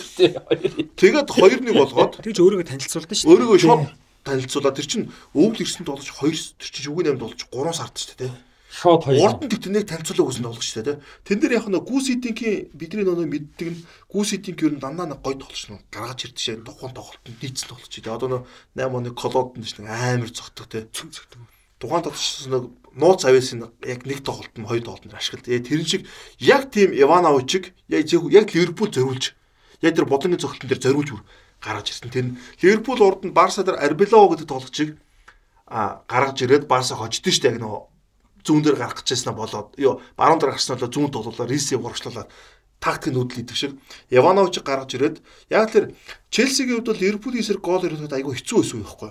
Ишкэртэл Дрогбаг айгуусан хамгаалдаг гэсэн. Марта Ишкэртэл. Дээрээс нь хавар Машарана төвийн хагас дээр Ливерпулийг ягаад Челси ч улирлын тоглолтууд дээр Ливерпул хожиг улирлын юунууд дээр тааруу тоглолцсон. Тэнгүүл Гүсит ингэж хувьд яг мэдээж маш олон юм төлөвлөж байгаа. Гэхдээ булангийн цохолтон дээр Явановичийг ашиглая гэдэг юу гарч ирээд дээрэс нь Торос ч зүүнээс түрүү айгуух дааж ордог байхгүй. Яг тэрэн дээр нь хүчин тоглолт Яванович тавьсан. Тэгснээр Ливерпулийн 2 дахь давхрын тоглолтыг хязгаарлаж байгаа. Доор нэлээд хүчтэй тоглолт чигүүр тоглож байгаа. Хамгийн гол Торосыг ч гэсэн зогсож. Довтлохоон дээр Явановичд тоглож болон дээр ашигла. Тэр нэг зөвдөөд Дорогба сүлийн голыг хийдэг баг шүү. Дорогбачууд яг чухал голуудыг хийдэг хүн байсан. Үн штэ уусаа. Тэгээ 3-1-ээр эхний тоглол Ливерпулийн бадар Челси ч хожоод за энэ нь бол ингээд Челси цаашаа гарах нэ гэдэг тим юу гарцсан байсан. Одоо нэг дүр зураг те. Уусаа яг бол Ливерпулийг айлын талбадар очоод 1-1 0-0-ээр тэнцдэг гэдгийг бид нар мэддэг болохоос өөрийнх нь талбадар 3-1-ээр очоод айлын талбадар одоо 4-2 ч юм уу те 3-1-ээр хожин дээр бол энэ ихтгэл муу байсан. 2-0 болохгүй. Тэгсэн чинь хариу тоглолт ирсэн байхгүй. Эхний хоёр гол Ливерпул ихэд 2-0 болвоо. Тэгээ 3-3 болоод тэнцэж байгаа тийм. 2-0 болоод. Тэгээд тэндээс чи ахад 2-2 болдог лөө. 2-2 болоод Алекс чинь 3-2 болоход нэг нөгөө нэг амар цогтөг. Димэрсэн цогт идэв шүү дээ. Тэн дээр бас хүмүүний хагарч байгаа юм байна цогт. Алексний димэрсэн цогтыг ийж үү. Тэн дээр бас яг хаалт Рена мань нэг давхар алдаа. Гэтэ Алексийг цохноч бодог байхгүй. Аа өөр лаг гараад очсон байгаа шүү дээ. Тэд нар цохох гэж чи айлгаас яг гүйж чигээр гүйж гэж байгаа. Очсон тий. Тэгээ 3 2 болоод 3 3 болоод тэгсэн чинь Куйт хийдэг үү 4 3 болоод. Тийм Куйт 4 3. 83 дээр 83 дээр. 83 гэдэг чинь Ливерпул нэг хийчихвэл гарчин тийш. гадаа шүү дээ. Тэр чинь 83 дээр Дерек Куйт хийчихэж байгаа. Тэгээд 4 3 болоод Ливерпул ахад баг 10 минут байгаа хөөхгүй. Тэгээ нэг л хийхэд гарч. Нэг ихэд Ливерпул гарах гад. Пүү, алаан болчихно. Дорогба хийж гинөө. Үгүй Лампард наяа шүү дээ. Лампард дорог байраа нэгдэг байхгүй. Тэгээд 80 дээр хийгээд 4 4 болоод тэгээд. Тэгээд дуусч. Энэ бол ерөөсө бүх цагийн хамгийн супер бас юунууд нь тоглож хариу тоглолтууд энэ байсан л да. Тим тоглолт болсон. Тоглолт. Тэгээд Ливерпул яг бай гэдэг үнэхээр бүртгүүнээ зузаан хүрээгүй. Яста нэг шуугуулсан тоглолт болсон юм байлаа. Би энийг үзээгүй л дээ. Маргааш нь хүм хүн л ярьчихсан. Ялч өстэй бүгд л ярих тоглолт ирэх гэж зүг. 2-0 болох за Ливерпул нэг ч тоглолт ирлээ 2-2. Өө за тэ 3-2 мороод Ливерпул дахиад ингээд яасан. Дахиад 4-3 болгочихж байгаа байхгүй. 4-3 чинь бүр юу болчихж байгаа байхгүй. Ойрхон болчихж байгаа байхгүй. Тэгээ Ливерпул хэлэр нөө хүмүүс нэг юуны 5 оны мөн comeback comeback гэдэг comeback баг л гэж боддог байсан. Тэгээ Челси гусдаг тий. Тэгсэн чинь тэгэл Лампард хийгээд тэгээд нэг 4-4 тэнцэж тэгээд яасан да. Тэгээд шүгэн 8 хамгийн догт тоглолт нь. За тэгээ аврагууд лигийн шүгэн 4 баг үлдсэн, Английн 3 баг үлдсэн. За Барселона Челси те. Эртний одоо Европын занал Челси тэгээ.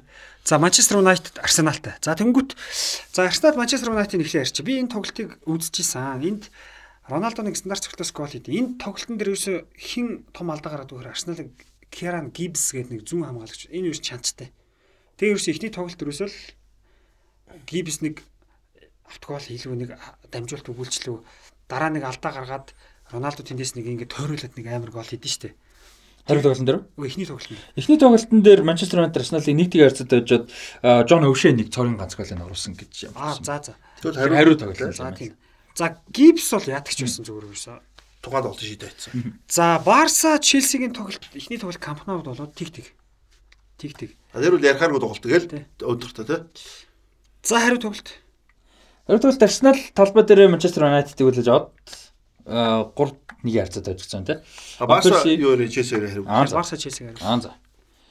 За тэрийг хин ярих вэ? Та хоёр л их яар та. Нааж тэр та. Нааж баяр. За тэр Барсагийн манай. Тэр тоглолт чинь нэг хин хин байхгүй. Төв хамгаалагч байхгүй. Түрээ төв хамгаалж байгаа. Тий. Челси бол гэхдээ үнэхээр амар бүрэлдэхүүнтэй өс тэр үед бол. Үнэхээр одоо авруудын лиг төрүүлэх цаг нь ч болцсон. Өмнөх жилийн финалд нэг харамсалтай өжигдчихсэн. Тэгээд нэг ер нь Челси бол хамаагүй даваа тоглолт шүү дээ. Тэг хамаагүй даваа. Бордолиг яста фэлдэд болтохгүй наач тэр үлрэлэн тий. Челси бол зүгээр Барсаг идэлдэг аахгүй тэр тоглолтын дээр. Тэгээд нэг Исений нэг дутуу цэвэрсэн үг Исээ нэг солгоороо нэг Юу тэр гол амар тий. Тэр бол хин чаахгүй тий. Тэгээд хожигдоод Исээ ч баг гимтлээс ирж ирээд тэр тоглолт нь шууд гардаг баг шүү. Тийм л байна. Тэгээд яг зөв тэр тоглолтод жоох мапан запан болсон. Тэгээд тоглолтын төгсгөлд ер нь тэгээ Барса мултарцсан л байсан шүү дээ. Юу нь бол мултарцсан мултарцсан. Барса бол Челсиг алруу нилээ зөксөн боловч нэг цохолт хаалга оноогүй байхгүй. Тэгж жаад Барса ганцхан цохолт хаалга онсон нөгөө Исээ нэг зөрдөг шүү дээ. Исээ зөрөөд Иньеста дээр яг ирээл. Месси өгөөд Иньеста гадраараа тий гусдаг. Тэр нь явсараагаад ороод тэр шин бороо амар гол тий. За тэр тоглолтыг нөгөө Барса юу хоёрын тоглолтыг 2005 оны нөгөө Челсигийн алдартай тоглолт ихний тоглолт Андрес Фриск нэг швед шүүгч шүүгээд тэр шүүгч тэр карьерийн сүүлийн тоглолтод шүүсэн сүүлийн тоглолт нь болж исэн бол Том Хенинг Европо гэдэг нэг Норвег нөхөр яг ийм тоглолтог шүүгээд энэ бол ерөөсөө карьерийн бас сүүлийн тоглолт. Карьерийн суулчаа 10 монд дэлхийн ормороор ажилласан баг. Европо юу? Европогүй бай нэг жижиг тоглолтоор гардаг. Европогийн карьер ингээд тоссон. Европогийн би карьерийн тухайд уншижсэн 2013 онд ретайрд болсон байхгүй. Тийм. Норвегийн лиг яг тэр наад тоглолт. Тэр UEFA бол дууссан хаа. UEFA дээр жижиг тоглолтууд ямар ч шүүдийн наад чаа. А ер нь том тоглолт бол дууссан баг. Том тоглолтууд ер нь дууссан. Том карьер бол ингээд дууссан. Гэтэ яг наад тоглолт ч одоо ингээд ярихаар ер нь бол баг Челсигийн алдаа 11 байж болохоор баг дөрвөн тохиолдол байд. Яг ер нь бол дөрөвч бас биш ээ. Нэг хоёр хоёр моёр л яддаг баг. Биш. Юу юм бэлээ? Би үзсэн. Би дараа нь үзсэн. Энэ тоглолтоо үзсэн. Тэгэхэд за Барсад нэг пенальтас өгдөг юм лээ. Тий, тий, нэг пенальт өгдөг юм тий. Нэг дөрвийн энэ төр төгсөлч Барсад нэг пенальт бол өгвөл өгчхөр юм өгдөг юм бэл. А тэнгууд одоо Челсигийн ч хоёр гэж яриад байгаа байхгүй. За нэг нь бол өгөхгүй ч болох юм бэл. Яг тэгэхээр зөв гар хүрхэнд хүрсэн. Гэтэ тэр бол гар хэвэн байсан юм бэл. Нэг А яг тэр нэг сүулийн ингэдэг үү? Энэ бол за энэ бол Тэгээ дээрэс нөгөө нэг Жан Зротхонд Дабитал дулаан өгдөг. Авилтаа дулаан авч байгаа. Тэр чинь энэ тоглолтыг бас амар шилж байгаа. Авилтаа дулаан өгдөг чинь бас жоох эвгүй. Тэгээд тэр чинь нөгөө өө Анилка өөрөө бүдэрч ундсан шүү дээ. Зүгээр өөрийнхөө хөлөнд унсан, унчаа зүгээр босоо явж исэн Жабитаа очиж улаа өгөөд Анилка гайхаад малуудаг 16 дотор нэг унгадсан шүү. тэгдэг лөө. Бараг шугам. За за за за тэр байгаа тэр. Зөв хоёр гар гэж хүмүүс яриад байгаа. Нэг гар нь бол хэвэн юм бэлээ. Ингэж ондоо тий. За малуудад нэг өгж магадгүй би бас тийг санаж байна. Барсад бас нэг өгөх байсан юм өгөөг юм бэлээ. Тэгээд абиталыг хөөдөг бол те жоох эвгүй те. Тэр ер нь бол ямар ч өөрөө гоо чинь хяналт алчихгүй. Одоо тэнцвэл гээд одоо те. А тэгээд тэр нэг нэг болонгот одоо Барсаас нөө хом эвэй голоор тэргүүлээд хэлж шít. А тэр нөө сүүл тэр хаадаг бол Тэр бол арай арай. Тий, тэр бол шууд 11 метрт оруулсан цогт Тэр бол тэр бол арай арай. Тэр балакийн нэг цохоод яваа те. Тий. Тэр бол арай арай. Тэр шууд гарах шүү. Тэр Тэр бэлтээ гарч явах боломжтой. Яг бол ингээд дохоон бүр ингээд салтсан тий. Тий бүр яг ингээд хаадаг шүү. Тий. Тэр бол яг гарах. Тэр бол гарц авахгүй пенальт байсан. Яг энэ шүүгч өөрөө контрол алдсан л та бүр тэр чигээр яг ихнээс ялангуяа тэр абитал дулаа өгдөөс яг эхэлдэг байхгүй. Тэр хүртэл гайгүй. Тэр хүртэл чинь нэг тийм том гар мар торгуулын цэгт юм баг байсгүй. Амар тоглолтыг тийм амар ч Тэгээд шууд нэг тоглолт чи хамгаалтын шууд ингээ байхгүй болох чинь гэдэг чинь шууд утгаалтчих жоох. Тэгээд Барса чинь аруулаад тоглож байгаа шүү дээ. Тий. Тэгээ энэ чинь хил дээр яг тэр байхгүй нөгөөдгөө засах гад ингээд ийм юм болцсон байхгүй. Тэр малуудагийн юу би бас дараа нь ухрааж ардаа. Яг 16 дотор багт нь гадна нэгэд өгч тгүүл үүдэр чинь. Тэгээд нэг бас 10. Тэр шиг чинь баахан шийдвэрээ засагсаар ядл. Бантан болоод дорог баг чөлөө бас 11-ийн шугамн дээр бас нэг унах юм аа. Миний дөрөв үдэт чинь ирэхгүй. Малуудаг нэг дорог баг нэг тэр хоёр гар واخхой. Хоёр гарын нэг гар нь бол хэвэн шүү. Тэгээ нэг гар заа хэвэн байж болж нөө.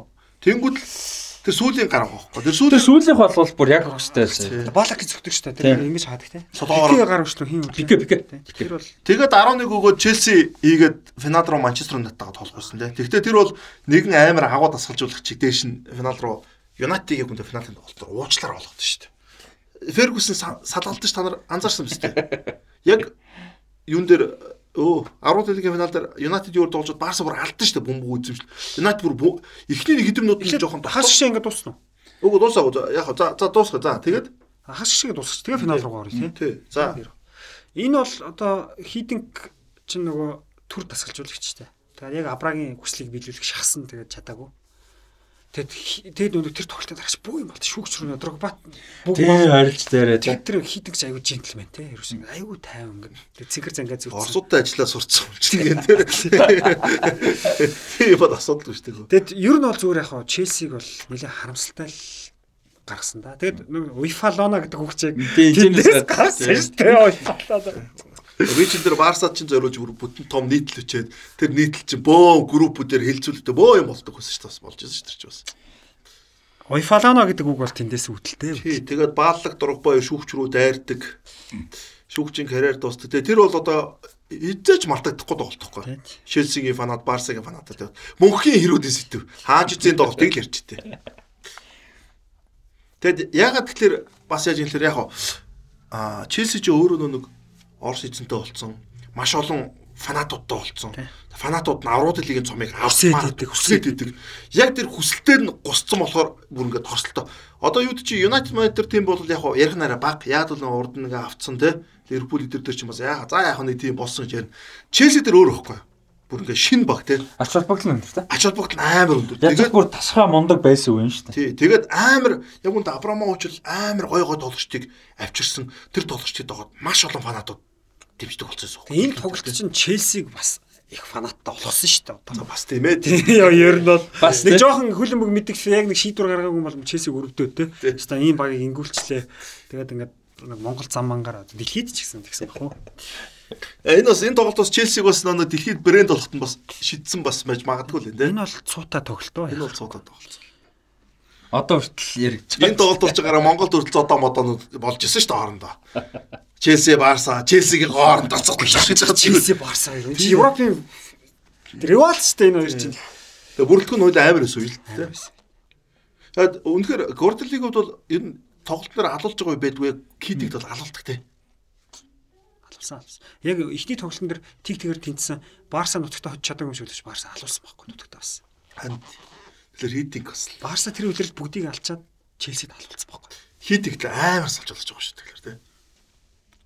За тэгээ финал.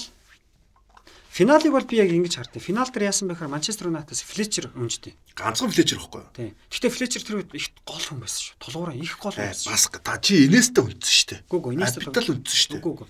Абидал өнждөг. Абидал үнсэн Инеста бол гараанд гарсан. Инеста тоглож Финалд. Хин бэ? Челсигээс Барсаас гарааны ахаад хитэдтэй холдонд болж байдгүй шүү. Нэг хамгаалагч байдаг үлээ.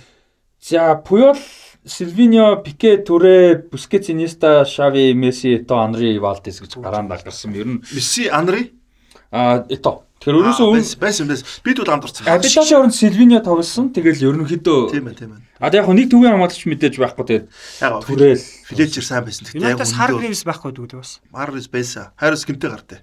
Харгивс байхгүй гараанд бол байхгүй. Байхгүй нөө. Харгривс Флечер хоёр. За Юнайтед болохоор Андерсар Овшей, Фердинанд Видич, Евра, Андерсон, Карик, Гигс, Пакчисон, Роналдо, Руни гэж гарсан юм байна. Юнайтед тэгтээ Флечер яг хаа би ингэж боддоо. Тухайн үед ингээ Флечер тоглоог фанатууд нь хожигдлын шалтгаан. Яг үндэ Флечер яг чухал байсан л да. Гол тоглогчдын нэг одоо яг бүр бүр амар тийм нөлөөд тоглож бол биш дээ. Гэхдээ Флечер тэр үед гэхдээ. Тэр үед бол амар байсан л да тийм. За тэгээд энэ ихний 10 минутын зүгээр Юнайтед алдаг. Алдъя. Яг алт тийм бүр яг 10 нүддэг ах. Роналдогийн тэр фри кик гэл тэр бүр амар. Рональдо Месси хоёрын анхны тоглолт уулзсан үнэ тий, Рүүний үнэ Өмнөх жил нэг уулзсан юм байна тий. Энэ хоёр тань. Ер нь амар гоё уулзсан байхгүй. Ерөөсө зүгээр Юнайтед зоддог байхгүй. Тэгэл ээ бурхан минь гэсэн чинь ёстой нэг ито хаанаас юм гараад ирсэн ито нэг гарч ирэл нэг Яг нэг дараа хатгаал тэгээд энэ гол оронгод нэг сонь тоглолтыг юм шал өөр болсон. шууд хэрэгсэн шүү. Бүр яг гол болоо. тэр химнэлээ Фергус ерөөсө Фергус ч химнэл эргүүлж чадаас л шүү дээ. Химнэлээ үр дүнгээрч тэр тоглолтооч тэр эргүүлж чадаагүй байхгүй. Тэгээд Фергусээс садгалдаг чинь тэр байхгүй. Тэгээд дараа нь өөрөө ярьцлага өгдөн шүү дээ. Одоо би одоо амьдралдаа баг ийм юунд орж үтсэнгүү те тоглолт. Яг бол Фергус бол ямар ч тоглолтоор халцдаг салж шүү дээ. Тэгэл Барса ч бөмбөг өгөөлцсөн байхгүй шүү дээ. Яг 10 минутаас хэмнэл өөрчлөгдөө тий. Бөмбөг өгөөлцсөн. Тэгээд би бүр садгалтын бүр аягүй сандах байхгүй. Фергусны хизээс садгалт тэр сандарч яасан ерөөсөө би Тэр том хүн тий. тэр том хүн тэр том өмнө аврагд лиг авраг. Тэгээд яг л тэр би тухайн тоглолтыг бас тайлбарласан юм аа. Тухайн тоглолтын дээр Барса баг бөмбөг өгөхөө болчтой сүлд. Юнайтед сүлдээ бүр бөмбөг авах гэж чаддаг. Тэгээ Месси ч сүлд нэг мөрөгчдөг үсэ тий. Тэр бол гэхдээ амар зэв хүн тий. Метр 69-тэй хүүхэд одоо нөгөө Фердинанд Видич хоёрын бол бас Шави өгдөг. Тэгээ шав өгт. Тэр бол ер нь яг нэг бүх юм л яг таарсан тий. Баруунаас уу. Тэгээд Тэгээд Мандар сарын хаалганд тий. алтан бүзээ өрөөд гүд мөмстэй. Тийм, цэнхэр адитас хэлтэй. Адидас, тий. Цэгэр гэхдээ н алтан юутай л Тийм, оруулаад ийм зураас нөгөө нэг кантн гэх юм. Тэгэл алтан л юм санагдаад байна. Цэнхэр яг ч цэв цэнхэр юу вэ? Тэр бол үнэн юм. Тэр iconic шүү дээ, тий. Тэгээ тэр чинь нөгөө нэг баахан ярьдаг дээ. Нөгөө спонсорд юу байсан уу үгүй юу энэ төр гээл тий. Өдөр амбуш мартин тэн дээр байгаа хөө. Тийм, маркет Яг- байсан уу үгүй юу гэл. А Adidas ч нь ер нь жоохон ингүүлэх гэж зүй шүү дээ. Nike ч амар болсон байсан шүү дээ. исэн үе шүү дээ тий. Рональдиньо, Роналдо, гэлцчихсэн юм тийм үү. Юуны хамгийн лаг бүзэн Predator гэд бид нар өмсдөг гэсэн. Predator гоё шүү дээ. Adidas яж яхад нэг энэ огторгүй ах чинь юунд оруулж ирээд Монголд оруулж ирээд Adidas чинь пүүзүүдийг бид нар их өмсдөг гэсэн шүү дээ. Титог энэ олон жил өмссөн дээ би. Тэгээ Анри дэлгэнчигт өргөөд тий. Барса требл хийгээд Ханрын зорилгоо биелүүлсэн тий. Хандрын хамгийн том зорилго байсан шүү дээ. Ганц дутуу цом. Тэгээд ер нь бол тэр жил бол тэгээд Лионел Месси, Роналдогод хоёр амар тамшин саад Пеп Гвардиола гэж бас асар мундаа тасалж болооч өөрийгөө харуулсан л та. Шууд тий. Шууд тэр бол амар тий. Тоглогч байгаагх нь бол бүгд мэддэг мэддэг байсан тий. Оо тоглогчтой амар Тий. тоглож байсан шүү. Шавын шиг тоглож байсан шүү. Тийм. Тэгээд яг нэг карьерийнхаа сүүлийн хэдэн жилд нь араб марабаар яваа допинг мопинг гээд нэг тийм жоохон жоохон чимээгүй болоод ядсан болохоор яг нэг 2000 оны их үед хөлбөмбөг үзэж өссөн ч юм уу хүмүүс мэдгүй мэдгүй байдаг тий. Яг нэг тийм од тэр чигээр үржлээгүй шүү дээ бас. Тэгээд нэг хэсэг таг болцсон байж байгаа яг нөгөө эн чин мань хүн чин юутай 2 дугаар багтаа төрүүлдэг баг шүү сэгүүнүүд баг төрүүлждэг лөө. Э Барселона 2 дугаар өдөрчсэн шүү дээ. Хоёр дахь өгч дээш гарч Бол боломжгүй нэг нөгөө нэг том багтаага лиг тоглох боломжгүйгээд үлдээд дараагийнх нь багууд нь дээшээ гарч ирж мээр би тэгээс амжаа шүү төрүүлдэг санагдаж байна.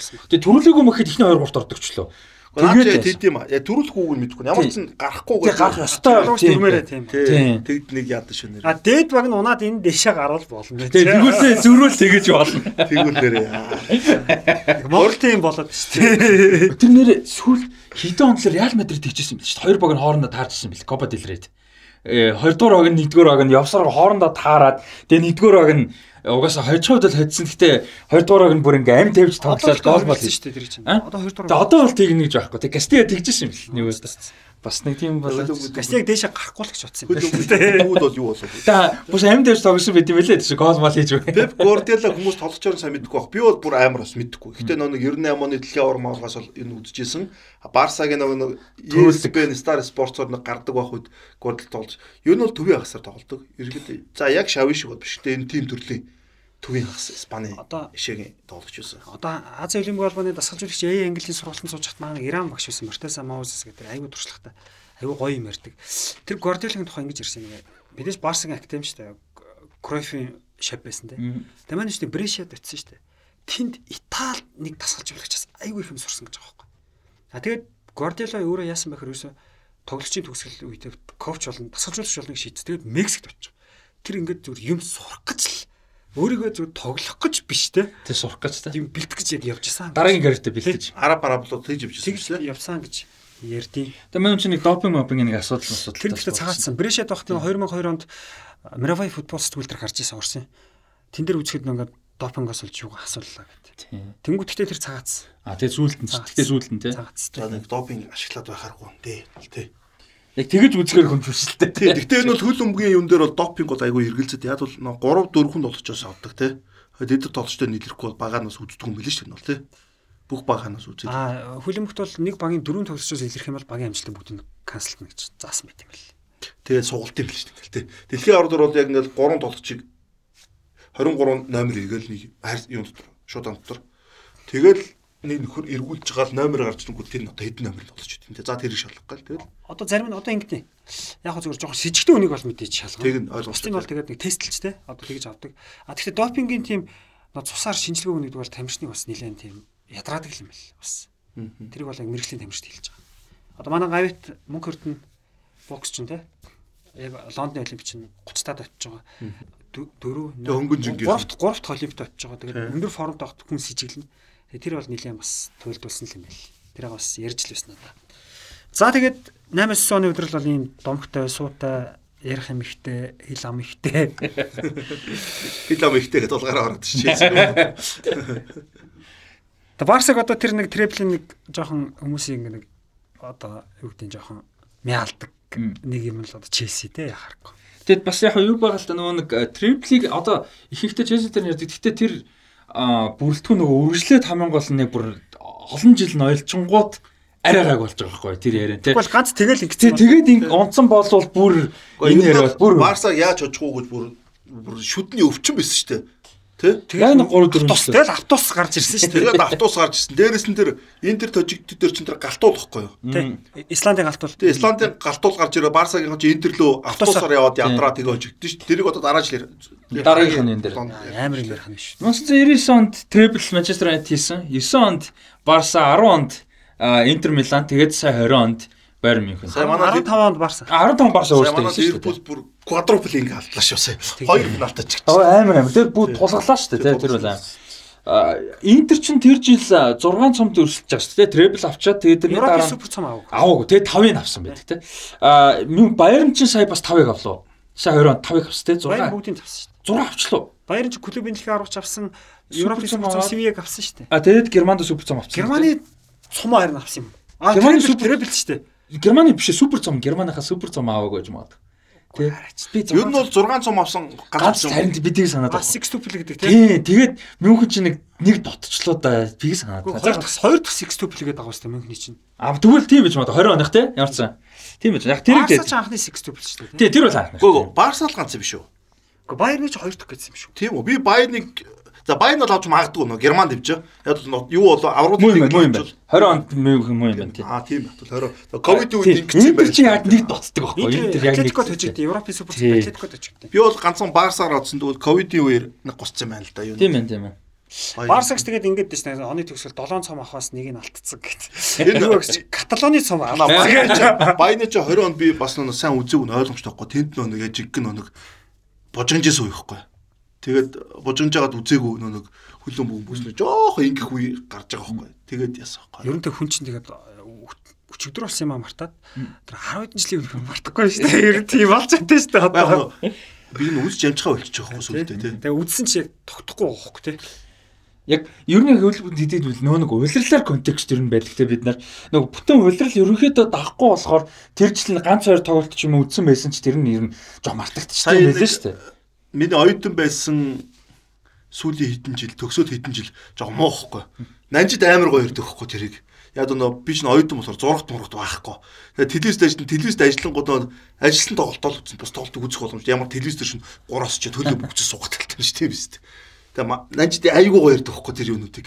Ер нь манай яг подкастын бол яг улирал яваад ярддаг бол хамгийн гоё юмнууд энийг болчиход байгаа шүү дээ. Тэгээ одоо улирал гүйцэхээр яана л гэж бодоод шүү дээ. За дэлхийн аваргыг би яшраана. Дэлхийн аваргыг бол аюулсаа үз. Яг миний хамгийн сайн санддаг аварга 2002 онд л аварга шүү дээ. Яг хүүхэд байсан, ид байсан. Бараг бүх тоглолтын баг минут болгонд гол хэлэх нь болго. Одоо ингээл бараг 32-гийн гараа хэлбэл шүү нэр. Миний хол 2004 оны евро бол бүр ингээд бүр яг зүрх сэтгэлтэй Мэдээж бус бүх тим сан гоё. Тэгтэл 2004 оны евро бол ерөөсөө бүр класс. Гоё тий. 4 оны евро гоё гоё. Тэгээ тэр надад нөгөө нэг амар та бас үлддэг юмнууд нь хөлмийн доо ялангуяа евро дэлхийн аваргуудаас хөгжим байдаг альбисны дуунууд нь одоо 98 оны дэлхийн аваргын альбисны дуу. Рик Мартины э, дуу байгаа, Cup of Love байгаа. Тэгээ Cup of Love-с гадна нөгөө Dario G гээд DJ-ийн бас ая байдаг. Тэр бас айгуу гоё 98. Тэр гоё тий нэрээ. Тий, тэгээ 2000 2 он бас 2 оноос ч одоо Vangelis Vangelis Vangelis Vangelis тий. Тэр чинь Монголд нэг хэсэг бүр саяхуулах явдаг гэсэн. Тэр тэр чи одоо бас домогт ая шүү дээ тий. Тэгээд 2004 оны юу гэдэг Nelly Furtado-гийн дуу байдаг. Бас айгуу гоё дуу байдаг. Forza гэдэг дуу байдаг. Тэгээд 4 оны Европын аваргыг Канад дуудсан дууцсан болж байгаа юм уу? Фуртад бол ч Канада шүү дээ. Нэлээ Фуртад Португал гарлаа ер нь. Аа тэгээд аа. Тий, тэгээд нөө Португал явж байгаа байхгүй. Канадын давхар иргэн тий. Ер нь бол Канад өссөн. Аа тэгээд 6 онд чинь болохоор Яг тэр нөө Ванкувер олимпиадд нэлээ Фурт одоо Бритиш Колумбиа гэдэг мууж байгаа шүү дээ Ванкувер. Тэрний тэрнээс гарсан ингээд нээлтийн дууганд болдог байхгүй. Тэгээд манай чинь нөө Канадд өссөн. Португал гарлаа өөрөө. Аа тэгээд 6 онд чинь болохоор нөө юу байгаа. Харалт хин блэн Германыг юуны дуу байдیں۔ Дуучны нэг дуу байдیں۔ А 6 нэр яг дэлхийн аваргын. Тэр бүр амар юу them гэж үүдээ шүү. Celebrate day гэдэг дуугаад байхгүй. Them гэдэг дуу одоо нөө аяа байгаа ш. Тэр нь амар гоё сон. Яаж CD-гээр ингээл дэлхийн аварга анх дамжуулаа. Тэгээ яг ядаж байгаа анхны дэлхийн аварга. Одоо миний яг энэ дүр байгаад байна. Миний машин нэг CD-н дээр байд юм аа. Тэгээ амар гоё аяа. Тэгээ 2008 онд чинь нэг электроник аяа байд юм бас нэг DJ.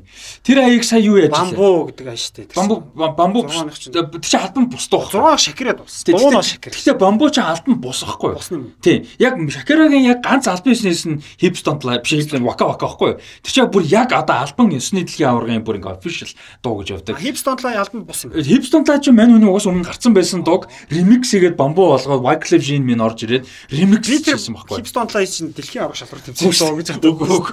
Тэгээд ч 8 он тэр нэг тийм э, Европ DJ нэг аяа дээ. Тэрийг сая Тэр чинь одоо л евро дээр ашиглаж. Сая тэр хамгийн гоё штэ. Тэр юун дээр ашиглаж байлаа сая. Супер цом дээр ашиглаж. Одоо бусад тэмцээн дээр ашиглаад байгаа. Тэр их гоё. Нэрийг гарчаа. Оо. Нэг Европ DJ л байд юм да. Тэр гоё. Тэг их гоё байд юм. Тэг 10 ч алдартай нөгөө wave wave flag те waka waka те тэр 10 оны ер нь тэр хоёр дуу энэ бүцгийн хамгийн best хоёр хоо тэр тасгаа. Тэгээд 12-оос хойш endless summer гоё. Ер нь дажгүй 12 оны endless summer. Endless summer А нөө Украин тэр нэг гоё биш. Тэр надад нэг таалаг. Тэр надад нэг таалаг. Ер нь 12-оос хойшоогоо ингээд онцсон санагдаж байна. Сая 14 гоё шүү дээ. Юу яриад байгаа юм бэ? 14 чинь хэлээ. 14-ч нөгөө нэг питбул. Аяа тэр тэр үчгүй. Оо тэр чи өө 14 оны юу гэж би барьцад оролцсон тоглолт ингээд яг миний урд туссан нэрэ. Чиглэлт нь. Шакира Jennifer Pitbull тэр чиг дууссан шүү дээ. Бас нэг юм билээ. Шакирагийн бас нэг дуу байдیں۔ Би ч яг урд гаргасан 14 шүү дээ. 14 оны дэлхийн арга шалралт тэмцээний интро аймаа гоё шүү. Нөгөө нэг хүүхдүүд ингээл цэнгэлтгэрүү ингээл цуугаал нөгөө нэг нэг Маракана Заракана нэг Иесусийн хөшөө бас ийсэн шүү. 10 онд тэр нөө Vevium Flag Vaka Vaka хоёр амар хоёр дугаараа тэрнээс хойш жоохон хүмүүс жоохон яатсан юм шүү. Тийм хүлээлт нь өөр болоод жоохон яарад. Бас тийм байж. 16 оны евро бол нэг мэддэхгүй байна. Байхгүй. Ер нь байсан ч юм уугүй ч юм. 18 онд бас өлегтэй юм байгаагүй. Тэгээ одоо энэ жил нэг дуу гарсан. Тэн жилийн дуу сонсон уу? Дуу гарсан юм. Гарсан шүү дээ. Түрүү жилийн евро ч юу вэ? Бас мэдгүй. Тэгээ ер нь бол гэхдээ яг нэг 98 оноос гоё дуулсан юм аа нөгөө нэг гоё дуулсан юм аа дөрөв жилийн юм аа. Тийм байлаа тий. Ирландын хамтлагч л нэг дуулсан шүү дээ. Тийм сандгүй. Биш би амар гоё хамтлаг гоё дуулсан шүү дээ. Ер нь яг 98 оноос 2010 оны хооронд бол яг бүр ингээд амар өндөр хөвтэй байдаг гэсэн. Одоо хүрэлцээ. Ахнар бол тэгдэж шүү дээ. 90 оны Италийн дуул хамгийн гоё гэдэг шүү дээ. Бас тэр тэр гой дуу байд юм билээ шүү нэрэ. Тэр нөгөө нэг орчин цагт гараагүй болохоор нөгөө хит болж хүмүүст үлдэж чадаагүй. Тэгээ тэр үед Тэр оны талын дуу гоё гоё. Би одоо санаж байна. 93 оны чөлөөтийн дэлхийн оргон дуу гэдэг амар гоё дуу. Тэд нар чинь нөгөө нэг яг тухайн үед үдсэн хүмүүс нь үзээд үлдсэн. Алистрат л. 93 оны чөлөөтөө. Тий. Дэлхийн оргон дуу амар гоё дуу. Дараа нь дуусаад цаасаа. Тий. Амар гоё дуу шүү. Нөгөө чөлөөтийн дан дан дан чөлөөтийн юм болгондоо баан гарч идэг. Яг үн яг үн тий. на на на на Яг үн наа яг үн. Наа ч өстө бүх юм дээр гардаг шүү дээ. энэ чинь үндэсний телевизийн төр домог болгоо хийчих. Чөлөөтийн чөлөөтийн дуу мөн ч юм уу биш ч юм уу. Яг чөлөөт гарангуут энийг ингээ гаргаж Чөлөөтийн гэсэн. Үндэслэлээ Нөгөө чөлөөтийн нэг агуучууд чинь ингээ гоё дүрс мөрс гарангуут гоё дуу янгууд чинь Яг үндэ 90-ад онд чинь Монгол жудоо биш чөлөөт амар байсан байхгүй. Би чинь чөлөөтөр барилд өсөж тэрдэнд чинь. Тэр нөгөө нэг үндэсний телевизээр гардаг гэсэн киноны ясны интро байдаг шүү дээ. Кино гарах юм гардаг амар сүртэй гой хөгжимтэй. Тэр мөр шиг яг ингээ нэг домог За болгосон шүү дээ. өнөөдөр ч арай л тий. Эхний хоёр хэсэг чинь 96 минут бараг 100 минут. Сүүлийнх нь бараг цаг. юугаа саунда янзлахаж гисэн бас нэлээд ачаад. Тийм ийм дуу юм 20 оны евро We are the people гэж А, Боно YouTube-ийн Bono, Боно Bono, ээж хоёр яасан юм шүү дээ. Боно дуусныг би бүр мэдээч. Одоо муул дуутай байна да. Тийм ээ. За за энэ үргээд дуусан төсвөлдөө дуулж болоо караоке өрөөнд баг микрофоно барай үргэлжлэх нь алга юм байна. Тэгэхээр манай вейн юу бол карак үнэхээр гоё юм билээ Тэр тасарсан. Тийм гиснээс гиснээс веб кар Нажид тэтэр шиг сайн дуулдгүй хүмүүс өрдөлтөд өөртөө дуучин баг гэж бодохоор байлаа шүү дээ тий. Тий тэгээд веб спорт планжаар өөрчлөлээд өөрчлөлөөрээ тэгээд нөгөө юуны Times Square хаясын яг донд Times Square хамгийн баруудлын Та Facebook руу ороо сайхан мэдээлэл тий авчихсан. утас муцаар асуулж Web Sports Lounge гэдэг угаасаа Facebook-ийн идэвхтэй байгаа тоглолтууд ирж үзэж болон түрүүн ярьжсэн караоке Өдөртөө өрөөтэй. доор гоё утас муцын гаргач болж байгаа тий. Тийм мэдээлэл description хэсгээс э, яа ер нь Facebook дээр Web Sports Lounge гэж байгаа дөө. Тийм тэгээд description хэсэг дээр бас оруулчих Facebook-ийн тий. Тэгээд мэдээллийг нь аваарай. Аа тийм тэгээд энэ хүртэл а, хамтаас бүгдээр нь баярлалаа сануултаа байсан гэж найдаж байна. Хүмүүс ингэж л одоо нөө ютубер үзээ тэгээд үзэлт бас яг уу гайгүй байгаа. Гэхдээ фэйсбүүк дээр тавьж өгөөч гэсэн хүмүүс амар их байлээ шүү. Тэгэхээр нэг дугаараа энэ дугаар мугараа фэйсбүүкээр нэг явуулж үзүүл. шууд би хэлчихье заяа. Нэгдүгürt Facebook-д оруулахад цаг их авнаа. YouTube дээр аплод хийгээд дараа нь тусдаа аплод хийн. Edit энэ чаа тулгаан маань аудио хийж байна. Би видеог нь нийлүүлж байна. Аплод хий. Тэгэхээр асуудал баг шиг байна. Цаг их хүрж байна. А тэгээ би чинь бас юмны хажуугаар явж байгаа учраас маш их цаг ордог. А Facebook-д оруулж болно. Орох юм бол 3 дахь өдрөө зэрэг орж чадахгүй YouTube-тэйгээ. Дараа нэг өдрийн дараа ч юм уу жоохон хоцорч цэдэн цагаар юм уу? Эсвэл нэг Нэг өдрөө үзэл та тийм Тийм шүү. хоцорж орж орж бол болно. Гэхдээ тэр өдрөө үнэхээр амжих боломжгүй. Хоёр зэрэг аплод хийхээр амар уддаг. Тийм учраас тийм л юм байна. А явандаа бол зэрэг ордог болж боломжтой. Production явуучих юм бол тэрийг тий. За тэгээд энэ үрээд өндөрлж чинь 12 дахь дугаартай хамт исэн та бүхэндээ баярлалаа сонирхолтой байсан гэж найдаж байна. А ер нь бол агүй олон сонсогчд маань Apple Podcast ч юм уу Google Podcast, Castbox гэсэн форматуудаар сонсож байгаа. А тэрүүгээр сонсож байгаа ч гэсэн YouTube дээр нь орж ирээд subscribe дараад, like дараад а тэгээд хэрвээ одоо сэд- сэдвүүд сонирхолтой байж чадсан бол нэг сэтгэл үлдээж байгаарай гэж зөвлөмөр. Ер нь бол YouTube дээр нөгөө like дарах, а тэгээд subscribe байх чи өөрөө айгүй ач холбогдолтой байдаг. А тийм учраас бас тэгээд дэмжижээрэй гэж а, хүсгөр байна. Тэгээ Web Sports-ын лаунч хамт олондоо баярлалаа. Тулгаад бас баярлалаа. А та хоёртай мэдээж баярлалаа. Яриа сонирхолтой байлаа. Тэгээд дараагийн дугаараар уулзлаа баяр та.